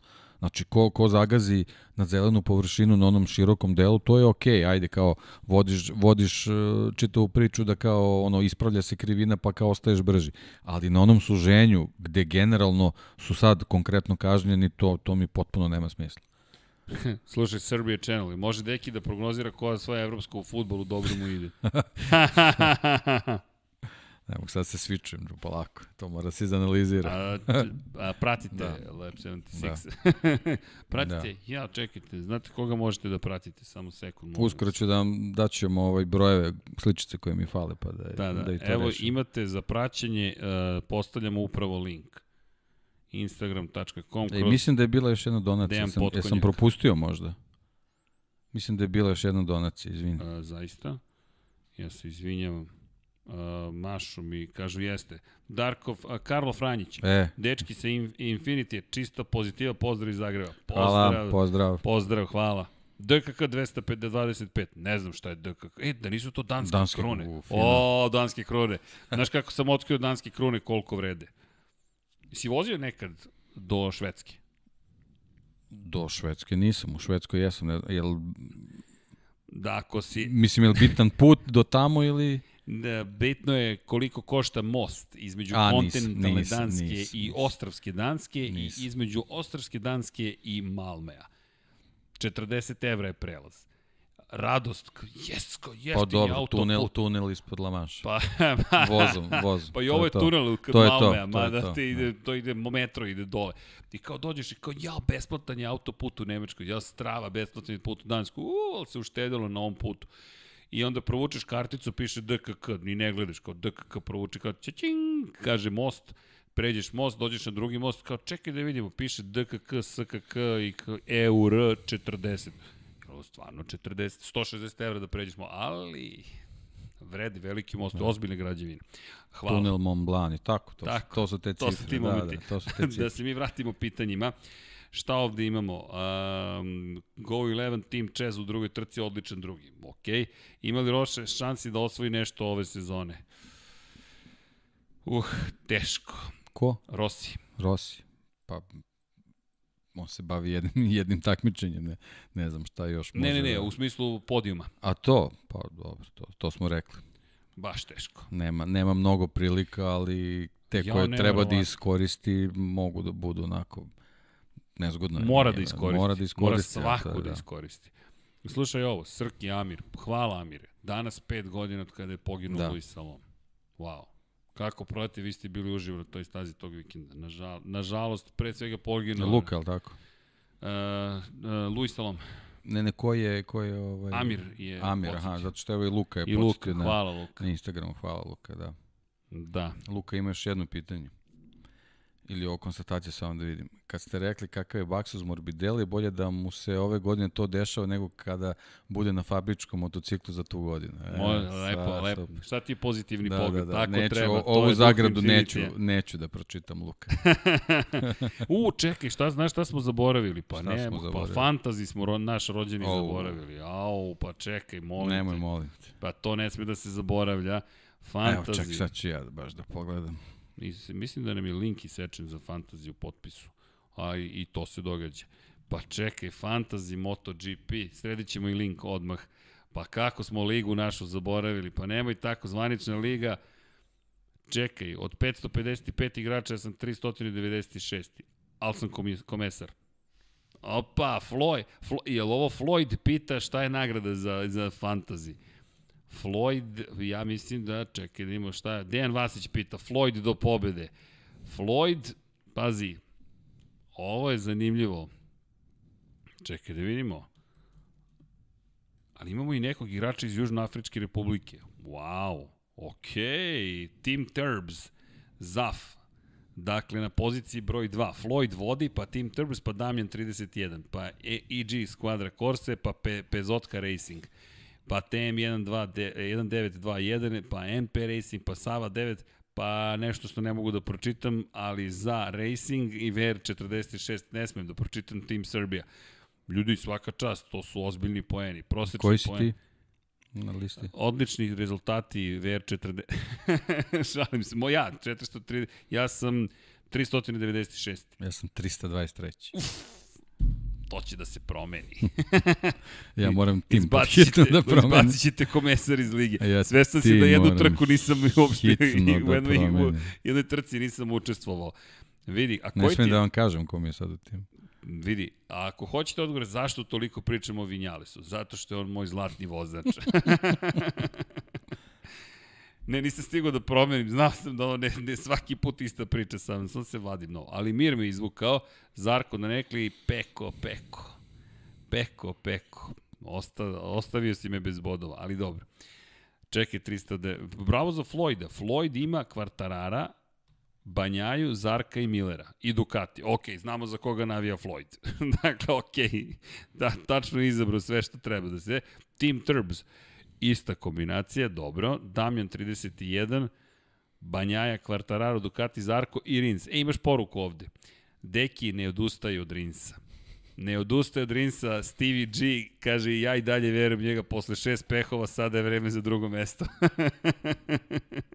Ne znam šta bih rekao. stvarno. da, ne znam. Ne, ne znam koliko mi je ovaj novca skinuo, to ću tek, tek da vidim. Strale pita da li je realno da Franki uzme mesto Vinjalesa za sledeću sezonu. Ne, Vinjales ima ugovor u fabrici, možda će dobiti fabričku Yamahu Franki, ali u Petronasu, s tim što tu treba sad da se vidi, postoji interesovanje i drugih fabrika za Franka Morbidelli, ali ima utisak da Aprilia tu pokušava nešto, ali vidjet ćemo.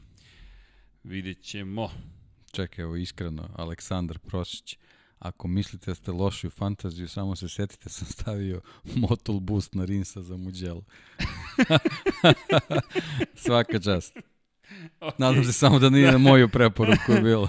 Lazar Slović, Hrđan hoće li biti kodova za nove MotoGP F1 igre? Ja se iskreno nadam.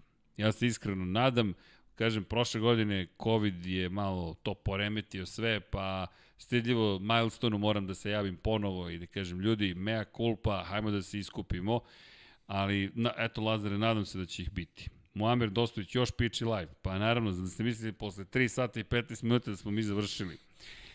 Da Boško je, inače veruje u duplu pobedu Ferrari ovoga vikenda. Okej, to će biti interesantno. Da li bi sadašnja situacija sa vozačima Ahi mogla uporediti sa vozačima Ferrari u 2019. i 2020. u F1? Pa ne, ne, Quartararo, Quartararo vodi u šampionatu sveta i može da osvoji titulu, tako da ne bih poredio Da, nije sa, to baš sa. Ferrari. Ja ovdje isto imam nije mi. od Dejana dosta, dosta pitanja. Hoćeš da čitam Uf. sve redom ili kako, Kako ćemo, god. da izaberem nešto? I, ima jedno provokativno, kako Ajde. Ajde. Dejan komentariše titulu Chelsea. Ok, dobili ste komentar. to bi bio ceo komentar. Dobro, inače ovde je bila diskusija za koga navijaš. Liverpool, u ovom slu- slučaju ovog čoveka, ja mislim da se vidi zastava tamo iza i taj osmeh koji sve govori. E, Deki, imate pitanja? Ili Ima. ste zanemili Hoćemo? što spomenuo Ne, ne, ne, ove, ove ne, čudne ljudi iz Londona? Ne, ne, ne, sve okej. Samo da vidim.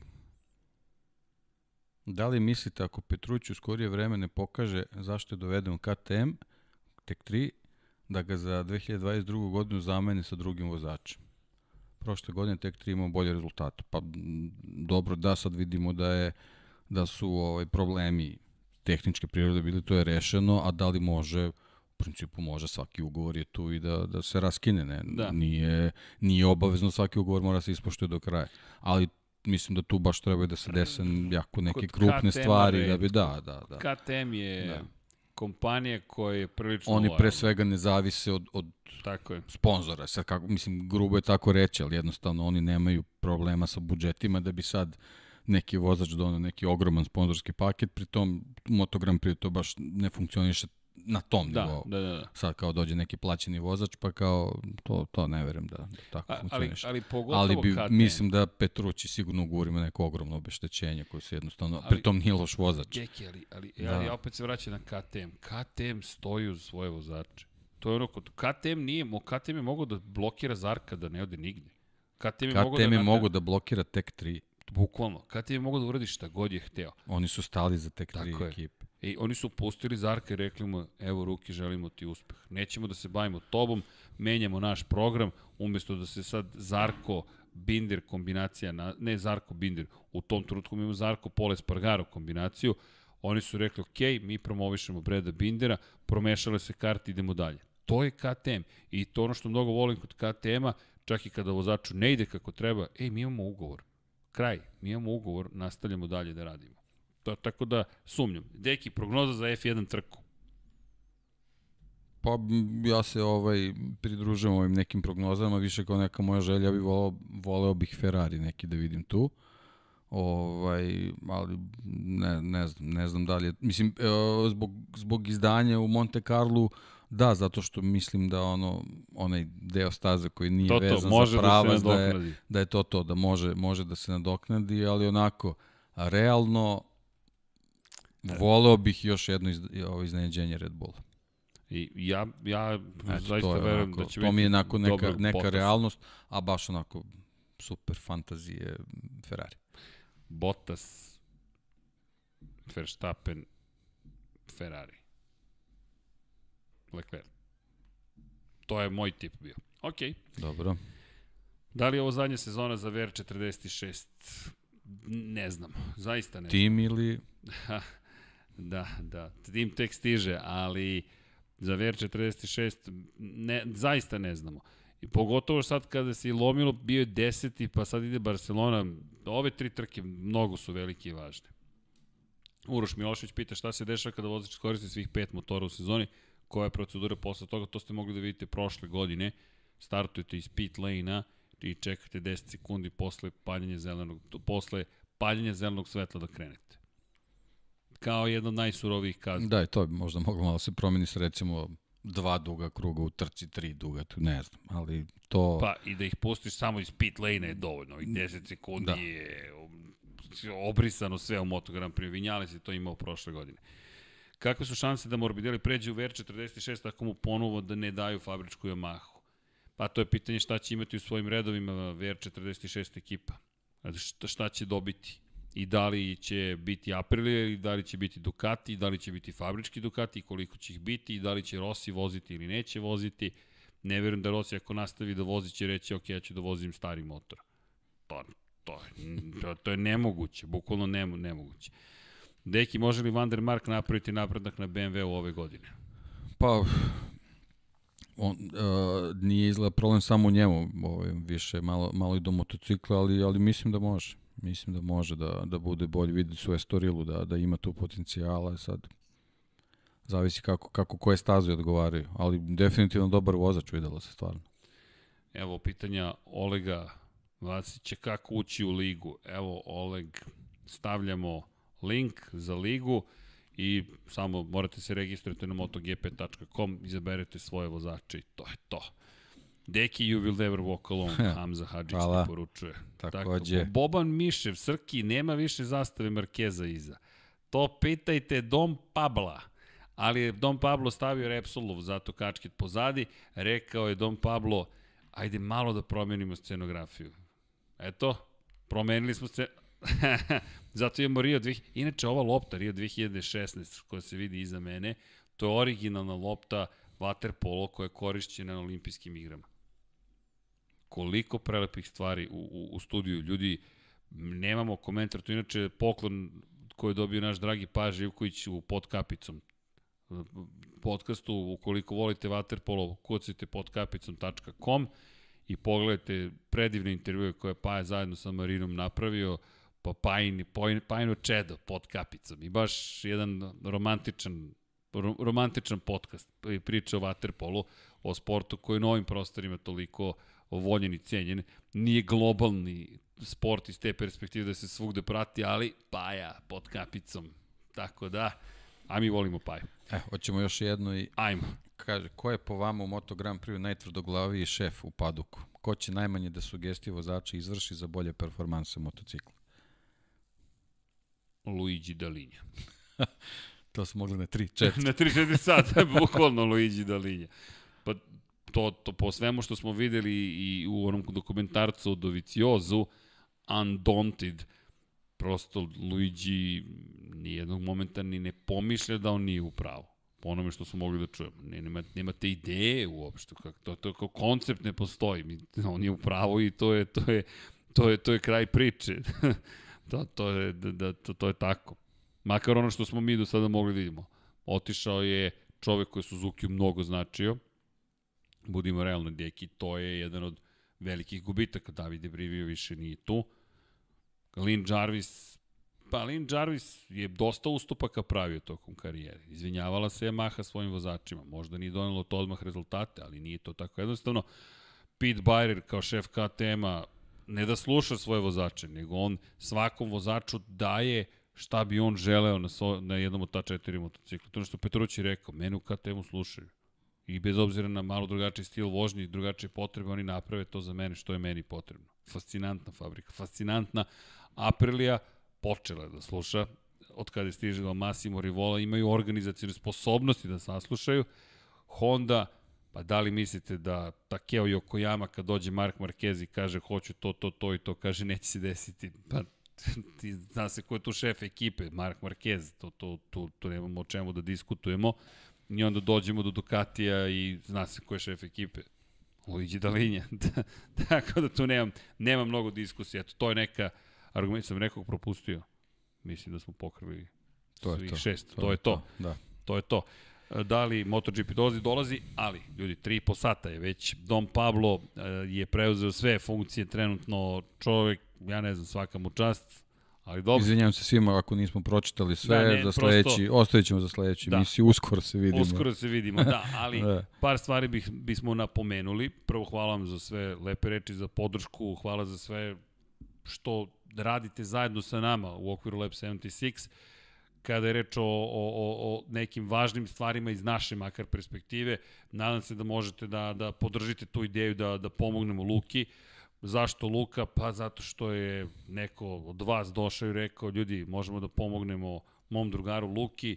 928 ukoliko možete da pošaljete na 3030, prosto je lepo iz Švajcarske, Human 928 na 455, bez obzira gde ste uvijek isto kažemo, negde nekome nešto može da se pomogne, nešto lepo da se učini, podeli u krajnjem slučaju lepa reč, da se dan učini neki osmeh, da se izmami i da se urade lepe stvari, da, da svakako uživamo svi u trkama, da pamtimo Jasona Dupaskija po lepom, po onome što je momak postigao, momak koji dolazi iz jedne trkačke porodice, ne smemo ni da zamislimo kako je njima, ali činjenica je da je to neka strast koja je potpuno iracionalna, bez obzira na opasnosti.